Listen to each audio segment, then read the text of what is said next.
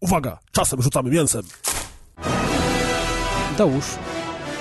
Podobno bawiłeś się siusiakiem. Nawet nie jednym. Ohoho! Wyjście z szafy. Rozgrywka 132. Miałem wam o przeszczepie kału powiedzieć. O Jezus. Ojeju, to jest straszne. Podcast Rozgrywka, odcinek 132.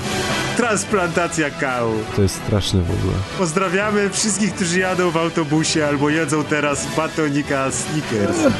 Ja mam legitymację do nagrywania podcastu, bo na ocenę celującą zaliczyłem emisję głosu. Robisz batplaga ustami? Emisję głosu.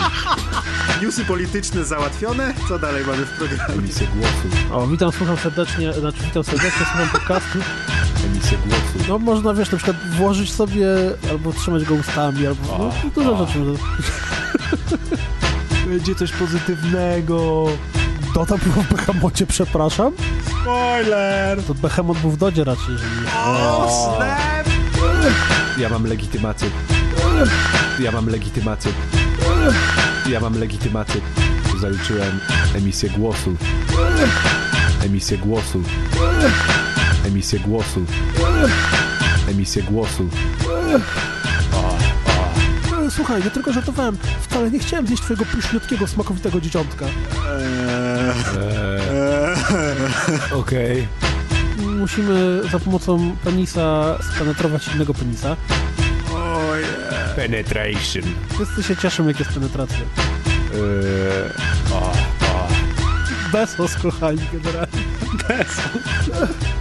To się nazywa transplantacja kału. I, i, i...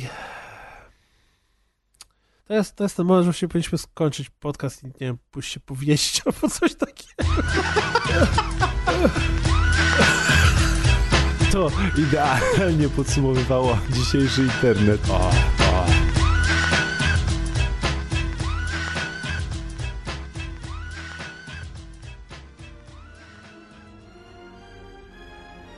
Witajcie śmiertelnicy. Tutaj Kuldanizos, czyli Piotr Kuldanek. Witam was w rozgrywce 132, waszym ulubionym greckim podcaście o superbohaterach i bogach. Ze mną dzisiaj jest nikt inny jak Razeus, czyli Maciej Ciepliński. Witajcie. Co tam Razeusie u ciebie? A pioruny i takie.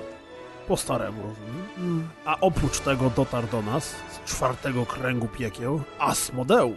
Eee, cześć! Ciepło u ciebie, Asmodeuszu? A no, bo, chłodnawo. Chłodnawo. Zima przyszła podobno, śnieg pada, nawet w piekle. Nie, chłodnawo, ja wiecie, nie... Ja się urodziłem w złym kraju, serio. Ja się powinienem gdzieś urodzić na jakiejś Martynice albo innej Dominikanie, bo... Jeszcze, a jeszcze Ełk, nie? To już w ogóle. No, to szczególnie, no. Nie dość, że Polska, to jeszcze polski biegun zimna, także w ogóle... Prawie jak suwałki, nie? Ale mogło być gorzej, słuchaj, mogło być gorzej zawsze. Nie? Zawsze mogło się urodzić w Radomiu na przykład.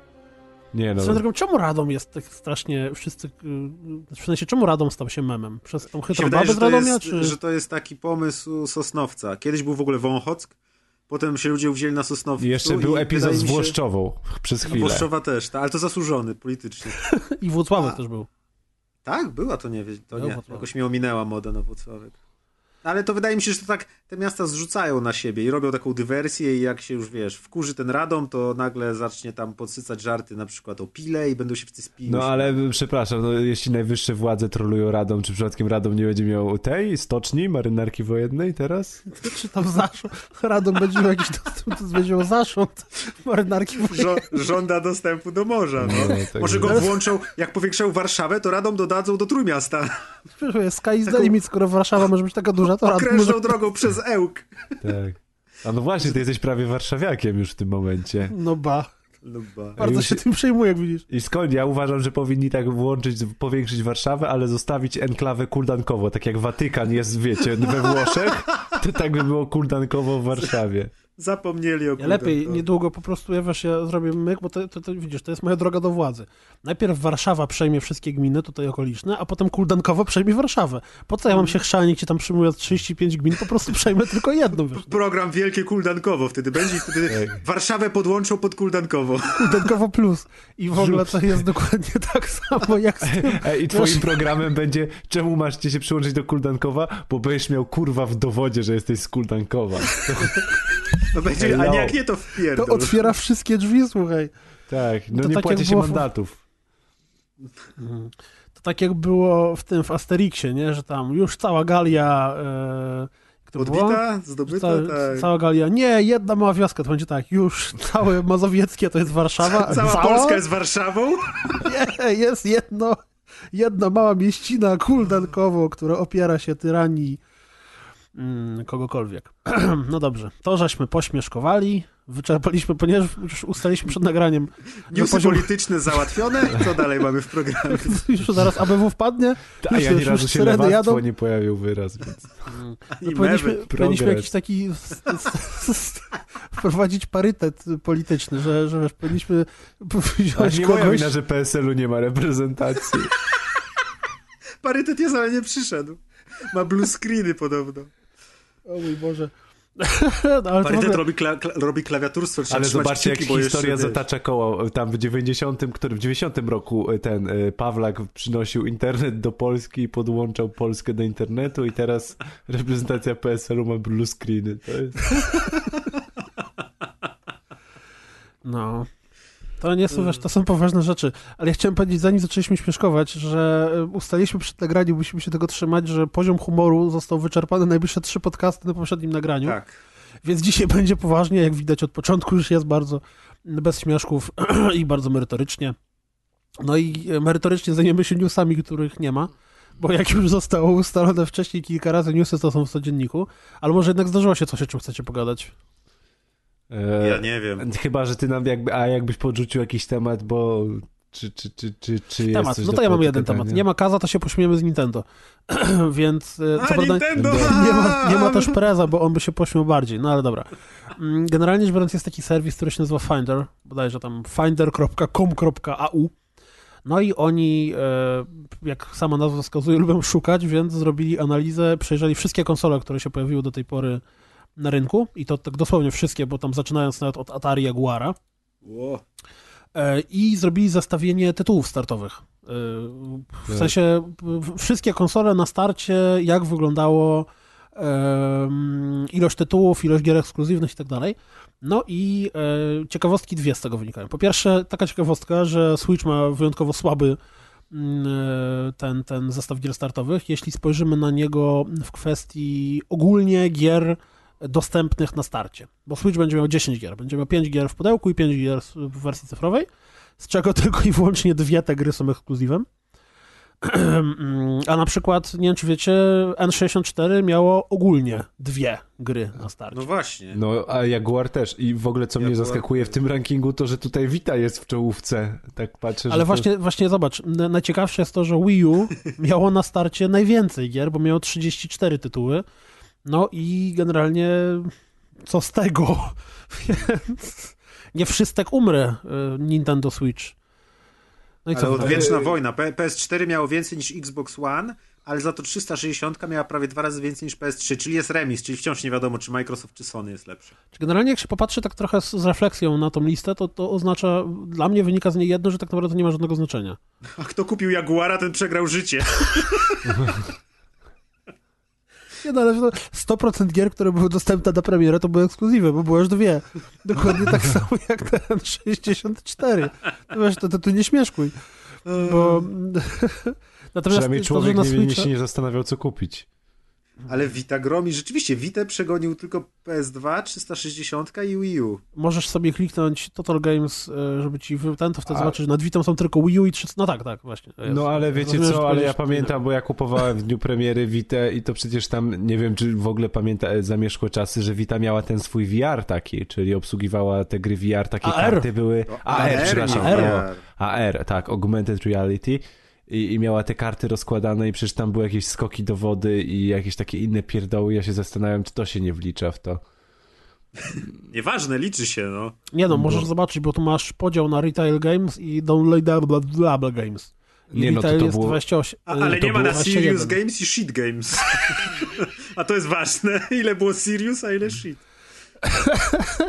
Dobre, dobre. Jare, Niepełna jare. tabelka jest. Słaby Finder.com AU. Finder.com, au. No, mm, oprócz tego mm, z z niemalejącym zachwytem obserwuję, robiąc codzienniki, e, niesamowite ilości gier z komórki, które podbijają Ojeju, to jest e, straszne. konsolę. To jest straszne w ogóle. I najlepsze jest to, że one wyglądają dalej tak jak na komórce.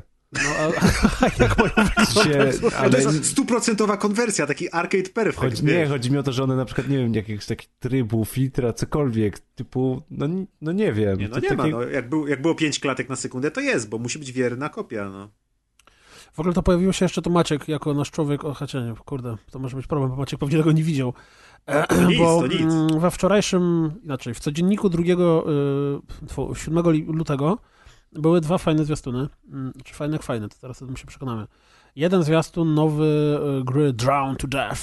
I nie chodzi mi o drown, w sensie utopić się, tylko na, na, nasmarować długopisem w zeszycie. Czyli tej gry od pana, który wymyślił God of War'a. Jak on się nazywał? E, David Jaff. E? Tak, Nie. David Jaff. Tak, tak, tak. On tak, to od tak. God of War'a wymyślił? tak on, A, on no tak. wymyślił Ja go bardziej z Twistedów kojarzę. No, ale... Tak, dokładnie ten sam pan. No i on robi ten taki szybką napieprzankę, gdzie cały styl graficzny jest utrzymany na zasadzie bazgrołków. On już trochę Tak. robi, bo pamiętam takie żen żenujące No to od reveale tam początku chyba ze 2 czy chyba- 3 lata temu. Na E3 jak pokazywali chyba, nie No, pierwszy raz. no. No to data premiery kwiecień tego roku y, została podana y, i trochę więcej gameplayu pokazywał i powiem szczerze, y, totalnie nie mam zielonego pojęcia, jak ta gra się będzie sprawdzała w praktyce, bo ten styl Ja graficzny nie wiem, jest z czy to nie strony... męczy, czy on nie On jest strasznie, znaczy to strasznie fajnie wygląda, jak na to patrzysz na zwiastunie, na jakichś Tak, krótkich na- urywkach, na- ale ja nie wiem, czy będzie mi się chciał filmiku. tak grać. No No właśnie, mówię, ale męczące kurde, jest według no. mnie. Według Znaczy, mnie patrzenie powiem na wam, to... że Indoor Studios się przymierzało do gry w podobnym stylu graficznym, y, tylko że wolniejszej. I wydaje mi się, że tutaj przez to, że to jest taka szybka gra, gdzie się dużo dzieje, to właśnie to jest męczące. A w wolniejszej jakiejś konwencji to by się sprawdziło takie rysowanie. No, O, jakie mamy newsy... w- Insiderskie, insiderskie z branży, kurna, polskiego indie. Ale to, to, z ważni... to, to z ważniejszych newsów 7 e, tego, z 7 lutego to jeszcze zdjęcia z planu Larry Croft. A właśnie, jak wam się podoba Alicja? Ale super wygląda. Super, super. Wygląda jak Lara z wygląda. 2013 roku. Kanoniczna, Tak- no, to- Totalnie fajne. tak wygląda. Nie, no w ogóle Mm. to, że kobiece postacie w kinie w końcu wyglądają jak kobiece postacie, a nie jak e, wymyślne to, co się rodzi w mózgu Gimbusa, to jest super. Och, Pamela Anderson z Barb Wire, pamiętamy. Nie, no oczywiście ja wiem, że wychodzi w tym roku e, ten e, nowy Słoneczny Patrol, to o, oczywiście, to, to ja tam Ojej, nie liczę na kobiece postacie taką- w nowym stylu, ale Ale że to będzie taka przygłupiasta komedia, to chociaż w sumie to może dobrze, bo w żadnej innej jakby formie ten film by się nie sprawdził. to znaczy, no, to Będzie znaczy jakiej by jej nie nadali, wściekli, to to tylko że na plaży.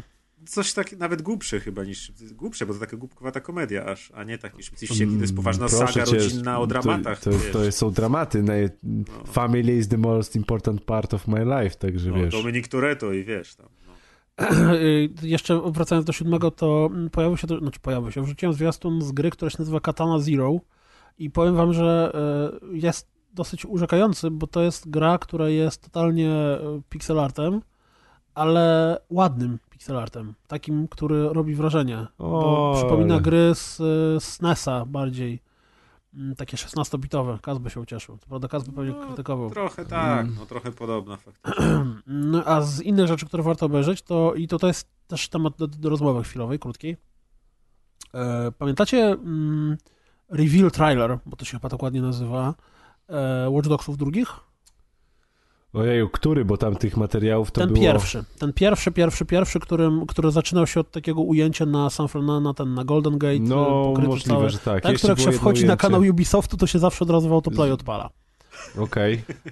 I to był reveal trailer właśnie pokazujący cały klimat gry i tam i właśnie naszych bohaterów i różne rzeczy, które się dzieją i tak dalej, i tak dalej, i tak dalej. No i ciekawostką dla mnie jest to, że cały ten zwiastun został zrobiony przez Platy Smash. To nie było robione przez dewelopera, przez studio w Ubisoftie. A, bo to nie był taki, to był taki nie in-game, tylko taki prerenderowany bardziej. No. Tak, tylko właśnie myk polega na tym, że jak to oglądałeś, to nie miałeś zielonego pojęcia o tym, że to jest robione przez zewnętrzną firmę, tylko teoretycznie mogło sprawiać tobie wrażenie jako może cutscenki wzięte z gry, a może jako y, jakieś, wiesz, właśnie rzeczy, No, które robią, robią twórcy. Tak, takie rzeczy rzadko się podpisuje dużym logiem, wiesz, Blur Studios na początku albo coś, tylko zazwyczaj ktoś do tam musi dopiero doczytać, że a wiecie, że ten zwiastun to robił ten i ten. Znaczy właśnie PlayStation Masz wrzuciło mm, e, making of tego, tego zwiastunika i jest bardzo ciekawy, y, warto to obejrzeć. Na przykład y, to było potwornie trudne do zrobienia od strony wykonawczej, bo cały pomysł tego zwiastuna to były tak jakby urywki różnych scen, że tam a to sobie ludzie na ulicy tańczą, a to tam nasi bohaterowie coś hakują, a to coś wybucha, a to jakieś ujęcie na żula, który rzuca śmieciami.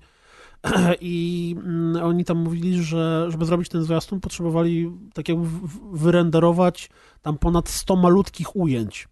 Czyli wiesz, od strony grafiki 3D i, i właśnie robienie tego, to tak naprawdę musieli zrobić 100 małych, ma, malutkich zwiastuników i potem jeszcze to sklecić do kupy.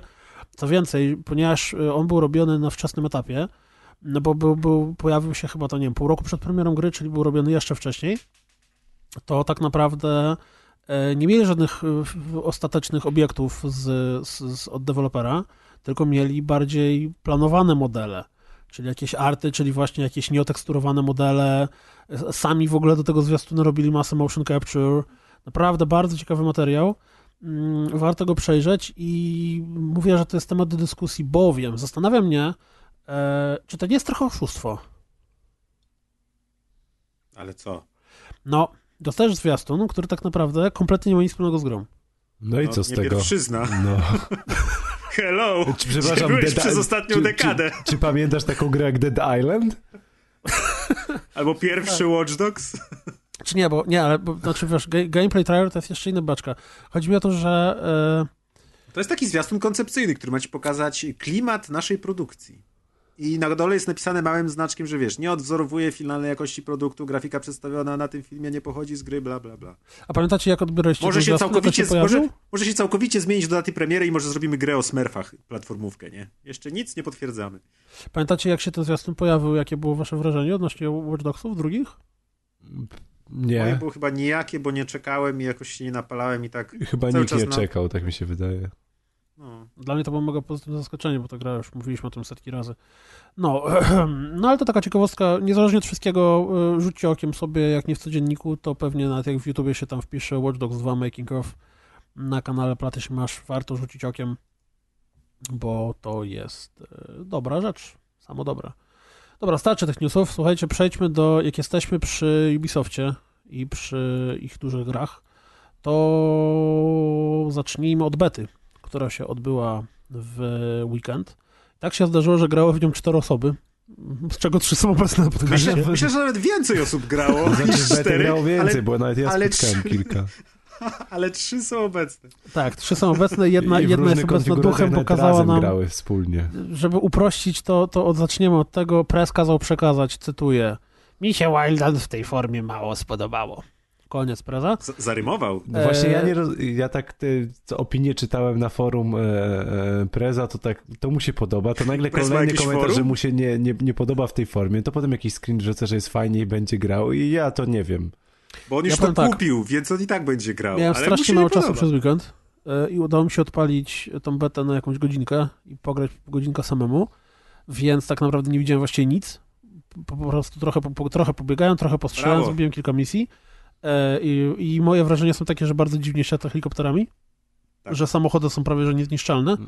bo wsiadłem do ciężarówki, znaczy do takiej terenówki i pełnym gazem jechałem na przełaj przez dżunglę Mhm. tak totalnie na pałę w ogóle się nie. I to To było jest- strasznie fajne, że latałem, odbijałem się, jechałem po Nie, rzece to nie od drzew fajne. i w ogóle ten. Nie.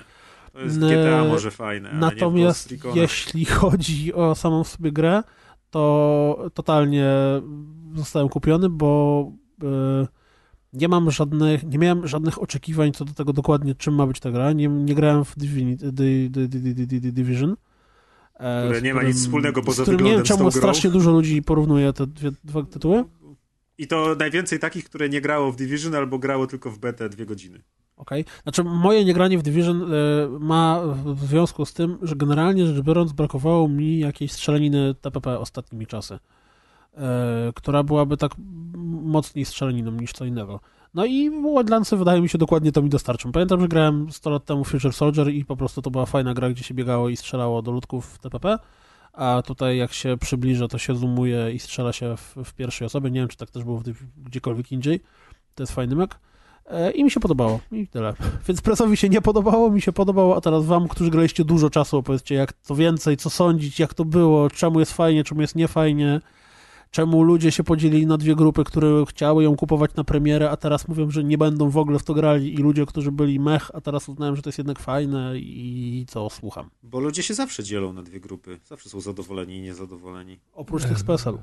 Wiesz co, to tak odpowiadając na y, twoje pytanie, y, takie pytanie, opinię i powiedziałeś, że nie wiedziałeś czym jest ta gra, totalnie się nie spodziewałeś czegoś, czym może być ta gra, to tak w jednym zdaniu jak można odpowiedzieć, to jest gra, w której dostajemy wielką mapę z kropkami i z różnymi misjami i po prostu sobie na niej dowolnie gramy, a cała reszta to jest rozbieranie mechanik tej, e, e, e, tej gry na drobne.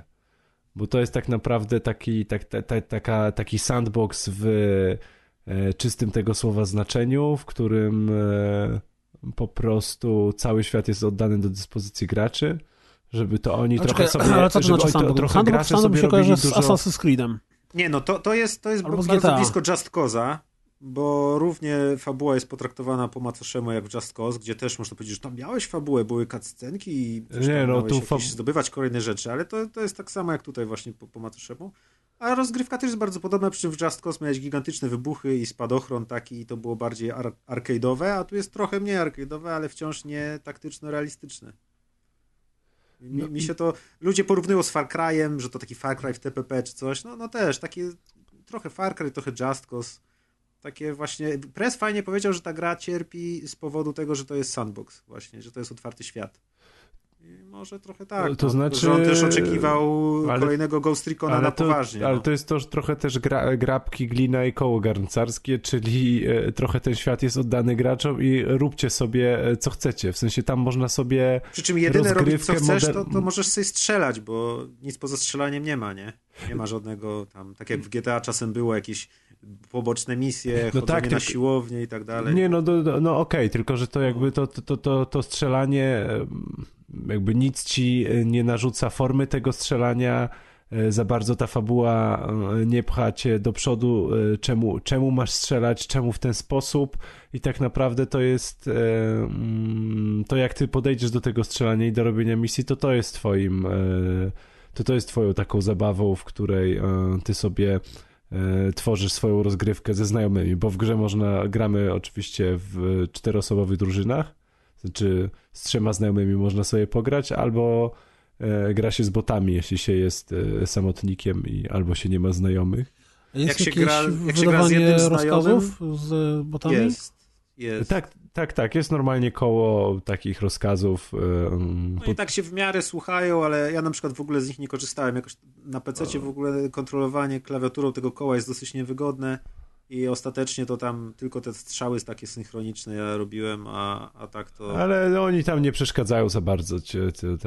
Czytałem opinię, że często włażą, wiesz, nie chowając się w trawie, gdzieś wyłażą i zostają zauważeni i się rozpętuje piekło wtedy albo coś. Niektórzy narzekali, no to niektórzy za to mówili, że tam nawet nieźle, bo oni fajnie reagują, na przykład jak ty się kładziesz na ziemi plackiem, to oni też od razu padają albo coś. Bardzo fajne jest to, jak oni reagują na to, jak zobaczą przeciwników i te gadki, które były na zwiastunach pokazywane, rzeczywiście są w grze, kiedy na przykład gdzieś przychodzimy, a ktoś mówi, o tam Tango near the silo, nie? A potem another one by the car, that's two i oni tam liczą tych przeciwników, mówią, gdzie oni są, jak ich zauważą i ten, więc to, ta interakcja jest fajna, że oni nie są tylko takimi botami, co za tobą idą i się w ogóle nie patrzą. Tylko Szkoda tylko, pomagają. że ona jest obowiązkowa, ta interakcja, w sensie nie mogę pójść sobie sam na misję. No niestety, no też bym wolał... Znaczy możesz... A nie, no tak, bo oni się nawet Nie, teleportują. nie Jak możesz, bo oni się w to- każdym momencie teleportują. Jak tak, jest się tak, blisko tak. misji, to oni się zawsze pojawią. Jedyne chyba można im kazać, że stójcie, pilnujcie tu i sobie sam gdzieś pójdziesz, ale jak za daleko odejdziesz, to chyba się znowu teleportują. No to jest takie, też, też czasami bym wolał ich wyłączyć i grać jednak solo, bo zarządzanie nimi nie jest wygodne, o tak można powiedzieć. Mm. No ale nie z drugiej oszukujmy strony, się. A z drugiej strony, jak im każesz strzelać, to polecą i ci wszystkich zabiją i możesz nawet, wiesz, poczekać, aż oni wygrają grę. Pytanie brzmi, bo to jest beta. Czy zaglądaliście na forum y, pod, pod, podpięte pod betę? Tam dużo ludzi pisało, jakiś deweloper się coś wypowiadał. Szczerze to Na nie. forum bety nie, nie patrzyłem, śledziłem trochę tego Yy, Neogafa. A, Neogafa. I jedyne, co tam przeczytałem takiego wartego wspomnienia, poza opiniami ludźmi, ten, to, że ktoś y, zapostował jakieś screeny, które podobno podchodzą, pochodzą od community managera gry, który opowiadał o tym, że ta beta to jest naprawdę beta i żeby nie traktować tego jako wycinka całej gotowej gry, którą będzie miała premierę, tylko że to jest, nie powiedział tego wprost, ale że to jest stary build i rzeczywiście ja tam się wydostałem poza granicę tej bety i tam nic nie ma. Cały ten, cała reszta tego świata to są tekstury jak z PS2 i pustka w ogóle, że jest to co, jest jak- jak niedokończone. Przeglądałem newsy, robiąc codziennik, to właśnie natrafiłem też gdzieś na informację, e, nie zacytuję źródła, ale to sens był taki, że to jest build przed 4 miesięcy? Tak. 6 miesięcy jakoś coś, Dużo, dużo ludzi wspominało, że to jest jakaś stara wersja i ten deweloper też potwierdził, że oni chcą zostawić sobie na premierę jakieś niespodzianki, że to będzie bogatsze i żeby nie traktować tego właśnie jako gotowy wycinek tylko tej gry, która już zaraz będzie, tylko że to jest naprawdę literally beta. Pewnie jeszcze będzie jedna, pewnie, jeszcze Otwarta przed premierą pewnie. będzie, nie? Otwarte. No bo sama w sobie gra ma w marcu, chyba 7 marca? Tak, na początku. Jeśli nie mylę, tak, tak, tak. Teraz mamy zaraz, dosłownie zaraz e, For Honor. Mm, Ten weekend, prawda? Jest For Honor Beta. Znaczy jest beta For Honor, No tak, a gra 9, wychodzi w 12. walentynki 14. tak, To tak. już druga beta chyba, bo pierwsza Chyba już czwarta w taka- ogóle, wiesz? Aha, Była, no jest to będzie taka w pełni otwarta, nie? To najpierw jakieś alfy, nie alfy, coś tam. Mhm. E, no, No, i- ja mogę a propos Wildlandsów powiedzieć tak, że grałem każdego dnia bety, grałem w piątek, graliśmy w- w- z ekipą tam czterech y, chłopaków z rozgrywki od nas, czy tam z Gknzapa i y, w piątek mi się średnio spodobało, trochę się zawiodłem, bo były problemy z płynnością, trochę czasu upłynęło zanim tam znalazłem odpowiednie ustawienia, ale wszyscy byli rozgoryczeni tym, jak ta gra jest niezoptymalizowana i jak słabo działa. E, No i słabo się nam grało i bardziej się wygłupialiśmy w tej grze. Jeździliśmy traktorem, wybuchów, Znaczy, bo ta gra daje ci dużo okazji do wygłupiania się. No tak, no jeśli chcesz, to możesz, nie? Przy czym też jak gdzieś tam zauważyłem, że ktoś mówił, jak chcesz się wygłupiać w otwartym świecie, to o wiele fajniej będziesz to robić na przykład w GTA 5 online. Tak, tak, coś, tak. Więc jeśli chcesz się wygłupiać, to inne gry robią to lepiej. Ale za to w sobotę i w niedzielę miałem okazję pograć, yy, raz grałem z Bartoszem, graliśmy tylko we dwóch i graliśmy bardziej na poważnie, trochę grałem sam i potem też graliśmy chyba właśnie z Prezem, też graliśmy tak trochę, trochę bardziej na poważnie, więc jeśli do tej gry podejdzie się tak, jak się powinno do niej podejść, czyli że to jest gra, w której jesteś oddziałem rzuconym za linię wroga, który działa w dywersji i nie może się ujawniać, musi działać cicho, nie może działać głośno, nie może zostać zauważony i tak dalej. Plus ustawisz sobie wysoki poziom trudności, gdzie naprawdę kilka pocisków cię zabija i nie można sobie wbiec na Rambo, tak jak to robiliśmy w piątek i y, w piątek graliśmy na zasadzie wsiadamy w samochód, wjeżdżamy w środek bazy wroga, każdy wyskakuje i wszystkich zabijamy i zabiliśmy wszystkich i łe, ale głupia gra, nie?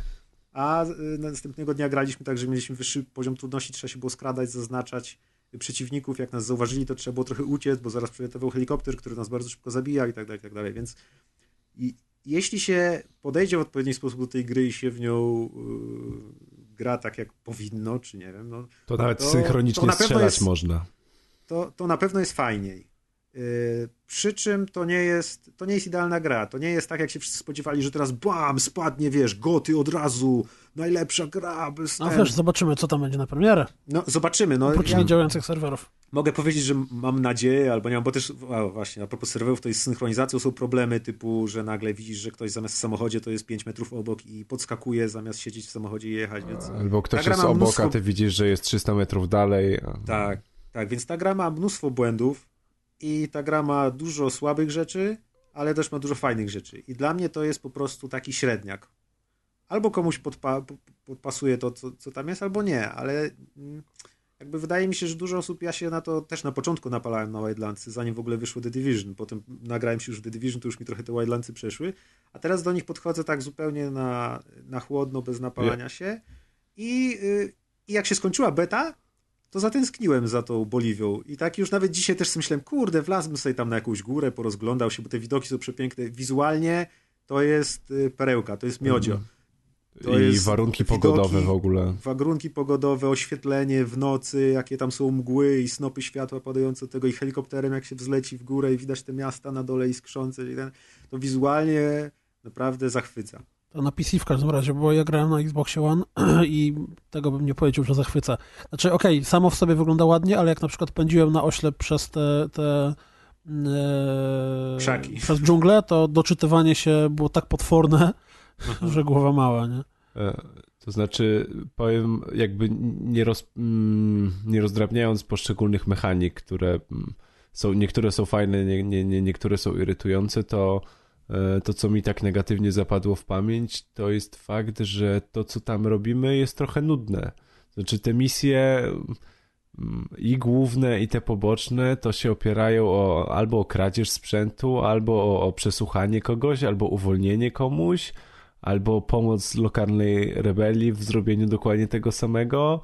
I, i, i tak nie ma jakichś takich spektakularnych y, misji, wartych zapamiętania, nie ma jakiegoś takiego ciągu logicznego, mniejszych misji doprowadzających cię do, do, do jakiejś takiej super misji, którą sobie potem możesz ze znajomymi zaplanować i, i przez następny tydzień sobie opowiadać o tej misji, co się, co się tam mhm. zdarzyło. Gra jakoś tak fabularnie, E, nie układa tego w taki ciąg, żeby, żeby ta rozgrywka ci zapamiętała w pamięć, jeśli chodzi o, o, o, właśnie to, co robisz na misjach, a nie to, że, że potem wspominamy, że ktoś z traktora wyskoczył albo, albo helikopterem wleciał w jakąś wieżę. I, no tak, i... no to mogłoby być tak jak te heisty w GTA 5, tak, nie? tak, Gdzie tak. Masz po I... Y, krok po kroku przygotowujesz akcję coraz większą. Tak, szczególnie, szczególnie, że to tutaj nawiązując do tego, E, jak były te gameplaye z E3 pokazane, e, oczywiście wiadomo, że one są ustawione, ale jak one były tak ustawione, gdzie e, część osób dolatuje na misję helikopterem, tutaj jedna osoba już załatwia motocykl, czwarta, kolejna osoba załatwia jakiś taki, taką dużą ciężarówkę.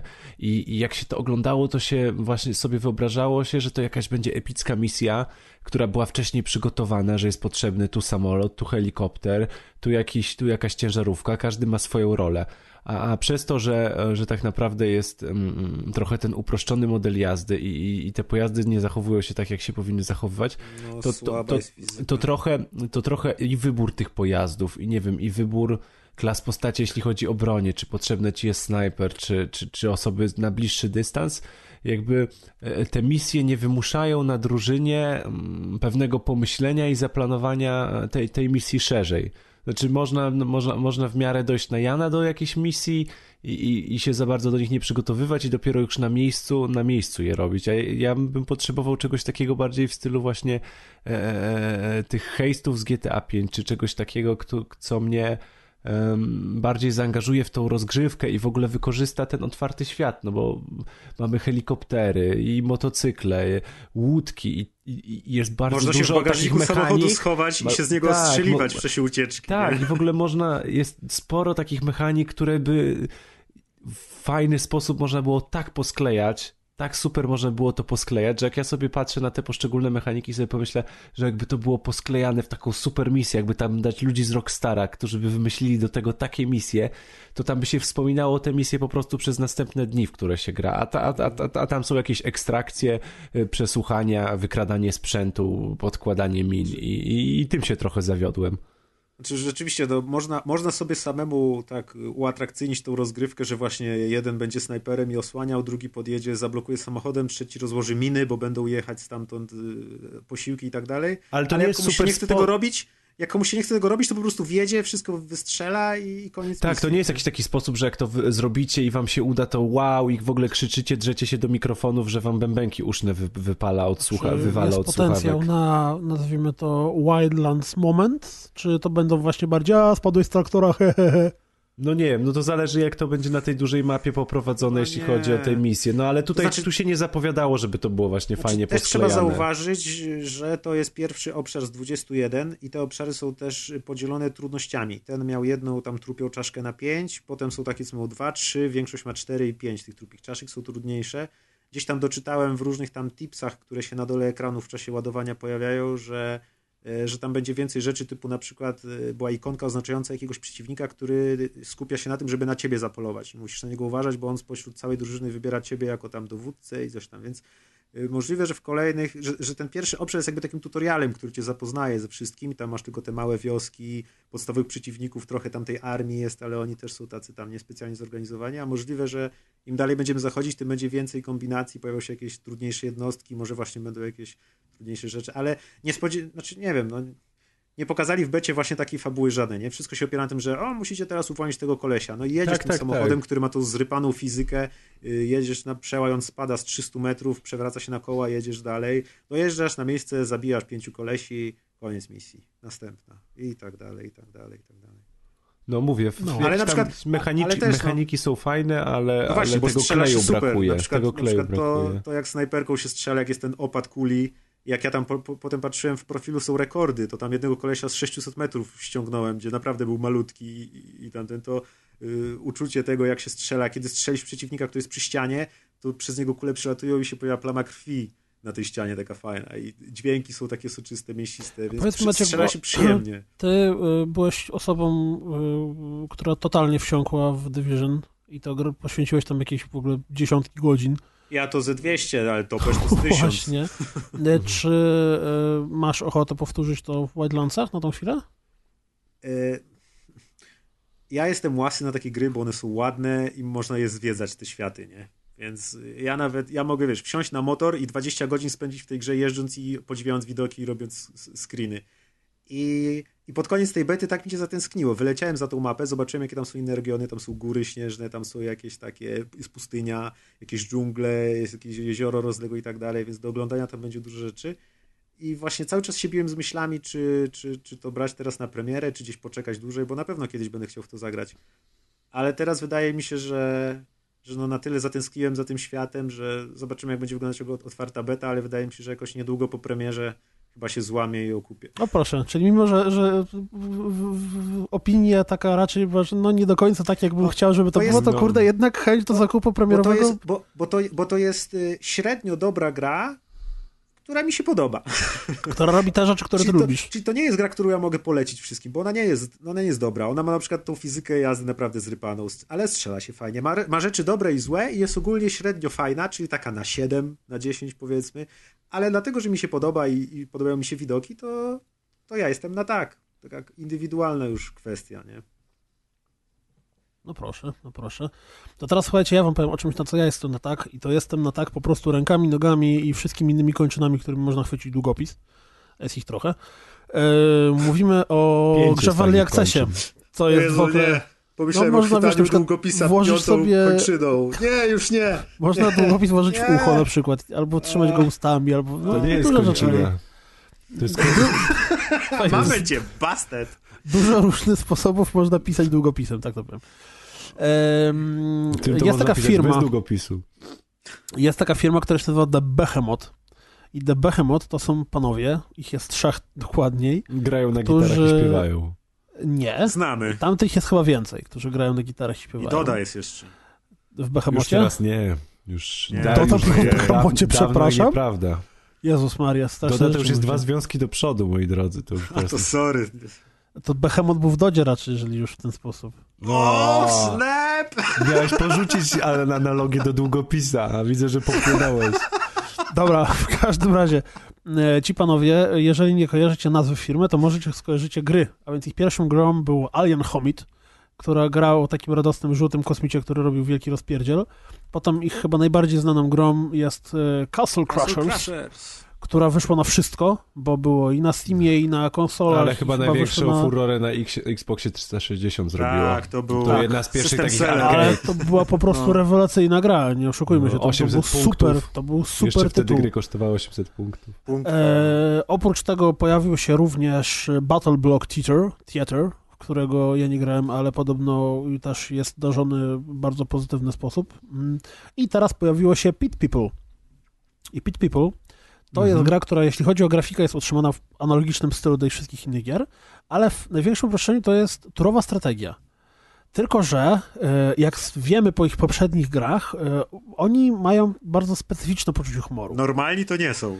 No i e, kiedy ogląda się intro, to już się śmiejesz, a kiedy potem zaczyna się gra, to jest postać narratora, która komentuje wszystko to, co się dzieje i autentycznie, i przy okazji jest też głównym złym, tak jakby naszym, bo to jest wielki niedźwiedź, który jest kosmicznym niedźwiedziem, który krąży wokół planety i generalnie na której dzieje się akcja. Gra się zaczyna od tego, że kiedy dowiemy się o, o że tak powiem, wizji świata, czyli tego, że na planetę spadł wielki niedźwiedź jakiś inny, zginął i od tego momentu cały świat zamienił się w heksy. Później nasz, y, ten, ten inny niedźwiedź, który przeżył, nie wiem, Space, Beer czy cokolwiek. Jestem, jestem ciekawy, czy tego niedźwiedzia formogatka nasłała. w każdym razie on opowiada o tym, że um, o, zobaczmy, co my tu mamy. O, tu stoi Horatio, nasz biedny farmer jagod, jagodek. O, ale chyba ma trudną sytuację. W tym momencie przed Horatią, czyli naszym głównym bohaterem, pojawia się nie wiem, armia 15 przeciwników i nasz narrator mówi, no cóż Horatio, no czas umierać. Potem gramy, gramy tutorial, zabijamy kilka postaci i na to narrator powiedziałem, Horatio umiera. I e, po prostu non-stop jakieś komentarze, dogadywania w tym stylu. W momencie, w którym przejdziemy tutorial i przeżyjemy, to niedźwiedź mówi, że no wiesz, chciałem ci jednak dać przeżyć, bo przecież nie będę się tutaj e, oszukiwał, no ale baw mnie teraz, bo się znudzę i cię zabiję. E, narrator w ogóle to jest facet, który to, to jest jeden z, jeden z nich, e, z tych, z tych twórców. Natomiast on e, brzmi dla mnie momentami tak jak Eddie Izzard, jeśli chodzi o akcentowanie, o formę wymowy. W ogóle jak usłyszałem zwiastun, jak, jak widziałem zwiastun za pierwszym razem, to zastanawiałem się, czy właśnie przypadkiem może to nie jest Eddie Izzard, bo, bo naprawdę brzmi bardzo, bardzo podobnie. Słucha się tego wybornie. Sam w sobie świat jest totalnie absurdalny, bo jest tam totalny miszmasz absolutnie wszystkiego. Mamy, nie wiem, nasz właśnie główny bohater jest farmerem jagód, ale tak naprawdę jest po prostu wojownikiem, e, starczą e, i e, kiedy go poznajemy, to jego tarczą jest kawałek płotu. Właśnie widzę, Jezu.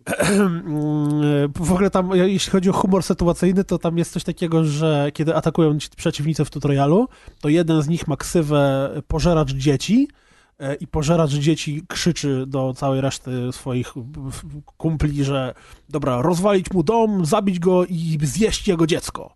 W tym momencie twój synek ucieka, chowa się w domu.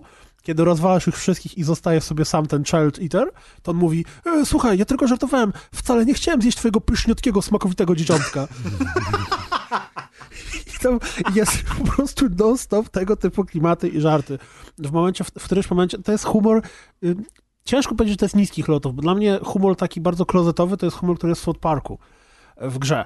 Natomiast tu nie, to, to, to nie ma żartów ze srania, w cudzysłowie, ale są, nazwijmy to, na przykład, mamy questa, w którym musimy odprowadzić e, gościa, który ma, nie pamiętam imienia, ale na nazwisko ma pęcherz, Bladder, mhm. e, i on mówi, że on musi sobie, e, jak to było, że on musi sobie ulżyć, musimy go odprowadzić do miasta Kibelkowo, która okazuje się wielką muszlą sedesową i w momencie, w którym wchodzimy tam, odprowadzamy do tego miasta, on tam wchodzi i nagle on krzyczy o mój Boże, pomóżcie mi, musicie mi natychmiast pomóc. I główny bohater mówi, mam nadzieję, że to bandyci. Błagam, niech zaatakowali go bandyci. Niech nie chodzi o żadną inną pomoc. Wchodzimy, okazało się, że zaatakowali go bandyci. Uff, zaatakowali go bandyci. W jakiejś innej misji trafiamy na e, przyjęcie urodzinowe, gdzie jeden z naszych y, osób, bo, bo to jest tak, że głównych bohaterów jest trzech. Jest właśnie Horatio, potem za chwilkę poznajemy księżniczkę, chyba Papa Strille, czy coś w tym stylu, i później poznajemy Cyklopa, który, nie wiem, Jacob, i to są trzech bohaterów, którzy się pojawiają w filmikach, którzy y, mają jakieś kwestie dialogowe i tak dalej, a resztę drużyny sobie kompletujemy po prostu porywając, czy też w cudzysłowie rekrutując przeciwników.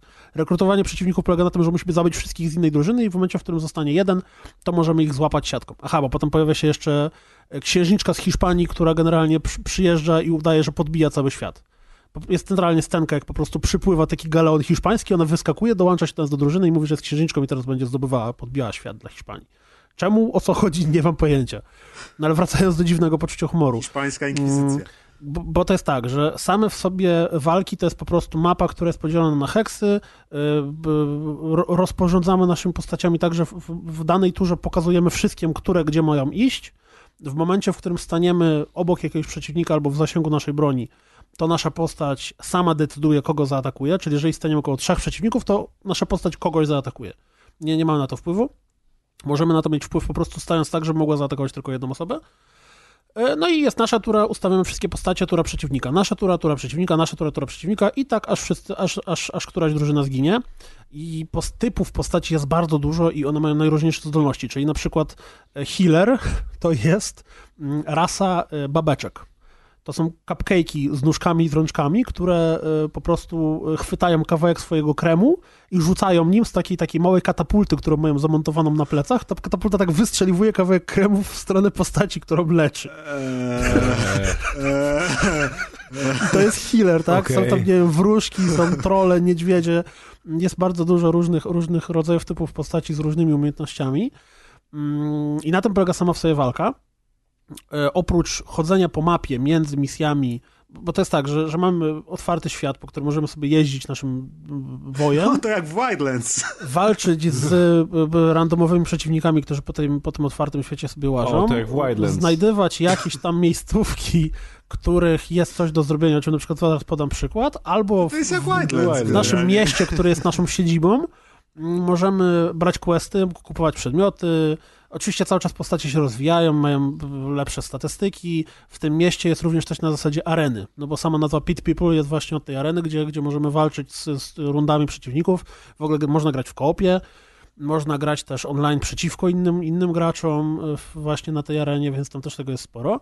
A jeśli chodzi jeszcze o przykład humoru, to w którymś momencie trafiłem przypadkiem do, do jakiegoś domku, przed którym leżał martwy człowiek a to wszystko jest, ta, ten, ten, styl graficzny y, ich gier, bo one wszystkie są w podobnym tym, on jest z jednej strony super śmieszny, a z drugiej strony pozwala przy tym być brutalny. No bo mm, spotykamy e, jakiś domek i ten, ten cyklop, który do nas dołączył, mówi, no nie, tam, załóżmy, Henryk nie zaprosił mnie na swoje urodziny. Na co nasz główny bohater odpowiada, że mm, wygląda na to, że jego goście go zabili. No nie, goście Henryka nie zaprosili mnie, żeby zabić go na jego urodzinach. I tam, I tam potem zaczyna się walka, gdzie jest dyskusja, czemu go zabiliście? Bo się śmiał z naszych czapek. No to pomścimy Henryka, bo to jego będzie prezent urodzinowy. To, to był, najazd z Wrzeszcza. No, czy na przykład jest w którymś momencie, tam też są mechaniki samej sobie walki bardziej rozbudowane, czyli na przykład jeżeli mm, masz tarczę, to y, łucznicy nie są w stanie tobie w stanie nic zrobić. Jeżeli masz na przykład y, hełm, to miecz tobie zadaje dużo mniejsze obrażenia niż broń tempa, znaczy ta E, obuchowa. Obuchowa, o, dziękuję. W ogóle też jest tak, że grając zdobywamy bardzo dużo przedmiotów, które mają lepsze statystyki, gorsze, e, możemy je sobie wymieniać. Są, są rzeczy, które różnią się tylko i wyłącznie wyglądem, czyli możemy mieć tarczę, która jest kawałkiem płotu, możemy mieć na przykład tarczę, która jest pokrywą od śmietnika, e, a możemy, nie wiem, znaleźć inną tarczę, która ma jakąś dodatkową umiejętność statystyki. Kiedy dobieramy sobie bronię do postaci, to też to tam wpływa, bo one nie mogą nosić za dużo ciężaru. Generalnie tej, tej mechaniki gry w cudzysłowie strategicznej jest całkiem sporo ale nie jest ona trudna wcale. Gra się w to płynnie, super przyjemnie. Jeżeli ktoś nie znosi strategii, to i tak warto spróbować, bo to jest, to jest bardzo takie, takie płynne, łatwe, proste i przyjemne. Po prostu jak chcemy robić jakieś tam, nie wiem, chcemy być pierwsi na świecie, jeśli chodzi o walkę w, w na arenie, to może wtedy będzie nam trudniej to zrobić, albo jak będziemy grali w, z innymi graczami. Ale tak samemu grając absolutnie bezproblemowo można, można to zrobić. Gra aktualnie jest w Early Accessie. Mm, w ramach tego Early Accessu jest tryb fabularny który można skończyć w jeden dłuższy wieczór albo w dwa krótsze. Mi to zajęło dwa krótsze. Mm, ale oprócz przejścia samego w sobie trybu fabularnego, dalej pozostaje nam zwiedzanie mapy, odkrywanie nowych miejscówek, pełno tych misji pobocznych, oczywiście walki na arenie. Czyli jeżeli komuś podejdzie ta gra, to będzie mógł tam spędzić dużo więcej czasu niż te dwa wieczory. No i co jest fajne, to to, że Behemoth y, dużo jest bardzo otwarty, jeśli chodzi o developing. Czyli y, pierwszy dodatkowy, to, jest tak, Early Access chyba się zaczął na początku lutego, już wyszedł pierwszy patch, y, update, nie patch. Co więcej, jeżeli gramy na PC, na PC to możemy sobie e, już teraz też zapisać się do, sprawdzania wersji bety kolejnego update'u. Czyli tak, czy jeden update został skończony i wypuszczony, ale i tak możemy już chcieć ściągnąć kolejny, y, biorąc pod uwagę to, że to mogą być jeszcze jakieś błędy, nie błędy. No i tam oni prowadzą normalnie bloga, wszystkim piszą. Natomiast gra absolutnie, ale to absolutnie mnie urzekła i swoim abs totalnie absurdalnym, szalonym klimatem i heheszkami, które tam się pojawiają i postacią narratora, który momentami totalnie mnie rozkładał na łopatki. Warto sobie znaleźć trailer e, premierowy, bo, bo tam właśnie ładnie słychać głos tego narratora, widać też scenki, wszystko jest ładnie animowane, mm, ale w totalnie ich stylu i naprawdę warto, warto, warto. Gra jest dostępna na Steamie i na Xboxie One na tą chwilę. No bo w sumie tylko tam są platformy early accessowe. Mm. No. Więc warto. Wy nie graliście, domyślam się? Nie, jeszcze nie. Ale warto. Naprawdę warto. Świetna, świetna rzecz.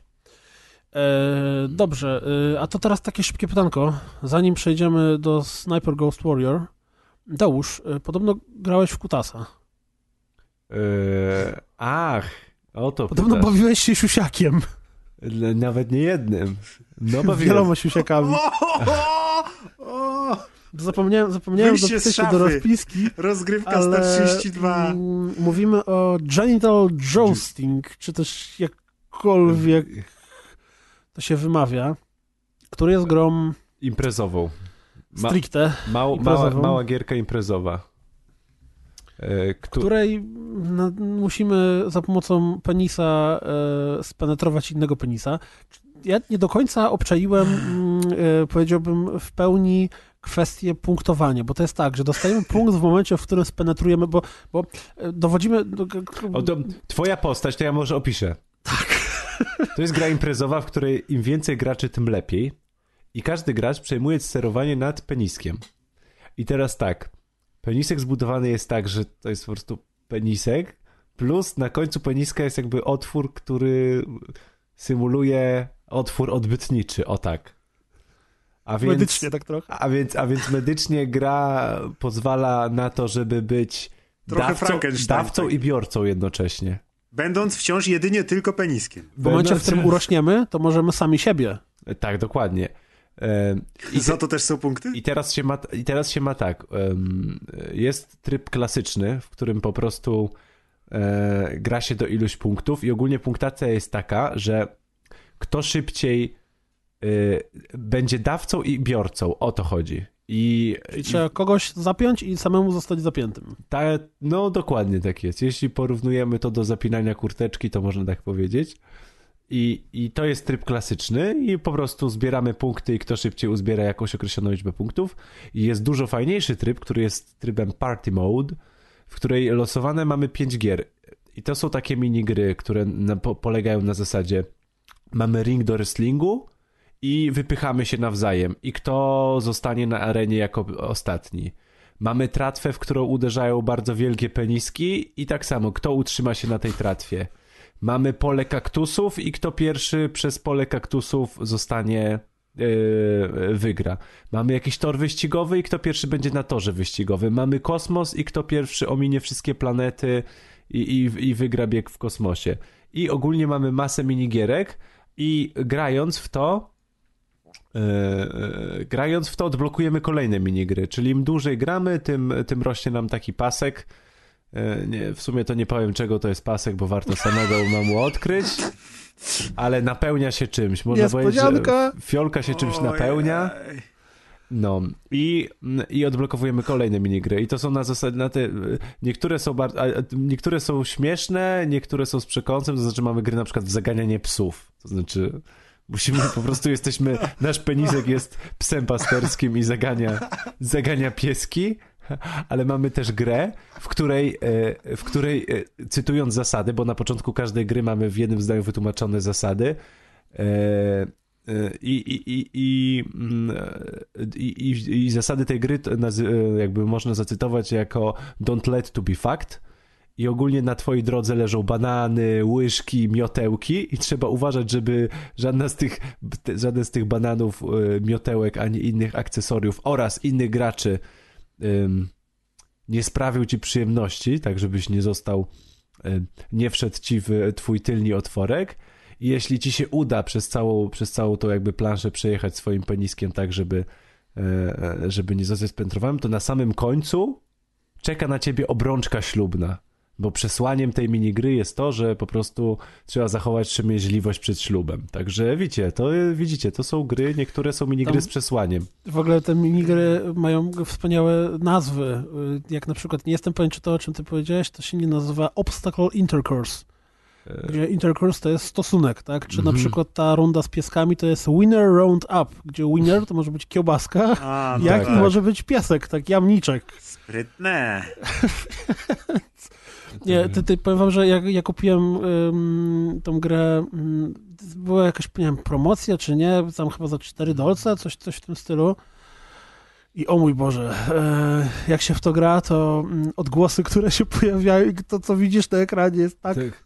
Ach, bo jeszcze są fantastyczne odgłosy oczywiście wszystkiemu towarzyszą. Jest taka psychodeliczna muzyczka, Mięsiste, plus jeszcze są takie właśnie nie bardziej cieliste bym powiedział. śluzowate. Tak, takie właśnie dużo mokrych jakichś przedmiotów Mokrych takich- za- Uuu. I to jest O, jeszcze najlepsze w momencie, w którym miodzio. kogoś spenetrujesz, e, to wtedy Penetration on, e, tak. oprócz penetration, e, to niczym w, e, tym w Unrealu, to następuje tak zwany wystrzał z przyjemności tego. e, No jest kto również taka minigra, która jest takim mini splatunem. To znaczy w momencie, kiedy dwa peniski spotkają się w pewnej czynności, to jeden penisek y, strzela farbą i kto więcej planszy zamaluje y, swoją farbką. Taki chlebek wersja Steamowa. Co wy gracie? Ja... No i niestety Maciek, muszę ci jeszcze coś więcej powiedzieć. Odblokowałem wszystkie gry w Party Mode i doszedłem do samego końca drabinki i już nie ma minigier. Ale spokojnie, gra jest też w Early Accessie I grać w Early Accessie, będą bo tak, napełniłem kolejne... całą próbóweczkę już. Na, y, to mniej więcej jest około 3 godzin gry, jakby się ktoś tak, 3 godzin zabawy, 2-3 godzinki. To niezły dystans. To nie ma singlowo, si- si- w singlu się nie da grać, trzeba grać zawsze z kimś, ale Tak, można grać na przykład na jednej klawiaturze w kilka osób. Tak, dokładnie. Ile, ile, mm, na ile pozwala klawiatura, na tyle można, czyli po prostu się mm, dowolne cztery klawisze można używać do, do sterowania. Ja grałem maksymalnie w 6 osób i nie było problemów. 5 osób na klawiaturze i... Ja powiem tak, ja bym to polecił w pewnym sensie, bo mm, Nie, no To jest wyjątkowy świetna. tytuł. Jest świetna. To jest- on sprawia ja dwa wieczory podejrzanie dużo frajdy. Jak na zabawę penisikami. Chociaż to właściwie to raczej logiczne, że zabawa penisem jest... Znaczy, jest, ja powiem tak, on, on, on, on sprawia taką zabawę, że komuś się go pokazuje, ktoś mówi tak, pierwsza reakcja to jest fu, druga reakcja to jest tak nie bardzo, potem pierwsze 10 minut Potem grania daj- to się wstydzi, ja. to, się, to, jest, to się wstydzi dotykać w ogóle klawiaturę, tak niechętnie, wiecie, tak jakby tykał, tak jakby się No, nie, czuł brudny. Nie spenetruje cię, nie tak, a potem jak ty chcesz wyłączać grę, to się okazuje, a to może odblokujemy jeszcze kolejną minigierkę, także...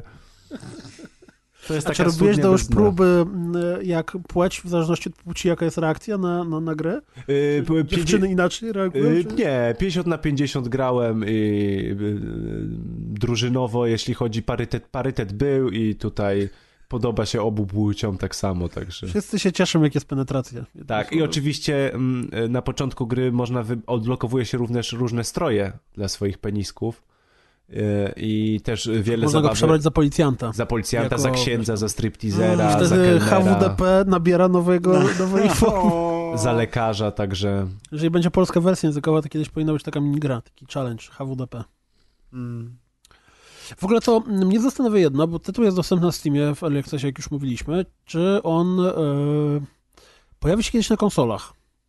No bo jeżeli gracz został zbanowany za udostępnienie e, screenu z Watch Dogsów drugich przed patchem, się tak wyrażę, to zastanawia mnie, czy udostępnienie filmiku, czy też mm, właśnie e, zdjęcia z genital jousting, czy tam jakkolwiek się wymawia to, to trącanie się, prącanie właściwie tej kwestii, mm, to czy też nie, nie posypałyby się banem? No, powiem ci, że tu nie jest to realistyczne, to mogą być No równie właśnie. dobrze takie stworki. Kolorowe rysunki, to zawsze się rysowało coś takiego, a potem udawało, że to jest tam... Co to tam No w sumie nie jest to- no właściwie-. Właściwie to nie jest to powiedziane, że jest to penis. No tak, nie, no, dlatego... to jest... Wygląda jak penis, ufolutki. zachowuje się jak penis, Ufolutki ale... to są. Ja, ja, ja, I ja może one sobie ogonki do buzi wkładają. Przeżyłem ten taki pierwsze, pierwsze zadziwienie, kiedy to, mm, czy zadziwienie to może nie jest dobre słowo, ale kiedy udało mi się sam siebie spenetrować. Wtedy Bo właśnie, ach Maciek, o, właśnie, bo ty nie wiesz, kiedy, wystarczy. kiedy, kiedy się gra i zdobywasz punkty, to twój penisik rośnie. Jak I tak wąż w pierwszej, w pierwszej, dokładnie tak, w pierwszej Ale rundzie wszystkie są wymiarów malutkie. takich ekstremalnych. Tak, takich, że ciężko Takich się nim sterować. Takim, że mandingo. właśnie możesz się zakręcić, możesz pętelkę możesz zrobić, albo nawet supełek bardziej. Tak, także... No, Kochanie, zrób są też supełek. konkurencje Be- na... Bezos, kochani, generalnie. Bezos. E, Polecamy, absolutnie. A teraz Rozgry- jak jesteśmy- Rozgrywkowa gra taka. Teraz uwaga, było czasem rzucamy mięsem, więc e, jak jesteśmy przy chujach, to porozmawiajmy o Sniper Ghost Warrior 3. O, nie wiem, czy to jest dobre, płynne przejście. Nie, nie aż wiem, tak?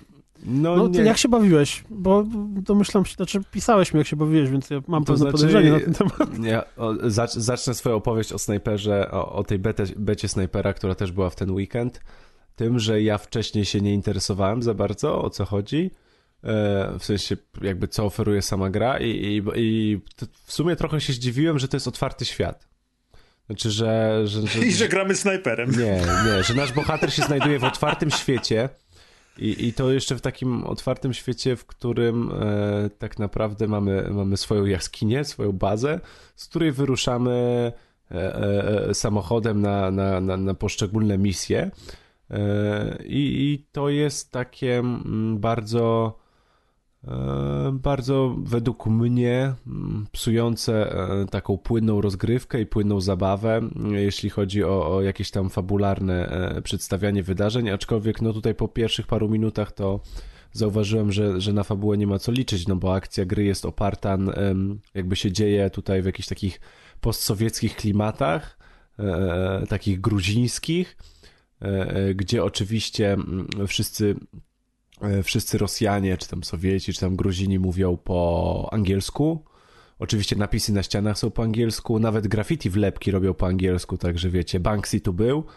E, e, I, I, ogólnie fabuła raczej zasadza się na tym, że amerykański snajper znowu musi ocalić świat, no bo co byśmy zrobili bez Amerykanów?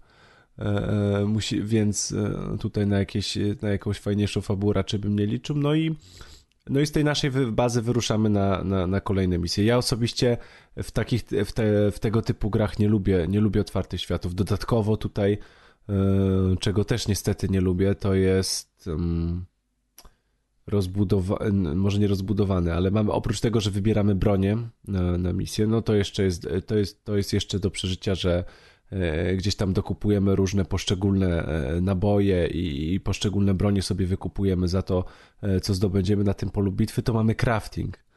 Czyli to już jest takie łączenie wielu pomysłów. Teraz w każdej grze musi być rozwój bohatera, w coraz większej ilości grach musi być crafting, drzewka rozwoju, więc oczywiście, wiecie, pierwsze 10 minut snajpera i się stykasz z każdym z tych elementów bo już się nie da po prostu zrobić gry bez tego, więc masz crafting i, i się okazuje, że z rzeczy porozrzucanych i, i rzeczy, które zabierasz nieżywym wrogom, w ogóle amunicję możesz robić, także no, no bo po prostu... Czego, przepraszam? MacGyver, no surowców. To są surowce, to są...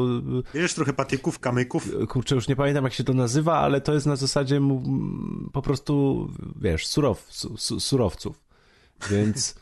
Robisz Więc, surowców no już i zamknij mordę. Wiesz co, jak się pojawia crafting w takich tego typu grach, to czasami nie chce mi się myśleć, bo masz, wiesz, 10 statystyk i tu masz patyk, tu listek i po prostu póki się świeci na czerwono, to znaczy, że mam dalej szukać, a jak jest na zielono, to znaczy, że mogę zrobić i ja tam już nie wnikam, wiesz, szczególnie, że e, wykształcenie w kierunku nauk technicznych to naprawdę nie pomaga w tego typu grach przy, przy przełknięciu takich rozwiązań, więc ja próbuję jakoś swoją część mózgu wtedy wyłączać.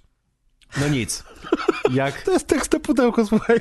Jak już, Przy tej grze będziesz musiał wyłączać swój mózg. Jak już mam już te naboje i tą snajperkę, idę na tą misję, to na nią muszę dojechać samochodem. No i niestety, oczywiście, bo musi być otwarty świat, więc musi być jazda samochodem.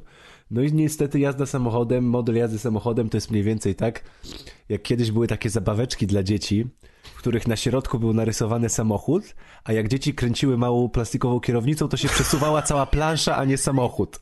Nie wiem, czy nie, tam było coś takiego. Może, słuchaj, to, może to tak jest, może jedziesz planszą, a twoja postać tylko siedzi. No oczywiście ja przesadzam, ale chodzi mi o to, że no po prostu jest drewno, jak to mówią e, młodzi ludzie. E, je, je, jest, jest ten system drewniany. E, e How the young fellow people? E, także, także to. No i dojeżdżamy, dojeżdżamy na, na, na to miejsce misji. I w becie były dwie misje nie, nie jakoś szczególnie rozbudowane. Mnie najbardziej e, zaskoczyło to, że mm, według mnie to świat, w którym mam swoją bazę w jaskini, wsiadam do samochodu i dwa kilometry dalej w jakimś takim po prostu, no nie wiem, w lesie, w dziczy, w głuszy, e, nagle są postawione dwa opuszczone siedmiopiętrowe bloki, w których na jednym dachu jest dron, e, a w drugim bloku chodzi osoba, którą muszę zlikwidować, no jest trochę dziwne. Szczególnie, że dziwnym trafem jest również, te bloki są wybudowane przy wzgórzu, z którego idealnie po prostu można strzelać ze snajperki, więc no, ten projekt tego świata też jakiś taki nie jest spójny. E, e, nic się w tym świecie nie dzieje, oprócz tego, że po drogach jeżdżą e, e, samochody. Nie wiadomo, czy to są samochody tych, e, tych takich złych rebeliantów, którym, czy, czy, czy to są jacyś zwykli ludzie, bo ta miejscówka to jest po prostu jakiś taki świat, w którym są również zwykli cywile, no to już, e, to już nie wnikam. Jeśli chodzi o samo, już tutaj o samo, o samo granie w trakcie misji, to e, póki się trzymasz tej części bycia ghostem i, i strzelania ze snajperki, czyli sobie szukasz odpowiedniego miejsca, mm, ustawiasz sobie na mm, tutaj mm, na celowniku dystans, strzelasz to, to te, to te strzelanie ze snajperki jest e, nawet, e, nawet soczyste. E, oglądanie tego miejscówki, sobie oznaczanie wrogów, sprawdzanie z której pozycji kogo by można było ściągnąć, planowanie tego tak, żeby, żeby przeciwnicy, którzy gdzieś tam patrolują, nie, nie znaleźli tych ciał, to jest, to jest nawet fajne. Główne uderza w wiatrak w momencie, kiedy dzieje się cokolwiek innego, co nie jest snajperem. To znaczy w momencie, kiedy cię wykryją bo w momencie, kiedy cię wykryją, okazuje się, że snajper yy, przeciwnika, no oczywiście, wiecie, dwóch bloków strzec musi oczywiście trzech snajperów, no nie wiedzieć czemu, no ale to już dobrze. Rosjanie, to są ważne bloki. Rosja, Rosjanie zawsze pilnują snajperami. Wtedy ten snajper jest, ma po prostu sokole oko i dostrzeże cię w każdych krzakach. Eee, oraz yy, jakby ci, ci twoi przeciwnicy również zaczynają e, szału nie robią, raczej się nie chowają za osłonami, tylko raczej biegną w twoją stronę, ewentualnie jak gdzieś się chowają, to wychodzą po 5 sekundach i też idą w twoją stronę. Ale no, że Rosjanie nie są za specjalnie inteligentni, to wystarczy tam 20-30 sekund gdzieś pobiec w drugą stronę i oni w sumie dochodzą do wniosku, a ten snajper już pewnie zrezygnował i sobie pojechał w las i wszystko wraca do normy. I, i już jest super, już można dalej grać. E, co jest jeszcze śmieszniejsze, jak już dobiegną e, e, o, jeszcze coś. Jak już cię zobaczą e, twoi przeciwnicy, to oprócz tego, że zaczyna do ciebie strzelać snajper i biec do ciebie przeciwnicy, to również otwierany jest do ciebie e, w, e, w ciebie nalot moździerzowy. Znaczy centralnie w lesie normalnie strzela do ciebie moździerz. I nie byłoby w tym nic dziwnego, tylko byłoby to zabawne, gdyby nie fakt, że w momencie, kiedy dobiegają do ciebie przeciwnicy w to miejsce, w które przed chwilą byłeś, to tam również jest ładowany moździerz. Także oni nawet do swoich. Ja rozumiem, że Rosjanie tak się z, jakby z liczebnością wojska nie liczą, bo mają dużo, no ale mogliby sobie już darować strzelanie do własnych yy, żołnierzy a czy przynajmniej ten możesz ich zabija? Bo wiesz, czasami jest tak, że... Nie, nie możesz y, strzelanie. To, to AI jest też takie śmieszne, bo raz cię zobaczy z, z pół kilometra, raz cię nie widzi jak przejdziesz przed, przed nosem. E, czasami usłyszy, jak gdzieś tam podskoczę 30 metrów dalej, a innym razem zabije, mm, zabije mm, jakąś osobę 3 metry od innej osoby i ta druga osoba tego nie słyszy, że tamta pada e, metr od niej. Mamy cały system wyciągnięty wprost z Hitmana, czyli e, oprócz tego, że przeszukujemy wrogów, to możemy ich, ich zaciągnąć i gdzieś e, odłożyć w inne miejsce, tak żeby e, przeciwnicy też nie znaleźli ciała. Możemy się również chować do, nie wiem, do szaf albo jakichś kontenerów. Oczywiście, jeśli goni cię cały zastęp przeciwników, a ty wbiegniesz do domku i schowasz się do szafy przy drzwiach, to oczywiście wszystko będzie ok i oni nawet nie pomyślą do tego, żeby tam zapukać i zajrzeć tylko, tylko, tylko po, po kilku sekundach pomyślą, że już, a pewnie się ulotniłeś. Także, także to AI jest naprawdę świetne. No mówię, póki cię nie wykryją i sobie grasz snajperem i, e, i, jakoś nie zwracasz uwagi na to AI, to jest, to jest nawet całkiem fajnie. Oprócz tego, że można grać snajperem, to, to twórcy mm, twierdzą, że może być również iść na, na, na Call of Duty, iść na Jana, e, ale to strzelanie z tej broni krótkiej jest takie mm, no jest średnie. Feeling broni jest średni. To jak się czuje ciężar tej broni, odrzut, mm, celowanie, to, to, to wszystko jest jakieś takie e, płytkie, trochę takie sztuczne, nie wiem, jakoś mi nie odpowiadało ta, ta, ta, ta gra na bliski dystans, także e, tu jest masa jakichś takich mechanik e, popularnych, tak jak wam tutaj próbowałem opowiedzieć, ale to jest wszystko jakoś tak poklejone dla mnie jest poklejony bez ładu i składu. Jest dużo takich głupotek, które e, dla mnie psują, psują klimat i bardziej się bawiłem w to, żeby, że, że tych wrogów gdzieś tam w konia zapędzałem w kozi róg i się z nimi bawiłem, niż, niż to, że się czułem snajperem e, wyzwalającym, e, niż się czułem jakimś takim prawdziwym Amerykaninem wyzwalającym resztę świata. Więc, więc jakoś tak średnie mam wrażenia po tej becie. I widziałem, że w internecie raczej, raczej też ludzie mają średnie wrażenia, aczkolwiek też sporo pozytywnych opinii napotkałem. Nie wiem, musiałem to skonfrontować już z kimś, kto ma pozytywne opinie, a wiem, że chyba wiem, że chyba Prespo tam tak, ciężki bojach. będzie wielkie, wielkie, mm, wielki nieobecny. Powiedziałby, Mega spoko skradanka i strzelanka podobna do IGA Project, ale optymalizacja leży. A y, tak, optymalizacja leży. Y, y, podobno na słabszych sprzętach jest lepsza ta optymalizacja. U mnie przez to chyba była całkiem niezła, ale oczywiście nie wiem, czy pres, ale nie wiem, czy pres umie w klawiaturstwo ale to już w pierwszym dniu bety było wiadomo, że trzeba wejść w ustawienia, jak się ma kartę NVIDIA, to trzeba wejść w ustawienia karty graficznej w panel NVIDIA, potem modelowanie 3D i, i włączyć VSync na opcję płynny i wszystko fajnie działa, także, ale no nie wiem jak press umie w klawiaturę. Banał. I nie, I nie wiem, czy się zorientował, że tak trzeba zrobić. No, będę się musiał go zapytać. W każdym razie E, w każdym razie takie są, takie są moje, moje wrażenia po tej becie. Ona jest całkiem szybka. Te misje, te misje można było się tak, mm, że tak powiem, rozkładać je na drobne i jak nam nie szło i ktoś jakiegoś takiego zmysłu snajperskiego nie ma, to, to mógł nad tymi misjami kilkadziesiąt minut spędzić, ale jak tak gdzieś się fajnie znalazło ale to dla miejsce, ciebie to, ogóle... to to nie, ja się długo bawiłem, bo jak oni zaczęli z tymi młodzieżami strzelać, to ja sobie pomyślałem, zobaczę, kiedy im się ta amunicja skończy. Oni po prostu pół lasu rozstrzelali i za mną ganiali się. Oni chcieli, wiesz, go wykarczować, żeby było puste pole, żeby ci łatwiej dostrzec. Tak, i ze mną się tak ganiali trochę, więc, więc, więc, więc było. Aż mi się amunicja skończyła w pewnym momencie i... I, i, i, I wtedy już próbowałem e, robić to na, na Hitmana, i, bo oczywiście można rękoma ich załatwiać, e, to znaczy rękoma, atakiem po polsku mele, e, e, atak, atakiem typu mele. I, I jednocześnie można również ich przesłuchiwać, i oni wtedy mówią pozycję wrogów, pokazują na mapie. Także, tak, także, no, no, no, jakieś takie powtykane są te różne mechaniki, gdzieś tam grasz, grasz, grasz i zobaczysz, o, mechanika, albo już ją gdzieś widziałeś, albo sobie myślisz, że było spotkanie twórców i ktoś gdzieś tam rzucił, że o, fajnie, żeby w naszej grze było jeszcze to a fajnie, żeby w naszej grze było jeszcze to, a jakbyśmy dodali jeszcze to, to jest super. A w ogóle żadna gra nie ma tego, więc, więc jeszcze to Świetnie jest dodane. się tak planuje, też mam to, mam doświadczenia z takim planowaniem, jak to, jakich to rzeczy nie dodać do gry i jaki to fajny pomysł. No, także nie. A jeszcze, jeszcze jedna rzecz, jeszcze jedna rzecz, która mnie mm, trochę irytowała, to polecałbym e, sprawdzić e, twórcom, co to jest widzenie obwodowe. Po angielsku to się chyba nazywa e, peripheral vision. Po, ponieważ, Inżynier się znalazł. Optyki, ponieważ, kurna.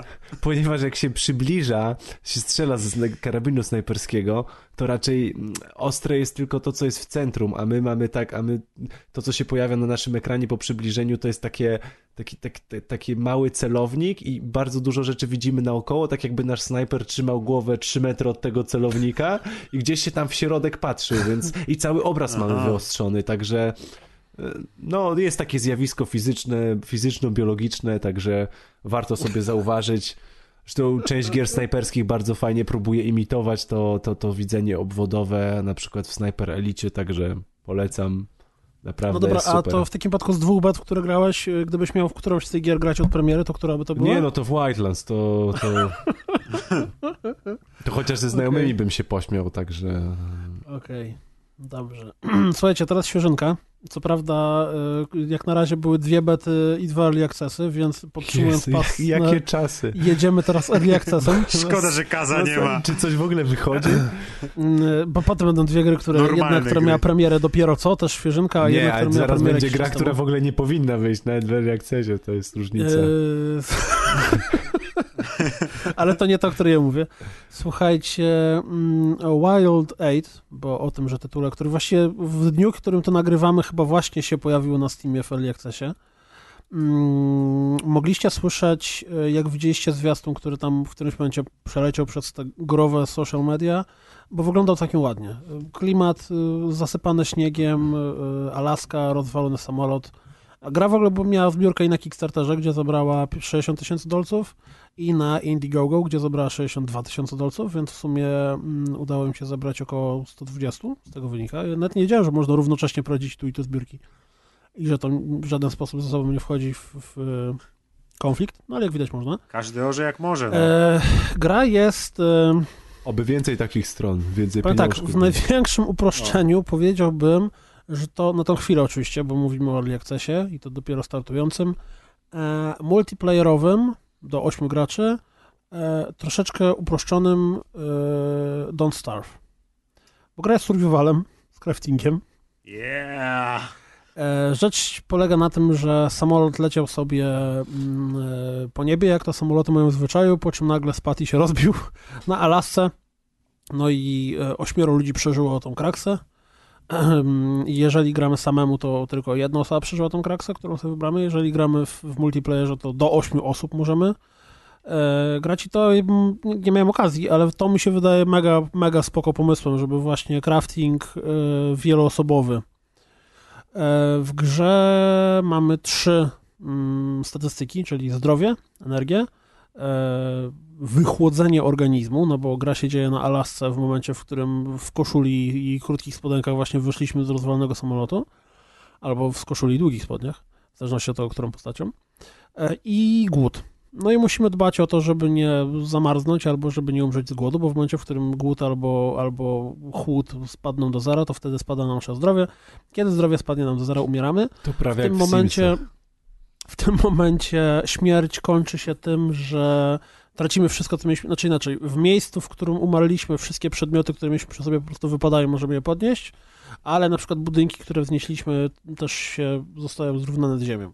Jedyne, co zostaje, to jeżeli w grze jest fabuła, historia, którą, którą że tak powiem, podążamy za nią e, i po prostu to nie wraca, to, to nie jest roguelike, także zaczynamy od zera, tylko, tylko to, co odkryliśmy na mapie jest odkryte, to, co zwiedziliśmy jest zwiedzone, to oczywiście może mieć swoje negatywne aspekty, bo jeżeli, dajmy na to, zebraliśmy wszystkie puszki z jedzeniem i zginiemy, to wtedy tych puszek z jedzeniem już nie ma w miejscu, w którym startujemy.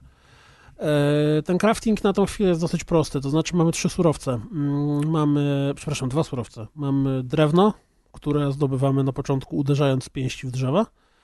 Minecraft o. się wita, tak? Właśnie ja myślałem, że wiesz, że nie, zacznie coś wyrywać, ale po prostu gość przyszedł i zaczął nawalać niczym bokser w drzewo. No jak Co więcej... ręka zmarznięta, to nie czuję. No. tak, ale lepsze jest zdobywanie kamieni, bo nawalamy z pięści w takie, wiecie, takie wielkie blok Wielkie kamieni. kamienie, no. A, bo to, się, bo to jest, wiesz, bo to jest kropla drąży skałę, nie? Bo tam kropla tak, rozsadziło. Ten klimat, dokładnie ten klimat. Mm, no oczywiście jak sobie skraftujemy już, już y, kilof czy siekierę, to to nie wygląda tak debilnie i jest to o wiele bardziej skuteczne, bo w momencie, w którym nawalamy z ręki, to po prostu każde uderzenie daje nam na przykład jeden kamyczek albo jedną jednostkę drewna, a jak robimy to siekierą, to każde uderzenie daje nam cztery albo pięć. Oczywiście równie dobrze można zakopać, znaczy właściwie nie zakopać, a zabić drzewo na śmierć, tak że aż się przewróci, bo każdy surowiec ma ograniczoną ilość do pozyskania, zanim zniknie. Czyli w momencie, w którym zabierzemy odpowiednio dużo drewna z danego drzewa, to ono się przewraca. Mm, jest system dnia i nocy. Jeżeli zapada zmrok, to wtedy jest naturalnie dużo zimniej. Możemy rozpalać ogniska, przy których się ogrzewamy, możemy nosić pochodnie, możemy chować się do budynków, które tam się znajdują. Hmm Historia, która tam się dzieje w tle jest taka, powiedziałbym, w early accessie. Znaczy, ja widzę, że tam, tam jest pomysł na jakąś, ta, wiecie, wielką tajemnicę, czy to, że ten samolot spadł, to to jest przypadek, czy może to jednak mm, tam coś jest na rzeczy, bo tu nie wiem, spoiler, albo, albo i nie, Mm, w każdym razie dosyć szybko nasze zadanie polega na tym, że spotykamy tak jakby y, stację transformatorową i od której odchodzą kable i po prostu musimy iść śladem tych kabli i zobaczyć, gdzie one dochodzą. No i w którymś momencie nagle natrafiamy na bunkier do przechowywania odpadów radioaktywnych. I w tym bunkrze siedzi wilkołak. O Jezu, serio? Serio, trochę mnie to zdziwiło, Ojej. e, ale jak tak sobie patrzę na grafiki koncepcyjne, to widzę, że nawet jest jedna grafika, gdzie właśnie brygada tych naszych bohaterów biegnie w stronę tego wilkołaka, więc, więc widać, ja po prostu to nie Z jednej widziałem. strony spoiler straszny, a z drugiej strony ostrzegłeś wszystkich nas przed tą grą już. bo pomijając, oczywiście wiesz, no może ten wilkołak dlatego, że jak Spider-Man się nażar tego, tego radioaktywnego, bo tam jakiś radioaktywny syf był wylany tak. i on tylko tam tego W wilkołaka ogóle, spotkałem. ale mogę mały off-top, Mhm. ale w ogóle jakby z tak to, że radioakt... że jakby radi... Widzenie Nie porywanej. wymądrzaj się, nie powiem, wymądrzaj. powiem tak, jakby wpływ promieniowania jakby radioaktywnego na to, że, że, że radioaktywne rzeczy coś mutują i w ogóle, że powstają zmutowane rzeczy i krowy z trzema głowami, wilkołaki. Przestań, oglądałem X-Menów. Ty komiksy lubisz, to Wiem, nie możesz mówić. Ej, nie, ale naprawdę, naprawdę, powinien ktoś, jakiś mądry, zdolny człowiek usiąść i naprawdę wymyślić inny motyw na następne 100 lat w popkulturze, serio, bo to już można by, by uciąć jakąś taką A kreską zombie nie są z radioaktywnych odpadów. No, tak, Wirus. wirus. W każdym razie, pomijając tego wilkołaka, to przeciwnikami naszymi są wilki, niedźwiedzie, e, dziki, na które można też polować, żeby zdobywać pokarm, no bo o tyle, o ile na początku jesteśmy w stanie znaleźć kilka puszek z żarciem w, w okolicy tego rozwalonego samolotu albo w jakimś tam bunkrze, do Czyli którego się dostaniemy, Gra, gra, gra jest niewegańska, tak, w takim razie. je, można jeść grzyby. No. I jakieś tam inne właśnie, w ogóle możemy sobie robić lekarstwa potem z, z y, ziółek, nie ziółek. Mm, powiem wam tak, że ciężko mi jest krytykować ten tytuł, bo tak naprawdę tam nie ma nic takiego, co Okej, by ale jest to, jakieś czy, tam słabe. się jakby idzie bardzo. do, w sensie, e, po co to robimy oprócz przeżywania? Czy, czy tam No, się no po... pierwsze, znaczy naszym celem głównym jest no, wydostać się stamtąd, tak? Twój rozbił się samolot, którym leciałeś, jesteś centralnie pośrodku Tak, lasu. tak, a czy, ale, czy, ale czy to jakoś narracyjnie nie cię pcha masz. do tego, że czujesz to, że rozwiązujesz, że, że się Tak, wydostajesz? tak, masz, masz a, po okej, prostu dobra, się kład, że no. tam wiesz, jest zadanie pod tytułem, ok, muszę się jakoś wydostać, o, tam widzę jakąś antenę, to spróbuję ją włączyć. Udało mi się Dobra, znaleźć generator, no, no. włączyłem antenę, okazuje się, że antena nie działa, ale przez to, że włączyłem antenę, to nagle widzę, że tam na horyzoncie są jakieś linie transformacyjne, przewody idą. To dobra, to pójdę śladem tych przewodów zobaczyć, dokąd one dochodzą. O, zaprowadziły mnie do bunkra na odpady radioaktywne. Super, nic tu nie ma, ale widzę, że tam kawałek dalej są inne przewody, pójdę ich torem. Mm, Więc teoretycznie rzecz biorąc, tam mówię, jest ta historia w ogóle na, na stronie gry jest ładny opis, że właśnie e, czy wiesz, czy, czy, czy samolot spadł przypadkiem, jakie tajemnice kryje Alaska. Może to w ogóle właściwie jest Alaska, część, część rosyjska Alaski, więc może dlatego tam A, takie wszystko rzeczy się jasne. dzieją, nie? Bo w ogóle deweloper pochodzi z Rosji, tak swoją drogą. Nawet nie z Rosji, a z, z Jakucka chyba, to się tak nazywa. Ja pamiętam, że jak wygooglałem sobie mm, tą e, miejscowość, znaczy ten, ten rejon, e, skąd To Syberia gdzieś pochodzą, pewnie, nie? e, to właśnie, znaczy tam kojarzycie, na pewno kojarzycie mm, nie Jakucka, a kurczę, widzieliście kiedyś taki obrazek w internecie takiej wielkiej dziury w ziemi, takiej gigantycznej, kopalnie diamentów tak wyglądają, nie? Taka to No. po prostu Mhm. wielka, wielka, wielka dziura w ziemi. No to jak się wpisze nazwę miejscowości, z której pochodzi deweloper, to dokładnie ten obrazek się Z tej dziury jest. więc, y, więc y, może też stąd to podejście. Natomiast, no, wracając do gry, powiem wam tak, to jest early access, ta gra dopiero się zaczyna rozwijać, bo, bo ona tak do zakupu się dopiero teraz pojawiła.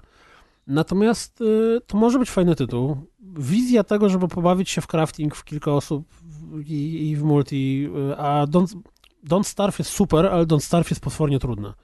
Tutaj e, ta gra też jest bardzo trudna, ale nie jest. Y, mm, ona nas nie każe. Ja po raz pierwszy zginąłem po kilku minutach. Tak centralnie, dosłownie. Zacząłem grać i jeb nie żyje, bo spadłem w przepaść i, i dupa. Okazało się, że nie umiem chodzić nad przepaściami. znaczy, jeśli mamy być dokładni, to nad, nad y, szedłem po takiej, wiecie, po, po pniaku, który po prostu był przez tą przepaść, ale okazało się, że on nie idzie z automatu, tylko trzeba celować jak idzie i spadł. E, no niestety. Grałem twoim i spadł.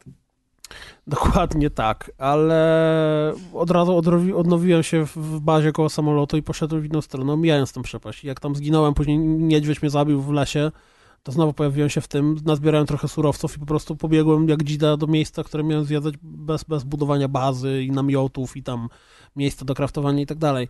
Więc y, to, to, to przegrywanie w tej grze nie jest jakoś wyjątkowo, znaczy w ogóle nie jest yy, trudne. Bolesne. Bolesne, tak? Po prostu sobie na luzie mm, Umierasz i luz. Yy, tak, na luzie sobie umierasz i grasz dalej. Wydaje mi się, podoba mi się, to co mi się absolutnie podoba, to klimat, który tam jest. Bo ta grafika, ja nie wiem, Maciek, może ty będziesz w stanie sensownie określić, y, co to jest za styl graficzny, te kolory takie pastelowe, to, bo to wszystko jest widoczne z góry. To jest znowu takie, takie trochę low poly bez tekstur, nie? Bez tekstur, tak, tak. no. Trochę jak, trochę jak...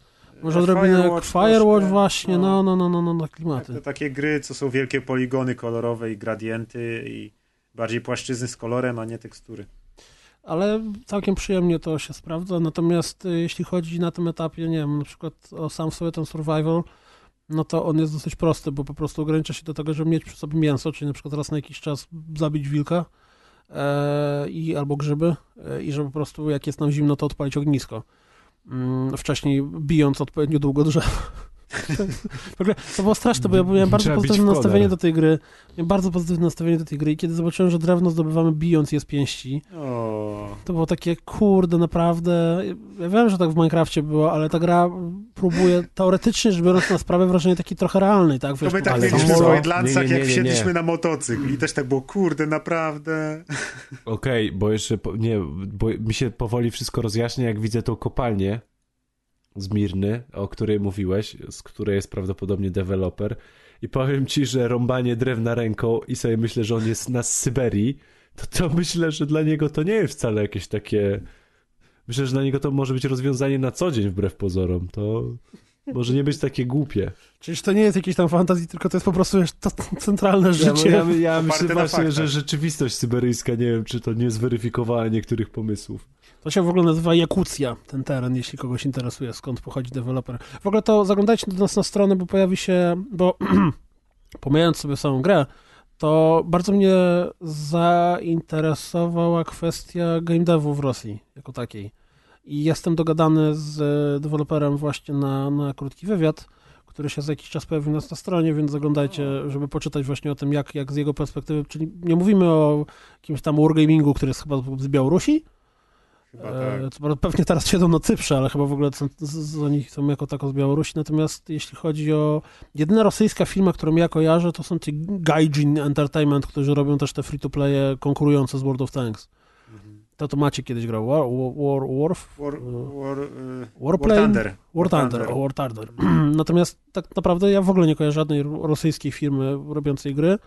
E, a to jest, wiecie, ogromny kraj, więc teoretycznie rzecz biorąc rynek bardzo duży, ale piractwo jest to chyba 95%. A King's Bounty to nie było... Możliwe, możliwe, tylko może już nie pamiętam. E, Katuri Interactive. było chyba przez jakąś... Tak, patrząc po stronie raczej tak. No, więc ciekawy jestem właśnie, właśnie jak, jak ten rynek wygląda, więc zaglądajcie na stronę jak Indie Dev w 2017 roku w Rosji wygląda. Reklama jeszcze przed pozdrowieniami. Tak, tak, tak, tak, tak, dokładnie. Natomiast no, samo w sobie Wild 8 nie spisujcie tej gry na straty, ale też nie kupujcie jej raczej jeszcze, bo yy, na tym etapie, chyba że na przykład jeżeli pojawi się yy, jakaś paczka, na przykład, nie wiem, pięć kluczy, także każdy będzie z nich kosztował tam jakieś nie za duże pieniądze, ale będzie można ją kupić w pięć osób i w pięć osób zagrać, to może być super fajne. No bo wiadomo, że w, w koopie każda gra jest przyjemniejsza i ciekawsza, a, a ten taki w miarę prosty survival, gdzie na przykład jednego typu oddelegujemy tylko i wyłącznie do bicia drzew, a ktoś inny będzie robił questy, będzie potem będziemy się spotykać i tak dalej, to może być, znaczy ja, ja, ja, szczerze, to ja bym z wami bardzo chętnie pograł nawet w, w tego kołopowego mm, survivala w tejże grze. Eee, Załatw ale... więcej kluczy. ale no ja bym też tym... z tobą pogra, powiem ci, jak to by No, ja też bym chętnie zagrał, no. Brzmi jak Widzę, że ten, że ona się startuje dopiero jutro tak naprawdę. Proszę. Ale nie byłem bardzo. Świeżneczka. No, więc e, kurde, zastanawia mnie, mm, oczywiście to się okaże później, czy no bo wiecie, gra sprawia wrażenie dosyć rzeczywistej, ale zaczynamy tu bić drzewa, a z drugiej strony to potem mamy wilkołaka w kopalni, nie? I teraz ciekawy jestem, czy potem oni idą w już kompletne odjazdy. Że to jest tak jak w Lostach było, nie? No Że- właśnie, nie? Z totalnymi, bo, bo nawet jak się A na patrzy końcu na... się okaże, że jesteś w niebie i koniec. Spoiler! A w, na końcu się wybudzisz ze snu i... Tak.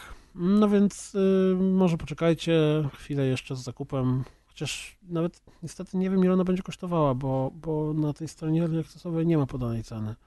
Jak znam życie, to pewnie jakieś 15 dolców, bo te wszystkie gry kosztują mniej więcej 15 dolarów. E, no, to tyle jeśli chodzi o The Wild 8, czyli na razie nie kupujcie, ale nie spisujcie tej gry na straty, wypatrujcie jej, co się z nią będzie działo. Może okaże się, że zaraz pojawią się update i będzie super fajna.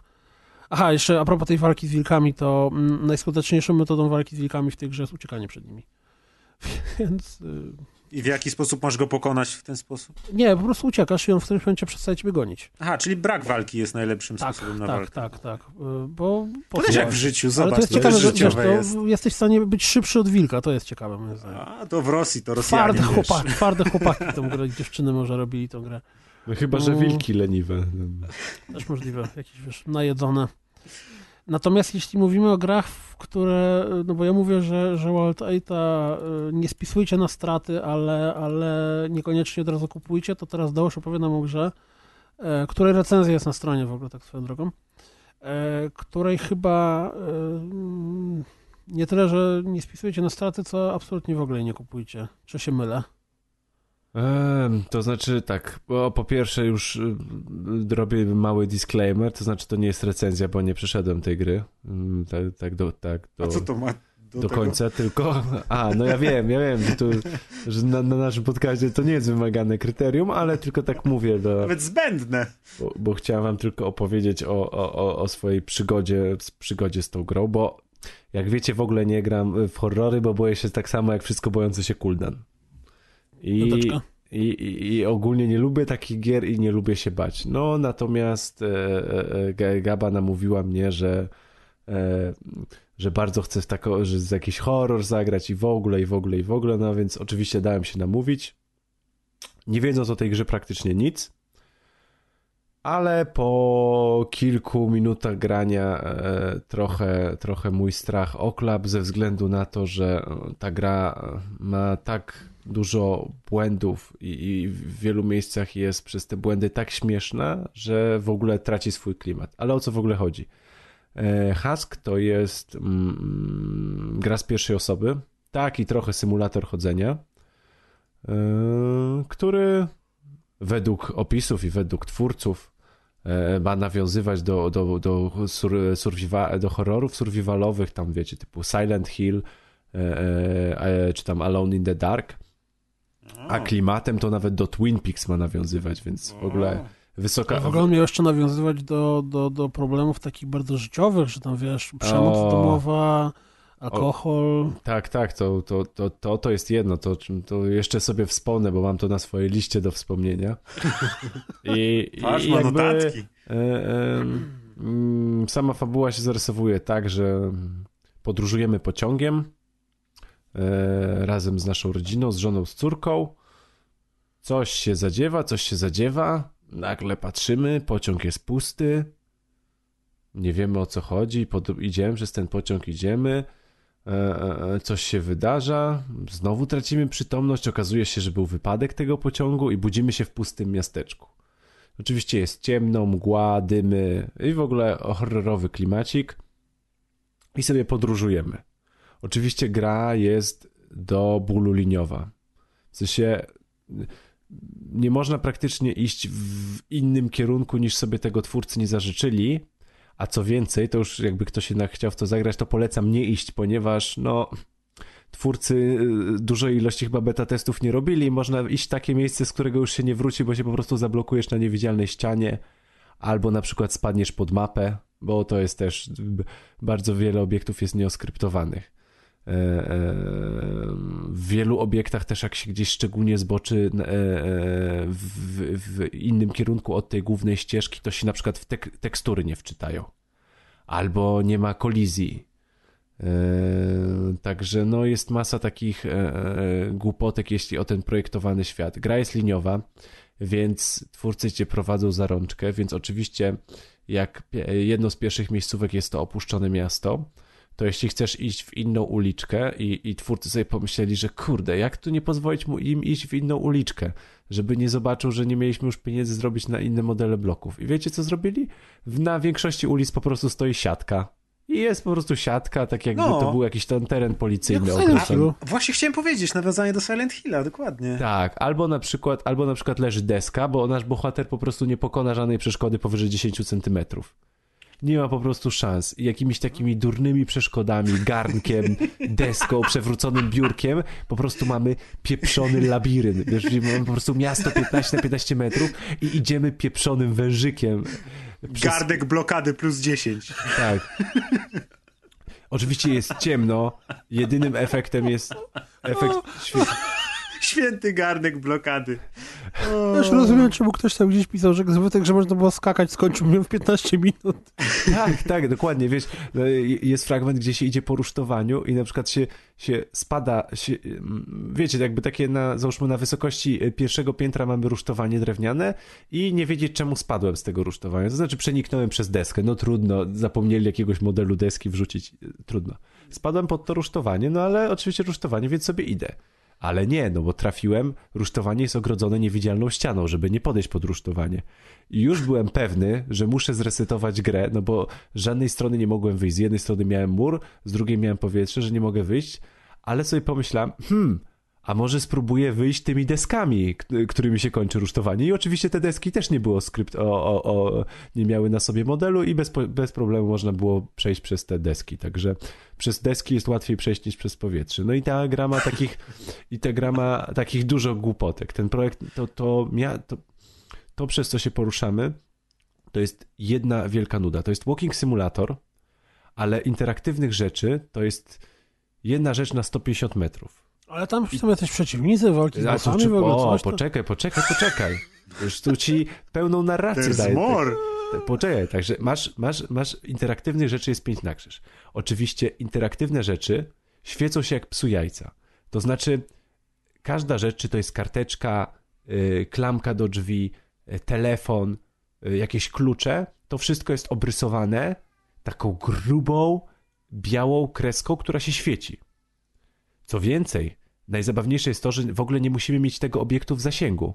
To znaczy, wchodzimy do jakiegoś budynku i na przykład już widzimy, że za drzwiami stoi radio, bo po prostu widzimy przez, przez jeszcze tam nie byliśmy, a już widzimy przez ścianę obrys radia na przykład, albo obrys kluczy.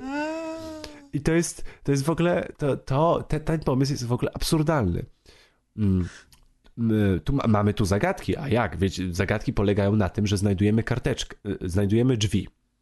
Drzwi są zamknięte. Obok drzwi jest karteczka. Na karteczce jest napisane: Kochanie, yy, klucze do tych drzwi zostawiłam w szafce. Patrzymy się w prawo, jest szafka. Otwieramy szafkę, wyjmujemy drzwi, otwiera, yy, wyjmujemy klucze, otwieramy drzwi. Koniec zagadki.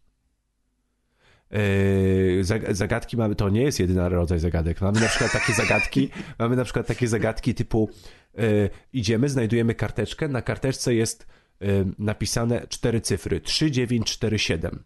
Odkładamy tą karteczkę, idziemy 3 metry dalej. O kurczę, zamek cyfrowy, ciekawe jaki tu trzeba wpisać kod. To jest drugi typ zagadek, to już są dwa, to już, to już się prawie twórcy wypstrykali. Jeszcze są takie interaktywne zagadki, to znaczy na przykład podchodzimy do stołu, cały stół jest oczywiście pusty, bo jest bardzo mało modeli i leży kaseta.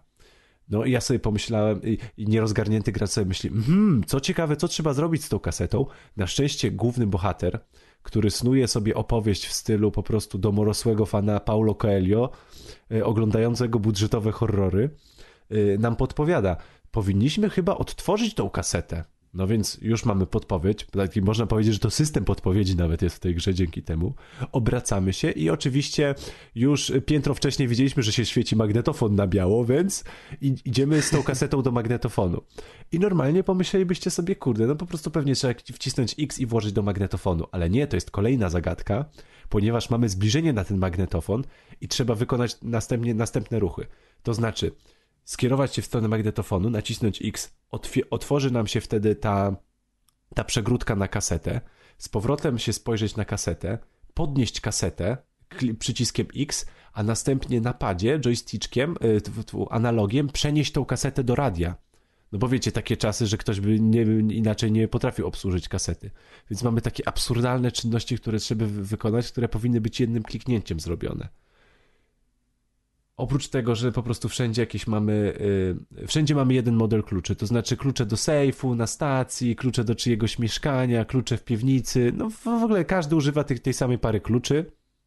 Ale klucze tak samo wyglądają. Te, tego samego modelu, ale nawet z tym samym czerwonym przywieszkiem takim, także... No może w okolicowym sklepie tylko czerwone przywieszki. Yy, I to, gdzie są takie rzeczy porozrzucane, to jest absurd, ponieważ na przykład jak jesteśmy w bloku, to w jednym mieszkaniu, w szafce, znajdujemy klucze do szafki w drugim mieszkaniu.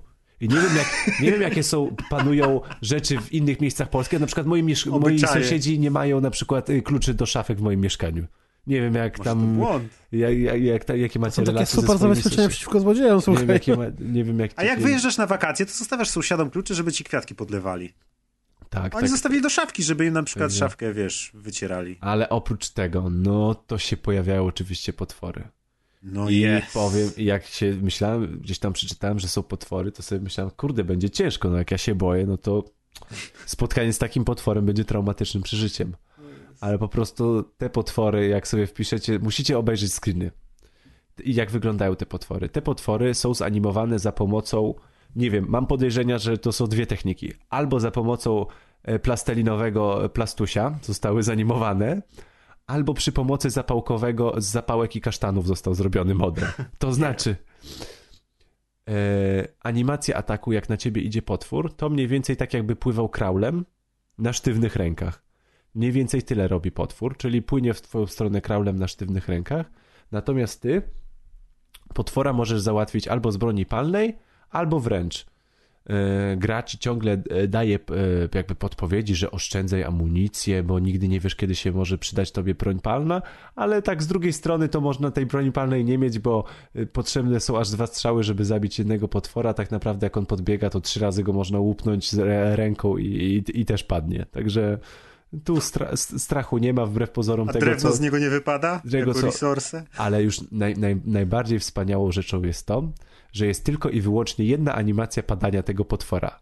To znaczy on ma takie wykręcone ręce i pada na brzuch, twarzą do ziemi. I na przykład nieważne, czy strzelimy do tego potwora od tyłu, to on padnie twarzą naprzód z wykręconymi rękami. Nieważne, czy on się na przykład na nas rzuci i my do niego strzelimy i mimo, że my strzelamy w przód jego głowy, to on i tak padnie e, tak samo, w ten sam sposób. Czy my go zajdziemy z boku, to jest absolutnie nieważne zawsze ten e, potwór e, e, pada tak samo.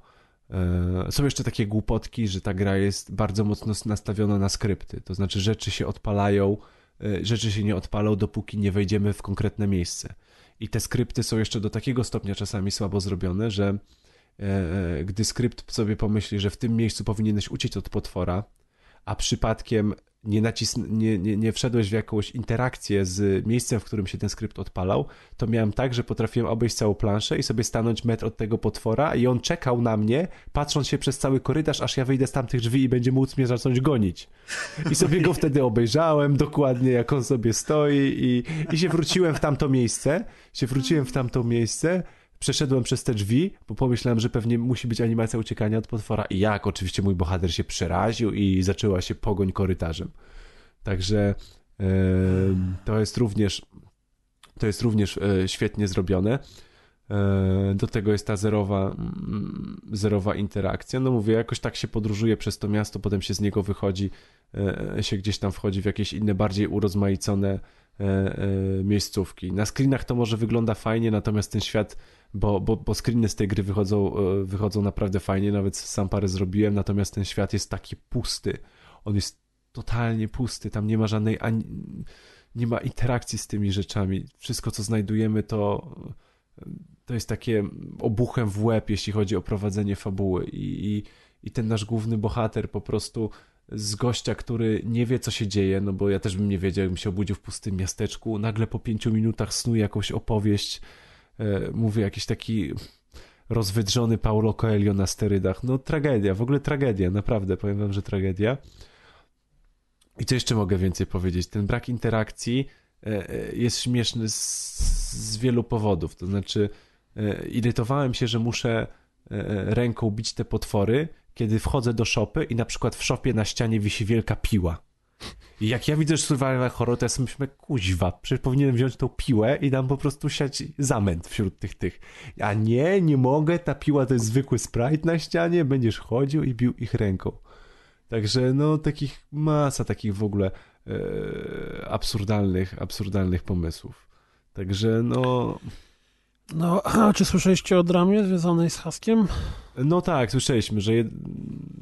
jak się wejdzie w opinię na Steamie w ogóle, to opinii jest kilkanaście. Większość opinii to ludzie wystawili po kilku minutach gry. W sensie widać Takie tam, są tam, najfajniejsze. Tam, tam widać, że ludzie nawet nie, do, nie dochodzą do końca i większość tych opinii jest negatywna, jak ja sprawdzałem w weekend. Chyba dwie były pozytywne, z czego się okazało, że jedna z pozytywnych to twórca gry, tak? Wydawca. Nie twórca, właśnie wydawca, nie ten, wydawca. To, wiesz, twórca tak, i tak, wydawca. Są, jest żal trochę dewelopera, czyli Undead Scout, bo IMG Pro, czy tam Edge Pro, czy jakkolwiek oni się nazywają, Imagine e. Właśnie na Imagine Pro napisali e, tam pozytywną recenzję sami z siebie, coś tam w ogóle zmieniali. To jakaś rzeźba straszna była, zmieniali niki, to oczywiście wyszło i jeszcze się tłumaczyli jakoś tak strasznie, że sorry, po prostu chcieliśmy, żeby twórcy poczuli się lepiej. Ojej. Przykro to trochę. Znaczy jest żal, jest żal tych ludzi z Undead Studios, bo... Znaczy Undead Scout, przepraszam. Generalnie y, jak się troszeczkę patrzy na rynek gier wideo teraz całościowo bardziej, to nastały bardzo ciężkie czasy i ja mam wrażenie, że w tym roku bardzo dużo studiów upadnie. Takich mniejszych studiów, czy tam Ale studiów. no ta gra nie powinna w ogóle wyjść, w sensie to jest... Ja nie wiem, no to nawet, ja nie wiem, czy to nawet znaczek indie to tłumaczy, wiesz? To Znaczy, jest... znaczy mi się wydaje, że to jest gra, która była zbyt ambitnym pomysłem na zasoby, które... No ale oczywiście ona ma taką nie? masę uproszczeń. Gdyby ale to wiesz- zrobili, wiesz, nie wiem, goście od Amnezji na przykład, którzy mają dużo większy budżet i stać ich na dużo więcej. Ale nie, ale wiesz co, nawet, tu nawet nie chodzi o budżet, bo jeszcze to ty technikalnie można pominąć, ale jak, tak jak ja ci opowiadałem, wiesz, że zagadki polegają na Nie, znajdowaniu wiesz, no- kluczy, no, albo klucze to- w jednym mieszkaniu otwierają w drugim, w sensie to nie wymaga To pieniędzy, wymyśleniu, wymyślenie fajnej zagadki nie wymaga pieniędzy, o to chodzi. Albo to, że Tak. naboje, gdzie znajdujesz naboje do pistoletu, jak myślicie, gdzie? No w worku na śmieci przecież, nad jeziorkiem. No bo to jest miasto, w którym sobie wyrzucali kaliber 45 do worka na śmieci, nie? No kurde, no to wiecie, no to poziom zagadek w Telltale to jest y, egzamin do y, tego, do zarządu mensy w porównaniu z tą grą, no. No, tak. Znaczy wniosek z tego taki, że chyba nie wszyscy powinni robić gry. No chyba, chyba, chyba tak. Czekamy na Mesjasza w postaci Indoor Studios, bo już tu widzimy, że pomysł, pomysły mają, tylko... Po tych wszystkich Znaczy, tutaj grach to E, ciężko Paweł będzie. Olszewski w swojej recenzji tego tekstu w Poligami napisał, w ogóle to, to recenzja Haska u nas na stronie też jest e, w, w autorstwa Krzyśka e, Hadera. Nie będę wam mówił, czy mu się podobało, czy nie, to sami sobie przeczytacie. Ciekawe. Może być zaskoczenie, słuchaj. Natomiast e, Paweł Olszewski w, w recenzji na Poligami Haska napisał jedną fajną rzecz, że, znaczy pewnie dużo więcej fajnych rzeczy, ale jedna, która mi zapadła w pamięć, że mm, problemem Haska nie jest to, że nie jest drogi, bo kosztuje 17 dolarów i jasne, że to jest mniej niż tam mm, Soma, która kosztuje 30, czy, czy tam Resident Evil, który kosztuje jeszcze więcej, ale problemem Haska jest to, że gier teraz jest tak potwornie dużo, że pieniądze nie są największym naszym problemem, tylko No. nasz czas, który mamy poświęcać. Jeżeli mamy grać przez 5 godzin w kiepską, wręcz bardzo słabą grę, A jeszcze każdy ma taką To- kubkę wstydu, gdzie jest 50 No lepszych pozycji, nie? no, więc... e, Ale to jest zła wiadomość dla wszystkich indie deweloperów, którzy zrobią co najwyżej średnią grę. Znaczy średnie gry nie mają teraz żadnego... Inaczej, średnie, średnie Nie. AAA Bo- mają bo- szansę, bo gdzie na- będzie kosztowało na przykład 100 milionów dolarów ich marketing. No to, Ale to nie średnie jest, gry no, indie, właśnie. forget about it. Bo, bo nawet, nawet, jeśli jest, nawet jeśli oni zrobią tanią grę, to ktoś będzie sobie wolał kupić y, dwuletnią AAA-kę za tą samą cenę, nie? Zwłaszcza, no, ale, ale nie, no ale tak jak mówię... Jeśli pom- ktoś pom- nie ma naprawdę pomysłu, Są rzeczy, nie które ma nie kosztują. gry indie, która... W sensie pomysł nie kosztuje. No tak. No. Jakaś realizacja jakichś dziwnych mechanik kosztuje, nie? Ale no, zagadki serio nie, no powstają, wiecie, powstają jakieś tam przygodówki, jakieś pixelartowe, jakieś Blackwelle i tak dalej. To, to są naprawdę podstawowe jakieś, jeśli chodzi o, o stronę techniczną, to są podstawowe gry do zrobienia i, i które bazują na jakichś takich fajnych zagadkach i fabułach, dlatego no Ale to takie tak, rzeczy nie kosztują. To, to, to, i tak nie są tanie gry. To, to, to tak ci się wydaje, zakładając nawet taką przysłowiową przygodówkę pixelartową, załóżmy, że pracuje nad nią trzech ludzi przez rok. To tak, wiesz, ale nie o to mi chodzi. chodzi... trzech osób, nie? Gry, robienie gier, nawet tych prostych, których Kaz wyśmiewa i mówi, że one w ogóle powinny być za darmo dodawane albo na dyskietkach Secret Service powinny być dawane, żeby można było sobie nie pograć. Prawda jest taka, że robienie gier jakichkolwiek jest bardzo drogie i e, zwłaszcza nie jakiś tam, wiesz, tych takich e, gier, które kradną asety na, na komórkach, których są miliony po prostu, gdzie tak naprawdę asety zajebane z innej gry, wrzucone, zmiksowane i masz gry, gdzie opis tej gry to jest 700 słów kluczowych, że może ktoś przypadkiem kliknął, albo jakieś dziecko, które się bawi tabletem. Natomiast jeśli chodzi o Steam, Greenlighty, Early Accessy, gdzie też jest po prostu morze, ale to morze syfu, to te gry, taki hask to, to, to, nie jest najniżej jak może być, bo te gry, te gry, które są na samym dnie tego bagna i syfu i szlamu, nie, no to, to, nie są gry, o których nawet nigdy w życiu nie słyszeliśmy, może nie? coś innego w życiu trzeba robić wtedy, albo... Nie, no, po, po no nie każdy pra, musi prawda, robić gry, prawda, prawda? Jest, no, prawda jest taka, że jest sobie gdzieś nie wiem skąd się wzięła, ale pojawiła się taka wizja, że wiesz, że hura, robmy gry, to jest strasznie fajny pomysł, fajna praca i tak dalej, w ogóle zarobimy miliony, będziemy nowym noczem.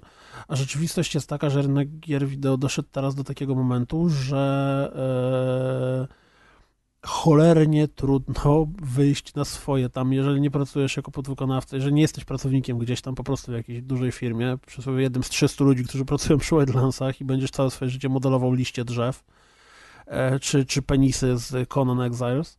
Mm, tylko jeżeli chcesz, wiesz, tak jak przykład tego Behemoth'a, to są, to są ludzie, którzy robią gry, kurde, od ile? 10 lat i oni zarobili na swoich poprzednich tytułach tak duże pieniądze, że mogą sobie spokojnie pozwolić na to, żeby Pit People był w produkcji, nie wiem, 4 lata albo 3.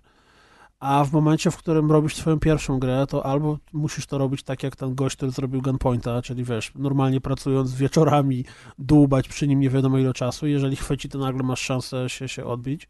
A w przypadku ogromnej ilości gier, w przypadku ogromnej ilości firm, jak, jak było koniec roku, to, mm, to w przegranych e, bardzo dużo deweloperów wydało się w ten czy w inny sposób o, to jest takie ładne, chwytliwe hasło, Indie Apokalipsa. Mhm. Czyli e, że przesyt, ten, ten bąbel, który urósł, jeśli chodzi o rynek Indii jako taki.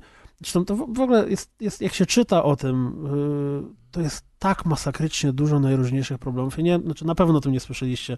Jest taki wydawca, który się nazywa Red Star Games bodajże, czy, czy Superstar Games, coś, coś w tym stylu. I oni wydawali mm, czy Rising Star Games, generalnie no, w sumie nieważne kto, jest sobie wydawca. E, I wydawca podpisał umowę z y, jakąś tam firmą, małym indie studiem, którzy będą wydawali ich grę. Gra wyglądała ładnie, miała fajny pomysł na pika, to była jakaś taka platformówka pixelartowa, wiadomo, bo jak żeby inaczej, ale z jakimś tam przejmowaniem mocy, tam stronie walnie, też w sumie szczegóły nie są istotne.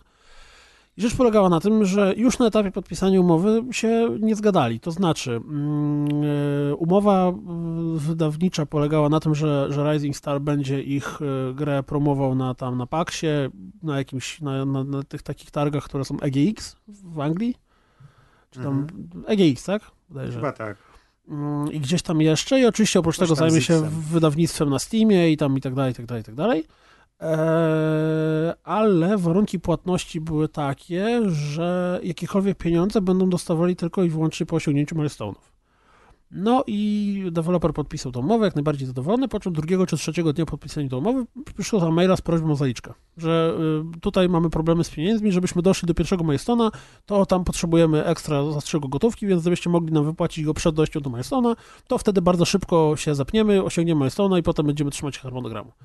Na co wydawca powiedział, sorry, ale podpisaliśmy taką umowę, że pierwsze pieniądze dostaniecie w momencie, w którym osiągniecie milestone'a, więc no niestety nie jest to możliwe. No i z tego powodu posypał się cały developing, tam w ogóle, bo to wyszło dlatego, że deweloper po tym, jak ta gra już w końcu wyszła z jakimiś strasznymi problemami na Steamie, mm, to zaczął mówić, że to wydawca zasabotował ich grę. I tak naprawdę hmm. tylko, że to wydawca z premedytacją przeprowadził sabotaż i dlatego ich gra nie stała się wielkim sukcesem. Hmm. E, I najlepsze jest to, że takich historii to jest na pęczki, gdzie, gdzie, gdzie ktoś, kto robi grę, mm, myśli, że ten jego tytuł jest najbardziej wyjątkowy, najwspanialszy, najcudowniejszy na świecie w ogóle jest, jest absolutnie najlepszą grą, jaka kiedykolwiek powstała i dziwi się, że jeżeli ona nie osiągnęła sukcesu, to na pewno to jest czyjaś inna wina, no przecież nie mnie, że ja zrobiłem taki świetny tytuł. I wiecie, no, no, jest tak potwornie dużo firm, które robią takie czy inne gry. Nie mamy czasu grać w same dobre gry, o kubki wstydu i tak dalej, i tak dalej. Co dopiero mówić o tych indykach, które potem zalegają masowo w jakichś bundlach i to nawet już nie mówię o Humble Bundle, który osiągnął taką markę, że tak naprawdę w bundlach pojawiają się gry AAA, e, starsze, że pojawiają się, przecież ten, jak ostatnio był Namco Bundle, czy, czy nawet teraz ten Star Warsowy, to to Każdy są same duże gry, Humble, tak? Nie? A wiesz, jeżeli to nie jest jakiś bardzo tematyczny bundle, do którego się załapiesz, to tak naprawdę załapać się do bundla, to też trzeba mieć, nie wiem, szczęście albo znajomości, albo cokolwiek innego. No i to wszystko jest, y, składa się na to, że to jest potwornie trudny rynek dla firm, które chcą tutaj zarabiać pieniążki. No i niestety, najwidoczniej Undead Scout, od którego się zaczęła cała moja dykteryjka, może niekoniecznie powinien robić to, co robi. Hmm. Przykre to trochę. Natomiast mówię wam, że w no. tym roku bardzo dużo firm upadnie. Jeżeli, no ale i tak jest ten bąbel. Przecież ten, ten wykres, którego się tam jakiś czas temu śmieliśmy, że, że w 2016 roku na Steamie pojawiło się więcej gier niż przez ostatnie tam w ogóle wszystkie lata od początku mhm. istnienia Steama. No tak, a ile miało tytułów na Metacritic? Tak. Ile procent? Ocen ma tyle samo, tam 20-15%. Więcej na Metacriticu y, rok rocznie tyle samo gier jest ocenianych. Natomiast w, w, zeszłym roku to był bardzo mały procent w sumie wszystkich gier, które pojawiały się na Steamie. No.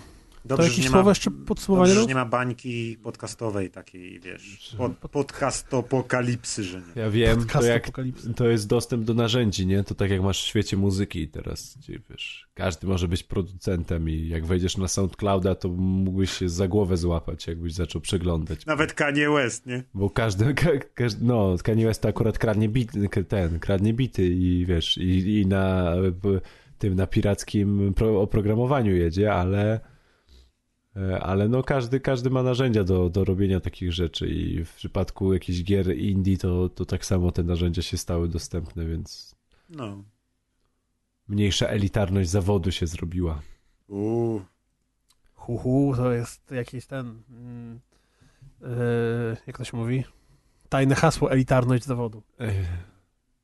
No, my w, proletaria w proletariacie tak mówimy. marząc o elitarności zawodu. Dobrze. Słuchajcie, to po tej jakże przygnębiającej y, historii związanej z haskiem przejdźmy do czegoś bardziej pozytywnego. Indie Studio z 2011 roku, która stworzyła do tej pory jedną grę, ale która jest y, fucking awesome po prostu. Coffee Powered Machine, nigdy w życiu o nich nie słyszałem, wy najprawdopodobniej też nie. Co więcej, jak powiem, jak się ta gra, o której będziemy teraz mówić, nazywa, najprawdopodobniej nic wam to nie powie, e, bo nawet nie zrozumiecie, co powiedziałem. A, to nieprawda. Bo mówimy o grze, która się nazywa Oklos i nie mam totalnie zielonego pojęcia, czy to jest prawidłowa wymowa. Ja tą grę widziałem już, z, myślę, że spokojnie, ze dwa lata temu gdzieś się przewijała na jakiś tam Friday Screenshot, czy tam jak to się nazywa, gdzieś tam widziałem jakieś próbki, jak ona powstaje i od razu mnie zainteresowała tym, jak właśnie zarąbiście wygląda. Tak, tytuł wyszedł w sierpniu 2016 roku, jakoś tam w połowie. Eee, I jest to gra, w której wcielamy się w rolę mm, filozofa w starożytnej Grecji, który w trakcie swojego wykładu e, jest świadkiem tego, jak wszyscy jego słuchacze zostają niechcący zmierzczeni przez jednego z tytanów czy z bogów i uznaje, że dosyć tego, koniec z tym, żeby bogowie nam pluli w twarz. No i generalnie zbiera ekipę chętnych, e, niezadowolonych cywili i e, wszczyna bunt. Generalnie gry to są symulator zamieszek w starożytnej Grecji. No. Mm, gra polega na tym, że biegamy sobie naszym filozofem, Biegamy za pomocą strzałeczek, czyli normalnie celujemy wsadem e, i biegając po mapie, kiedy dotkniemy, podejdziemy do jakiegoś obywatela albo na przykład e, Spartiaty, albo jakiegoś wojownika, albo na przykład krowy, to wtedy ta osoba się przyłącza do naszego tłumu i za pomocą myszki celujemy, gdzie tłum ma biec.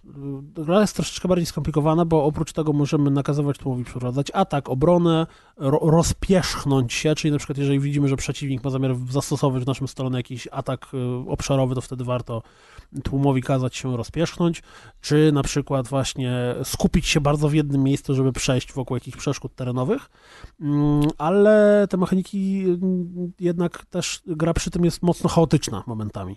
No bo jednak ten tłum, bo, bo my mimo, że sterujemy tłumem wskazując mu myszką, to on ma trochę własny rozum i popierdziela na lewo i na prawo i się rzucają, szaleją i na przykład kiedy jest dużo przeszkód terenowych, to omijanie ich tak skutecznie jest absolutnie prawie że niemożliwe i E, inne sprawy, one nie są jakoś śmiertelnie mordercze, tylko po prostu tam, tam poszczególnym postaciom trochę energii schodzi. E, ale gra jest absolutnie rewelacyjna. Mm, to jest w pewnym sensie roguelike, dlatego że mm, kiedy zginiemy, to zaczynamy od nowa. Mm, gra polega na tym, że idziemy od miasta do miasta, czyli tam przez Ateny, nie wiem, Spartę, e, Delfy, Atlantydę i tam kilka innych miejscówek pokonując e, najpierw poszczególne fragmenty mapy tego miasta, który jest proceduralnie generowany i pokonujemy tam mniejszych przeciwników, takich jak właśnie jakieś giganty, jacyś tam rzymscy legioniści, jacyś kurcze e, hydry, czy tam te inne centaury, czy generalnie postacie z greckiej mitologii. Mm, God of War się trochę kłania i w momencie, w którym rozwalimy już całą, całą, cały ten dom, znaczy całe to miasto, to docieramy na walki z bossem, który jest którymś greckim bogiem, czyli właśnie to może być Ares, może być na przykład, nie wiem, Poseidon, może być e, Atena, no jest cały, cały panteon bogów. Eee, I o tyle, ile mm, samo w sobie przejście etapu polega na tym, że mniej lub bardziej po prostu omijamy przeszkody i pokonujemy przeciwnika za przeciwnikiem, przy okazji zgarniając tak, że, bo właśnie, bo, bo możemy ograniczoną ilość ludzi, którzy mogą z nami iść, czyli tam na początku 25 bodajże. I potem tam możemy rozbudowywać sobie, żeby szło z nami na przykład 30 albo 40 osób. Zwierzęta się nie liczą, mm, czyli krowy, kury i tak dalej. One nic nie robią, ale też się liczą, natomiast zwiększają tak jakby optycznie wielkość tłumu i to śmiesznie wygląda. Mm, no i walki z bossami są trudne i wymagają taktyki, dlatego że bossowie mają zazwyczaj jakieś specjalne umiejętności, czyli właśnie na przykład doprowadzają do tego, że tłum się dołuje, a kiedy tłum jest zdołowany, to nie chce się bić, albo strzelają do nas z mm, jakiejś tam właśnie broni, albo na przykład odrzucają nas, albo są nieśmiertelni, jeżeli nie rozwalimy jakiegoś pilaru, który im dodaje energii, i tak dalej. Czy walki z bossami wymagają absolutnie, nie da się ich, nie da się ich rozwalić na pałę, trzeba dokładnie wiedzieć, co się chce robić i jak sterować tłumem. Natomiast sam sobie te plansze poszczególne da się trochę na pałę przechodzić. Co jest istotne, w momencie, w którym zginie nasz filozof, albo wszyscy filozofowie, którymi sterujemy, to przegrywamy. Bo tłum sam w sobie nie jest się w stanie być kierowany. Natomiast e, czemu powiedziałem, że wszyscy filozofowie? Bo to jest tak, że kiedy rekrutujemy ludzi przez namawianie ich, to są różne typy postaci. Mogą to być obywatele, mogą to być niewolnicy, mogą to być wojownicy, mogą to być tak jakby mistrzowie obrony i właśnie filozofowie. I każda z tych ludzi, z tych, tych klas postaci, jakkolwiek to brzmi, ma inne umiejętności, czyli na przykład właśnie filozofowie pozwalają nam e, grać, tak? Czyli jeżeli zginie ten, którym aktualnie sterujemy, ale inni są w drużynie, to oni przejmują mm, dowodzenie. E, niewolnicy mogą podnosić przedmioty, E, zwykłe obywatele są po prostu neutralnymi, tak jakby postaciami, które, które niczym się szczególnym nie, nie wyróżniają. Wojownicy mają zwiększony atak, a ci starczami mają zwiększony de defense. No i myk polega na tym, że mm, w zależności od tego, jaką mamy strukturę tłumu, to takie mamy umiejętności e, walki i, i, i, obrony przeciwko temu, co nas atakuje.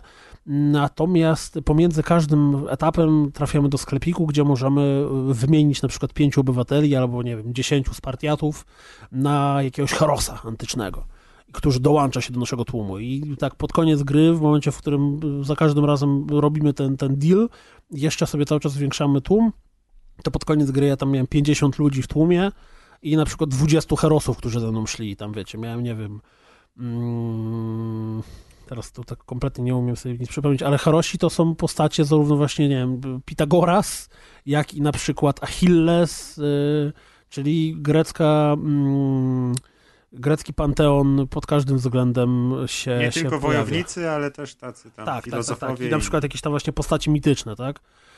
E, gra jest super fan. Ja usiadłem do niej na chwilę, byłem ciekaw na zasadzie, zobaczymy co to. Po czym skończyło się półtorej godziny później, jak zginąłem. Chyba w tam czwartej czy piątej mapie. Po czym następnego dnia stwierdziłem, a dobra, odpalę sobie na chwilę. Po czym skończyło się tym, że znowu grałem przez półtorej godziny, póki nie zginąłem. I tak zdarzyło się kilka razy, mm, aż w końcu udało mi się przejść e, cały, że tak powiem, run. Mm, I tutaj to określenie tego ranem jest całkiem trafne, bo to, że ja przeszedłem tą grę, to znaczy, że jestem, jestem prawie pewien, że jeszcze nie raz i nie dwa mi się zdarzy po prostu tak, któregoś, jak będę miał krótszy wieczór i będę chciał się sobie chwilę się pobawić, to sobie to odpalę. No bo mm, trochę jest tak, że każda gra polega na tym samym, ale każda gra jest trochę inna. To znaczy przez to, że te plansze są generowane losowo i przeciwnicy są generowani losowo, to za każdym razem gra się w to trochę inaczej i też są jest tam bardzo dużo sekretów poukrywanych, tak? Czyli na przykład dopiero za którymś tam razem przypadkiem kompletnie trafiłem na mm, wyrocznię delficką, czy tam prorok, czy nie, nie, wyrocznie chyba, nie? Mhm. E, czy tam w innym miejscówce okazało się, że jak zabrałem 5 czy 6 kluczy, to mogło blokować coś tam jeszcze innego. Mm, oczywiście też to jest dosyć zabawne, to mamy encyklopedię, która opisuje wszystkie typy przeciwników i wszystkich bossów, y, których spotykamy. Jest tam odrobina takiego humoru, może nie jakoś wyjątkowo takiego, że będziemy się zrywać boki, ale nawet raz czy drugi może nam się zdarzyć, że, że kącik y, ust nam drgnie, jak na przykład w tym, że Ares, czyli ten prawdziwy Bóg wojny i przy okazji założyciel pierwszej sieci peer-to-peer. Na przykład, nie? Takie tam y, śmieszki. Natomiast y, gra jest teraz w ogóle na jakiejś promocji. Można ją kupić za chyba kurczę y, 6 dolarów. Wow. Coś w tym stylu, zaraz wam powiem. To taniocha. Tak, tak, tak, tak, tak, tak, tak, tak. To właśnie, właśnie to jest. Y, sam byłem pozytywnie zaskoczony. Ja ją dostałem w bundlu y, w Humble Monthly. Tak, 6,50. 6,50 euro. Normalna pełna cena to jest 13 euro ale jak y, nie wiem, macie pieniądze z kart sprzedanych albo coś w tym stylu, to absolutnie, absolutnie warto. To jest super fajny tytuł. On wygląda też graficznie śmiesznie, bo to jest tak, że wszystkie postaci to są sprite'y, natomiast otoczenie jest w pełni trójwymiarowe.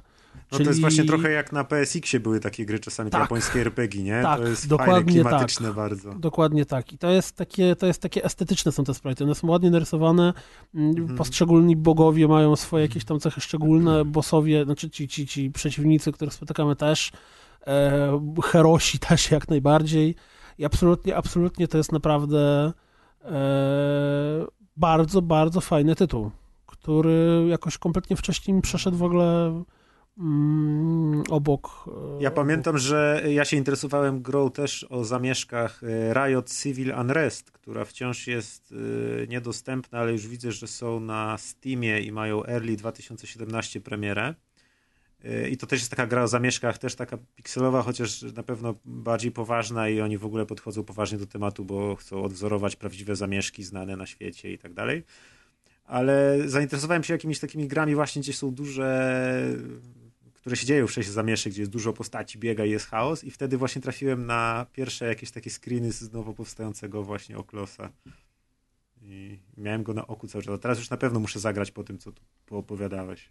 Tak, naprawdę bardzo, bardzo, bardzo, bardzo, bardzo, bardzo warto. Absolutnie.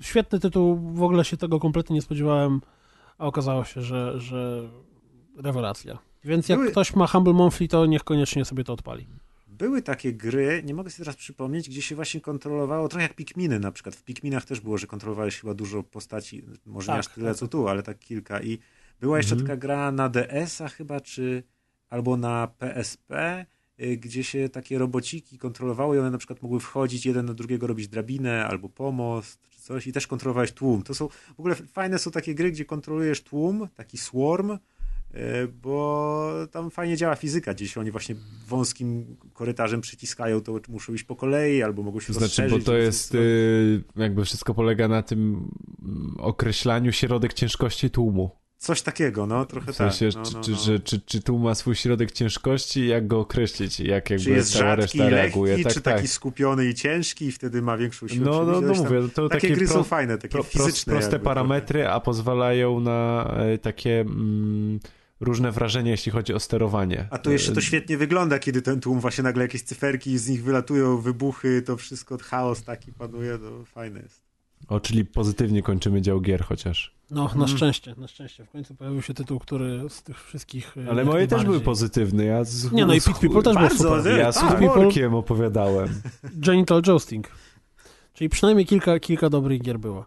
Nie, ale naprawdę, bo, bo Oculus to jest taki tytuł, który można kompletnie olać, bo się o nim w ogóle nie pomyśli. Wiecie, to jedna z tych gier, która wychodzi i w ogóle nie słyszałeś. Nikt nie wie, no, no. Przypadkiem nie, nie natrafiłeś, a, a absolutnie jak najbardziej warto. Teraz słuchajcie, zanim ochrypnę jeszcze szybka, krótka polecajka, jeśli chodzi o kulturkę, mhm. bo wiem po wielu e, zachwytach, które słyszałem tu i tam, wszemi wobec, e, zacząłem oglądać serial Netflixowy, znaczy nie jest Netflixowy, ale jest dostępny na Netflixie, który się nazywa BoJack Horseman, czyli serial komediowy animowany, gdzie głównym bohaterem jest e, Boże. Tak. Jak sama nazwa wskazuje, koń, znaczy człowiek koń, bo to są tutaj w tym świecie są zwierzęta z głowami, znaczy inaczej, są ludzie z zwierzętami, z głowami zwierząt. Serial opisuje mm, gwiazdę serialu z lat 90., y, takiego y, bardzo mocno w stylu na przykład pełnej chaty gdzie jak są przeryb, takie, takie urywki tego serialu z lat 90., to ten, ten Bożek ma właśnie taki swetry kolorowe w tamtym stylu i te wszystkie takie catchphrases, które się pojawiały, wiecie, taki miły, sympatyczny, bo, bo mówi to ten serial w polskiej wersji się nazywał Rozbrykani i to chodziło, była historia konia, który przygarnął dwie dziewczynki i pomagał je wychowywać. Mm, I właśnie tam był taki, wiecie, ciepły, familijny, komediowy serial z lat 90., gdzie Bożek jest teraz e, z, z trochę starszym, zgorzkniałym, e, emerytowanym prawie że aktorem, który cały czas stara się stanąć na nogach albo wrócić na szczyt w ten czy inny sposób. I to jest serial, który jest absolutnie serialem komediowym ale to jest taki serial komediowy z przekąsem. To znaczy, e, jest tam dużo momentów, kiedy się śmiejesz, ale ogólny wydźwięk jest trochę dołujący, bo, bo, bo Bojack nie jest fajnym gościem. To jest, e, to jest, ja miałem takie skojarzenie wiem, z Californication trochę, gdzie, gdzie, gdzie główny bohater Californication to też nie był role model, to nie był facet, który chciałbyś, żeby, generalnie chciałbyś być nim, mm. bardziej wręcz przeciwnie. Czasami. E, to, co mi się strasznie podoba, to to, że ten humor, który tam się pojawia, regularnie wykorzystuje to, że ten świat jest pełen ludzi i e, antropoformicznych ludzi, zwierzęta, czyli na przykład, nie wiem, jego agentka to jest e, kotka. I w którymś momencie, w którym tam coś tam się dzieje, ona mówi, że no, jak to, co? To twój problem. Koty zawsze spadają na cztery łapy i wyskakuje przez okno i spada na cztery łapy za oknem. Albo na przykład w tej sytuacji y, jest jakaś afera w restauracji, kłótnia i coś tam, nie wiem, czy coś spada, przewraca się, czy ktoś krzyczy i nagle jest ujęcie przed tą restauracją, gdzie ludzie gołębie stoją ubrani, wiecie, jakiś tam fancy story, rozmawiają sobie, ludzie po czym w momencie, w którym jest właśnie ten hałas, to tak jak to przerażone gołębie odpływają nagle w, w szoku i w szybko czy w jednym z, z, z odcinków pojawia się postać foki, która okazuje się tam, nie wiem, pułkownikiem czy komandorem e, Navy SEALs, który właśnie wrócił z Afganistanu, nie, jest weteranem wojennym i tam coś tam. I tych właśnie dowcipów takich opartych o to, że to jest świat, to są ludzie, zwierzęta, jest całkiem sporo, e, ale też jest, jest sporo humoru takiego, powiedziałbym, mm, nie tylko o to opartego, tak? To nie są gagi, tylko właśnie humor, który który, nie wiem, bierze się z, z, sytuacji, czy z jakichś tam dialogów, czy z jakichś tam zabaw słownych, ale to jest świetna rzecz. Naprawdę, ja byłem kompletnie przekonany do tego. Słyszałem zachwyty tu i tam i tak myślałem, eee, tam, wygląda tak sobie, dziwnie dosyć, pewnie jakiś durny serial, a absolutnie, absolutnie nie. To jest naprawdę świetny serial, tylko że mówię, trochę zgorzkniały. No, on się pojawia w wielu podsumowaniach, jak tak gdzieś patrzyłem po jakichś stronach, e, co się popkulturą zajmują, to w wielu podsumowaniach właśnie najlepszych seriali się pojawia e, ostatniego absolutnie czasu. Słusznie. Absolutnie słusznie. Teraz jest chyba trzeci sezon już dostępny. Eee, I naprawdę jak najbardziej warto. Tam jest dużo oczywiście gagów, które, które się powtarzają, czy wykorzystują sytuację, że na przykład nie wiem, jeden z bohaterów mieszka u, u Jacka, znaczy u Jacka na, na kanapie eee, i kiedy pada pytanie czemu, to on mówi, że no kiedyś przyszedłem na imprezę, już nie wyszedłem. I nie mam gdzie iść dalej czy, czy tam jest y, na przykład ghostwriterka, która, która też ma, nie wiem, on na przykład też motyw wykorzystujący to, że to są zwierzęta, jeden z jego znajomych to jest pies, który się nazywa Mr. Peanut Butter e, i jest scena, gdzie oni sobie tam, nie wiem, siedzą przy stole, rozmawiają i nagle słychać dzwonek do drzwi, w tym momencie on się, po, po, uszy mu się podnoszą do góry, odwraca się z wyciągniętym, kto to, kto to, ktoś dzwoni, ktoś dzwoni, ktoś dzwoni, ktoś przyszedł. Więc i po czym, o to ja pójdę sprawdzić, zobaczyć, kto zadzwonił. I mm, ciężko tego serialu nie polecić. Jak, jak ktoś zacznie oglądać, pierwszy odcinek może nie jest taki, że od razu się wciągniemy, ale warto dać mu szansę, żeby obejrzeć, nie wiem, jeden, dwa, bo ja teraz właściwie nie mogę się doczekać y, y, kontynuacji oglądania go. Tylko mówię, no nie spodziewajcie się, się feel good comedy, tylko bardziej y, takiej z przekąsem i z... To jest trochę tak jak Ricky Morty, który, który jak się oglądasz, to, to, to się śmiejesz często, gęsto, ale tak naprawdę ogólny wydźwięk jest mega dołujący i przygnębiający. E, no. A wy coś kulturalnie ostatnio spożywaliście? Ja oglądałem y, tego nowego Star Treka trzeciego. Jak tam? I był bardzo fajny. Te Star są fajne, one y, plasują się tak między jakimś takim, y, powiedzmy, między Gwiezdnymi Wojnami a Strażnikami Galaktyki na przykład, gdzie Gwiezdne Wojny są tak zupełnie na poważnie, Strażnicy Galaktyki są zupełnie nie na poważnie, a te Star są takie fajne, że są osadzone w takim właśnie niby poważnym świecie, ale z drugiej strony są tam takie jaja i to jak dziwiłem się, że w zwiastunach byli ci Beastie Boysi i to powodowało różne tam komentarze w internecie dziwne, a to jak to jest wykorzystane w filmie, ja po prostu się nagłos śmiałem siedząc na kanapie, jak to oglądałem. Więc y, super takie kino przygodowe, science fiction, mi się, mi się podoba. Ja mogę takie Star Treki co roku oglądać. Ale to mówisz o tym, tym, tym ostatnim filmie, czy... Tak, no. Ale ty tam jesteś wciągnięty w ten cały świat? Bo to, to chyba trzeci z kolei? Nie, drugi, no, no ja oglądałem wszystkie, trzeci już z tych nowych takich, no. Bardziej mi się podobał niż, niż drugi. Ten drugi był jakiś taki mm, dosyć poważny. Jedynka była świetna jako takie rozpoczęcie, taki boom, powrót Star Treka i ta trójka bardzo fajna. Dałusza, ty jak tam, co tam spożywasz oprócz śniadań w laboratorium? Mm, wiesz co, komiksiki. Książkę ostatnio przeczytałem, Efekt Marshmallow, taką, wiecie, popularno-naukowo-psychologiczną o, o tych badaniach test, te, o teście Marshmallow, ale bardziej o, o samokontroli i o, o tym, jak. Powiem się, że nie wiem, co to jest test Marshmallow. Ja też nie. Nie te, wiem, czy to jest te, jakieś badanie, jak długo musi pianka się opiekać jest, na ognisku? Nie, nie, test Marshmallow to było takie jedno jakby z większych e, takich badań psychologicznych, to znaczy w, pod koniec lat 60. Mm, było takie badanie, Y, które oczywiście w uproszczeniu polegało na tym, że była grupa mm, wybrana dzieci, tam załóżmy od czwartego roku do 12 roku życia. Y, y, one były jakby zaprowadzane do pokoju i w pokoju miały wybór. Albo dostają jednego słodycz, oczywiście wybierały sobie słodycz, jaki chciałyby, i teraz albo dostają, na przykład, załóżmy, że wybrały sobie sneakersa. I teraz albo dostaną, mogą wziąć tego sneakersa teraz, wyjść i sobie pójść, albo mogą dostać dwa sneakersy, ale za 20 minut, jak usiądą i poczekają na te dwa sneakersy. Mają wybór, ale po prostu, ale przez te 20 minut nie mogą zjeść tego pierwszego sneakersa.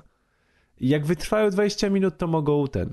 No i ogólnie um, jakby badania polegało na samokontroli i na tym mm, jakby z jakich grup społecznych ludzie bardziej mają większą samokontrolę, no i że to było w latach 70 to obecnie cały czas są badania na tej grupie kontrolnej robione. I to jest bardzo duża grupa kontrolna. I chodzi o to, że się pojawiło, e, przez ten czas się pojawiło w psychologii e, no wiecie, ska, ska, um, emor, um, Jezu, jak to się po polsku mówi, elektromagnetyczny skan mózgu, tak? Funkcjonalna, funkcjonalny rezonans mózgu. No się, tak? F, MRI po angielsku. Aha, to inne.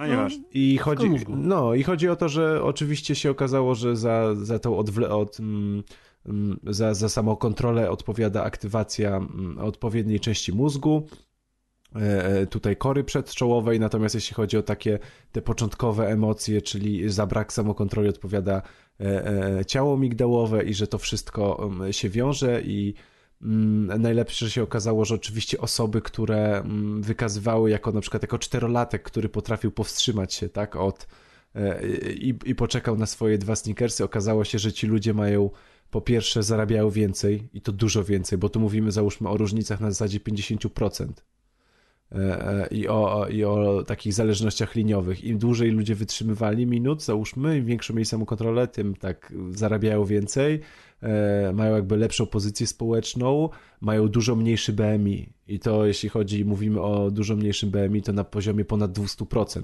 mają mniejsze BMI. No to nic dziwnego, I, jak się i wiele, powstrzymać. I, I, wiele takich tych. No i się okazało, że teraz badamy, badane były właśnie skany aktywności mózgu tych osób, no i i się okazało, że E, e, że właśnie u, u, tych osób aktywowane są te obszary odpowiedzialne za takie racjonalne myślenie. No i na tej podstawie właśnie są pewne takie strategie przez psychologów e, opracowane, jak to, jak to sobie można wykorzystywać w prawdziwym życiu do, do chłodzenia takich emocji tu i teraz i, i, i podgrzewania emocji w przyszłości, żeby jakoś sobie to, to, to zrównoważyć te nasze decyzje podejmowane. Także E, bardzo fajne. Ja lubię czytać o, eksperymentach psychologicznych, a, wiele fajnych tutaj by jest takich e, smaczków powsadzanych, jeśli chodzi o, mm, o takie rzeczy czysto psychologiczne. Jest też czasami tak, że nawet jak coś podświadomie czujesz, to, to nie potrafisz tego nazwać i e, takie książki czasami ci pewne rzeczy rozjaśniają. Znaczy sobie, mm. sobie, sobie czytasz i sobie myślisz, no kurde, przecież załóżmy całe życie tak miałem, nie? A to po prostu jest taki prosty mechanizm a, a, a, gdzieś tam, a gdzieś tam tu jest po prostu prosto wytłumaczone. No i szczególnie e, ja lubię, jak gdzieś to tam właśnie zahacza o, e, o tą biochemię i już e, taką fizjologię w ogóle mózgu. Gdzieś tam te badania takie czysto psychologiczne, gdzie mają potwierdzenie w ogóle w, w aktywnościach mózgu, także. A czyli jak się nazywa książka? Yy, yy, czytałem po angielsku, po polsku też jest już wydana. To jest test Marshmallow yy, i jakiś tam ma podtytuł. Okay, to, to Walter Mischel. W, te, w mm, temacie, Walter Mischel. Tak. Nie wiem, będzie trzeba dopić do rozpiski to potem, żeby nie zapomnieć. W temacie, nie wiem, czy czytałeś ten, nie wiem, czy Maciek, ty to czytałeś na... Na pewno nie. ja nie wiem, jaka część tego serwisu, czy to jest Vice, czy to jest jakiś pododdział Vice, bo, bo link to jest motherboard.vice.com i tam potem e, dalsza część. Pojawił się, się artykuł o tym, o firmie, która się nazywa e, o mój Boże, e, Cambridge Analytica, czyli firma, która tak, wykorzystała... Tak. Czytałeś to? Tak, tak, czytałem. Ten, to, to jest dopiero przerażające trochę w wielkim skrócie chodzi o to, że warto przeczytać ten artykuł, nie wiem, może troszkę jak nie zapomnimy, to gdzieś tam podlinkujemy. Mm, generalnie rzecz biorąc, Polak, który się nazywał pan Michał Kosiński, stworzył na podstawie, opierając się o model ludzkiej psychiki tam z lat chyba 70. czy 80., który tak jakby opiera się na pięciu e, nie core, core tylko takich podstawowych, takich, no takich pięciu, tak jakby może. pięciu podstawach naszego działania, które w latach tych 80. czy 70. robiło się to na podstawie bardzo długich testów psychologicznych, gdzie po prostu ktoś siadał i uzupełniał, nie wiem, cały dzień wypełniał jakieś tam ankiety i na podstawie odpowiedzi w tych ankietach budowała się jego ten obraz, no to on wymyślił, że można by zrobić dokładnie to samo, ale korzystając z Facebooka, czyli na podstawie tego, co ktoś lajkuje, co ktoś pisze i tak dalej, i tak dalej, i tak dalej. No i prowadził sobie badania, które właśnie pozwalały mu tworzyć coś na zasadzie statystyk, że na przykład jeżeli ludzi, jeżeli ktoś lubi Wu-Tang Clan, to jest 80% prawdopodobieństwo do tego, że jest heteroseksualny. Albo, że jeżeli tam na przykład słucha takiej muzyki, albo robi coś tam, coś tam, to wtedy można z tego wyciągać takie czy inne wnioski. No i mm. e, to się działo chyba, tak? Coś nie, nie, nie, nie. Chciałem, nie, chciałem tylko powiedzieć, że, że, że masz rację i jakby e, pi, pić na wodę, jak ktoś słucha, to sobie myśli, no ale przecież ja słucham Wu-Tang Klanu i, i jakiś tam nie mam poglądów, ale chodzi o to, że statystycznie jak to się rozszerza na bardzo dużą próbę, to z dużym prawdopodobieństwem się uśredniają pewne rzeczy i jakby tak, to... i w momencie, tak w którym się łączy kilka działa, tych kropek nie? i w momencie, w którym łączy się kilka takich kropek, to wtedy prawdopodobieństwo określenia konkretnej cechy w przypadku konkretnej tej osoby rośnie. Czyli jeżeli wiemy, że ktoś, kto słucha Wu-Tang Klanu ma 80% prawdopodobieństwo do bycia heteroseksualnym i jeżeli na przykład jeździ muscle carem, to też ma coś tam i jeżeli na przykład lubi jeść w Big Macu, to jak weźmiemy kogoś, kto słucha Wu-Tang Klanu, je, je w Big Macu i jeszcze, znaczy je w Macu i jeszcze na dodatek jeździ takim autem, to szansa, że jest heteroseksualny jest na przykład 96%, tak? Czyli to wszystko się łączy. No i tenże Polak, który chyba w ogóle potem mm, robił te badania naukowe w Cambridge właśnie, e, opracował coś na zasadzie algorytmu. Ja, ten tekst jest bardzo długi, ale warto go przeczytać. Ja mówię trochę uproszczenie to, co z niego wynika. Żebyśmy zrozumieli, wiadomo. Natomiast e, i on w którymś momencie pojawił się ktoś, kto chciał kupić od niego, kto chciał kupić od niego ten, ten algorytm, ale tam generalnie on, on skończył tę pracę i, i, i nad tym tym i minęło trochę lat i okazało się, że jest sobie firma, która się nazywa Cambridge Analytica, która prowadziła kampanię pro-brexitową i która prowadziła kampanię Trumpa, która w największym skrócie wykorzystuje ten algorytm, znaczy zasadę działania tego algorytmu do, no bo jak wiemy jest big data, czyli te wszystkie dane google'owe, które są które są zbierane, które podsłuchują nasze, znaczy podsłuchują, one nie podsłuchują, my się na to zgodziliśmy, ale które sprawdzają nasze wiadomości, nasze rozmowy telefoniczne itd., itd., itd. i dzięki temu wiedzą, jakie reklamy nam teoretycznie proponować, bo historia o tym, że ktoś rozmawiał o czymś przez telefon i potem Google mu to proponował już jest dziesiątki, więc niestety jest to prawda. Mm, na podstawie tych wszystkich danych. Mów, mów, tak, tak. Nie, byłem na, a propos metadanych, to taki szybki off-top do off-topa. E, byłem na wykładzie mm, a propos tego, ile metadanych się zostawia.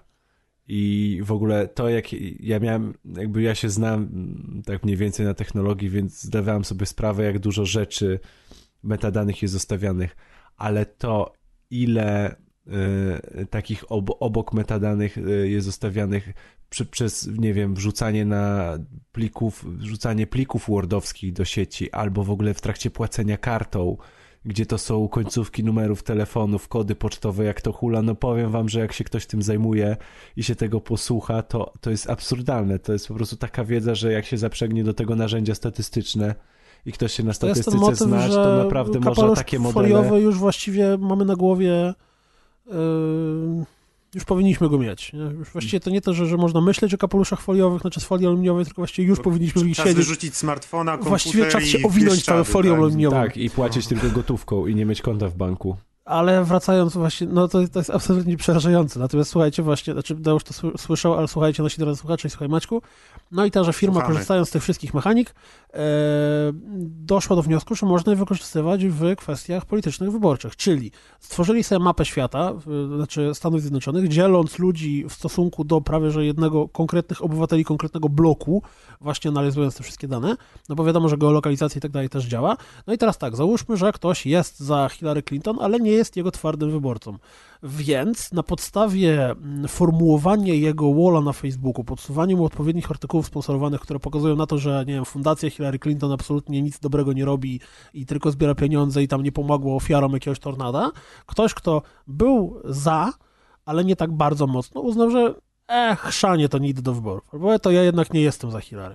I dokładnie na tej samej zasadzie, jeżeli ktoś byłby skłonny na podstawie statystyki, analityki tego programu, algorytmu zagłosować na Trumpa, to w momencie, w którym nagle zapuka do niego do drzwi pan kwestionariusz, znaczy pan ankieter i powie mu o tym, że Trump popiera, nie wiem, broń albo popiera coś tam, na co tej konkretnej osobie zależy, to nagle ta osoba stwierdza, ej, kurde, w sumie to fajny koleś z tego Trumpa. No i jak się czyta ten artykuł, to generalnie z każdym kolejnym akapitem po prostu rośnie przerażenie i bo to nawet ciężko nazwać manipulacją, bo to nie jest manipulacja, to jest wykorzystanie dzisiejszej technologii do zarządzania tłumem? Tak rodzaj, jest to rodzaj manipulacji jakiejś. Nie? A jak sobie Tylko... połączysz to z rzeczami, które wychodzą regularnie na temat tego, co Facebook wyczynia, czyli że Facebook na jakiejś tam ograniczonej grupie bawił się w sprawdzanie, czy jeżeli będą komuś formułowali wall w ten sposób, że pojawiają się tylko negatywne informacje i negatywne wiadomości, to ta, czy ta osoba będzie w stanie zachorować na jakąś chorobę psychiczną typu depresja. Albo Boże. to, że e, to się dzieje, wyszło na to, że Facebook ostatnio mm, Facebook podobnie. Ale filtrowanie newsów też jest to. to... Testował. Y, pamiętacie, był taki okres czasu, gdzie wszyscy narzekali na aplikację Facebooka na Androida.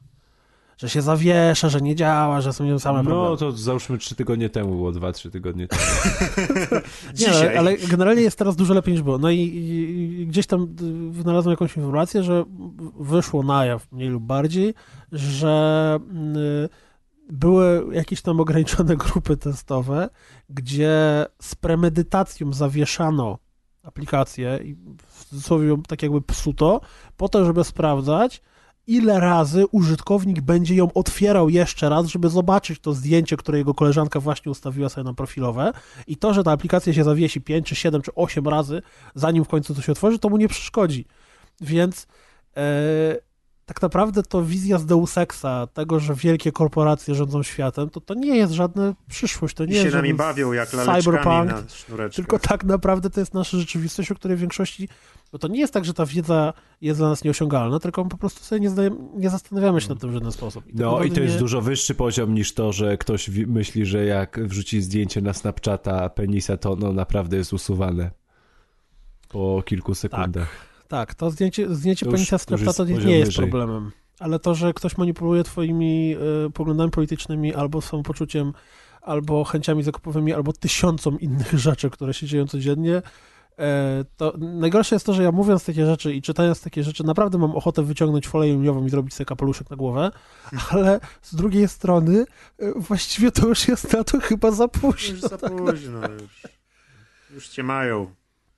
Nas mają, wszystkich mają. No, ale to wiesz, kiedyś będą badania przecież, a nie, myśmy nie politykować, prawda?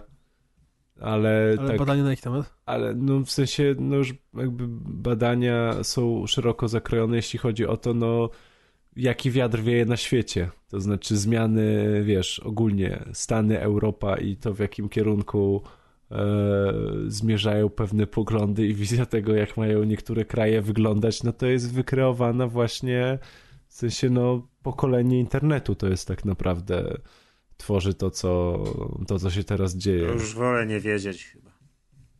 Tak naprawdę jak się zastanowisz szerzej nad tym wszystkim, czyli nad tym, jak bardzo e, nazwijmy to dzisiejsze czasy, w, cudzysłowiu ogromnym, doprowadziły do tego, że na przykład ludzie w ogóle nie czytają artykułów, tylko wystarczy im nagłówki. Co więcej, czasem wystarczy im zdjęcie, które jest tylko i wyłącznie dołączone do nagłówku, bo ten nagłówek jest za długi.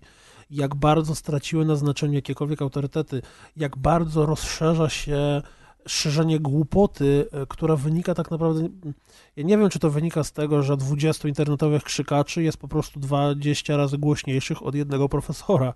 Także, że... że tak naprawdę, wiesz, są, są taki, tacy ludzie jak ten Taj. Yy, Tyler, ten, ten taki czarnoskóry naukowiec, który mocno w social mediach siedzi. Mhm. No, kojarzę.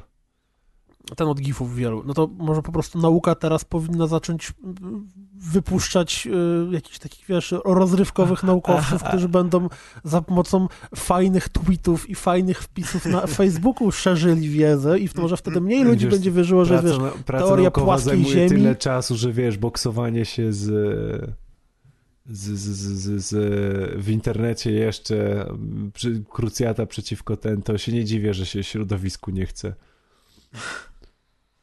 Także, także temu się nie dziwię. Ale a propos boksowaniu się i krzykaczy internetowych, to dzisiaj nie przytoczę autora, ale widziałem fantastycznego tweeta e, dotyczącego mm, drugiego sezonu Netflixa, gdzie autor... Jesteście? Drugi tak, sezon tak, Netflixa. Tak, a drugi sezon Netflixa, drugiego sezonu Stranger Things na Netflixie. No. Że, że e, i, i, widziałem takiego tweeta, że twórcy zdecydowali się na anulowanie serialu z powodu nieprzychylnych opinii na Filmwebie. Po, po, po 30-sekundowym trailerze. Także to, to idealnie podsumowywało dzisiejszy internet. No, tak.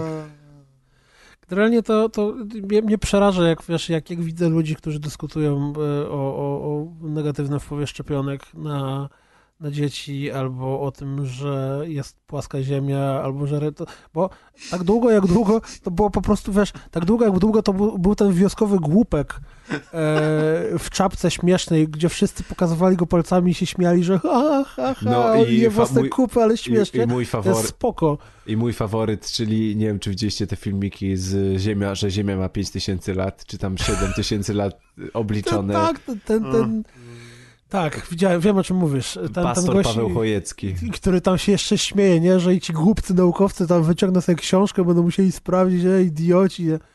Ojej. A, no i, i, i...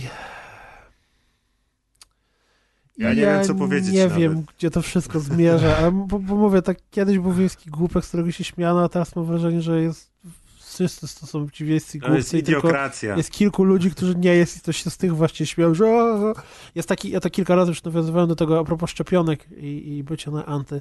jest taki świetny tekst, który ktoś napisał, kto krąży po internecie, kto robi absolutnie pełną analogię pomiędzy ruchem antyszczepionkowym do ruchu antyhamulców w samochodach, gdzie ktoś wychodzi od tego, że jechał ostatnio, miał wypadek i wypadek miał tylko i wyłącznie dlatego, że zarówno on, jak i osoba, z którą się zdarzył, zahamowali.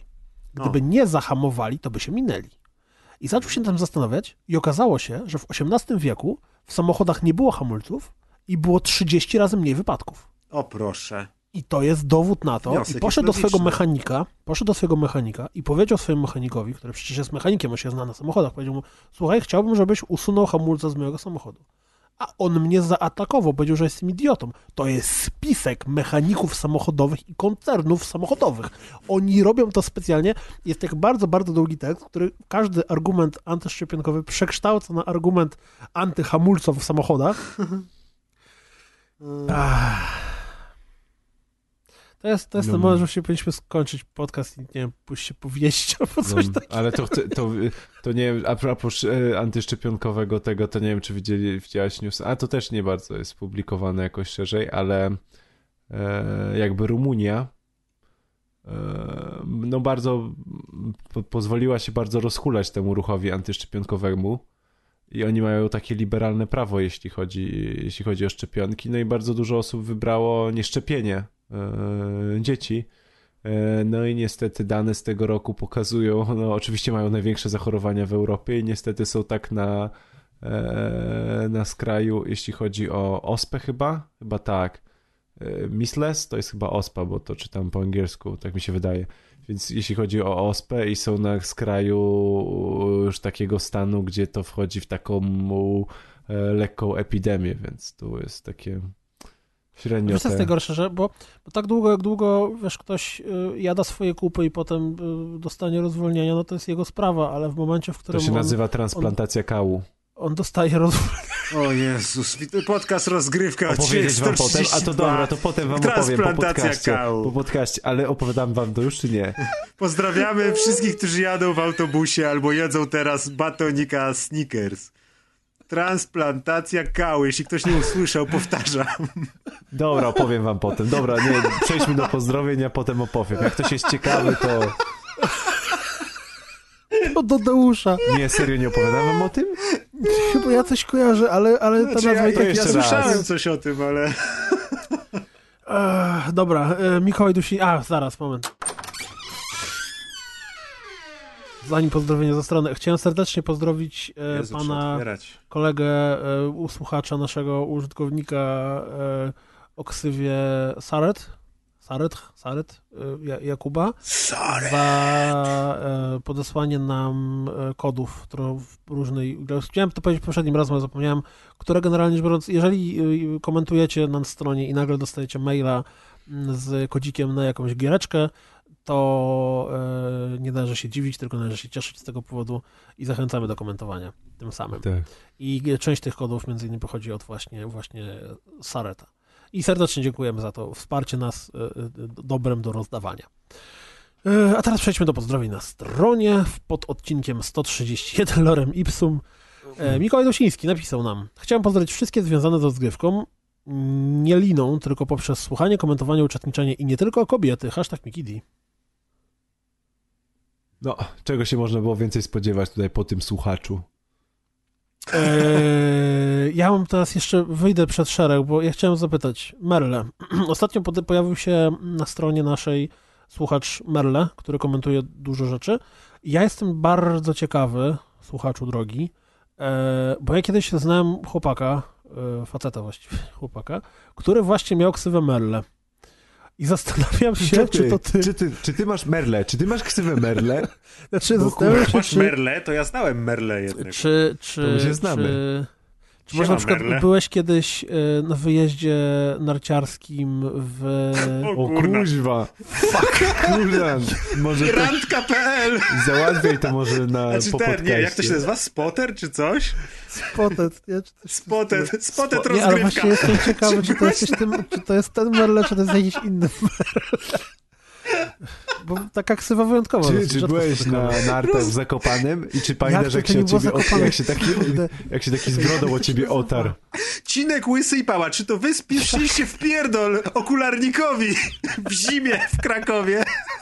Najgorsze jest to, że ja teraz mam dziurę w mózgu, bo ja kompletnie nie jestem w stanie skojarzyć, jak ta miejscowość y, narciarska się nazywa. O, się nie dziwię, To byłeś w takim tak stanie temu. pewnie, że... No ja tam nie Narty jeździłem. powiem tak, pamiętasz w ogóle? tak, ja, ja tam na nartach nie Kiki jeździłem. pamięta. O, nie zaskoczyło Ja tam- mnie to.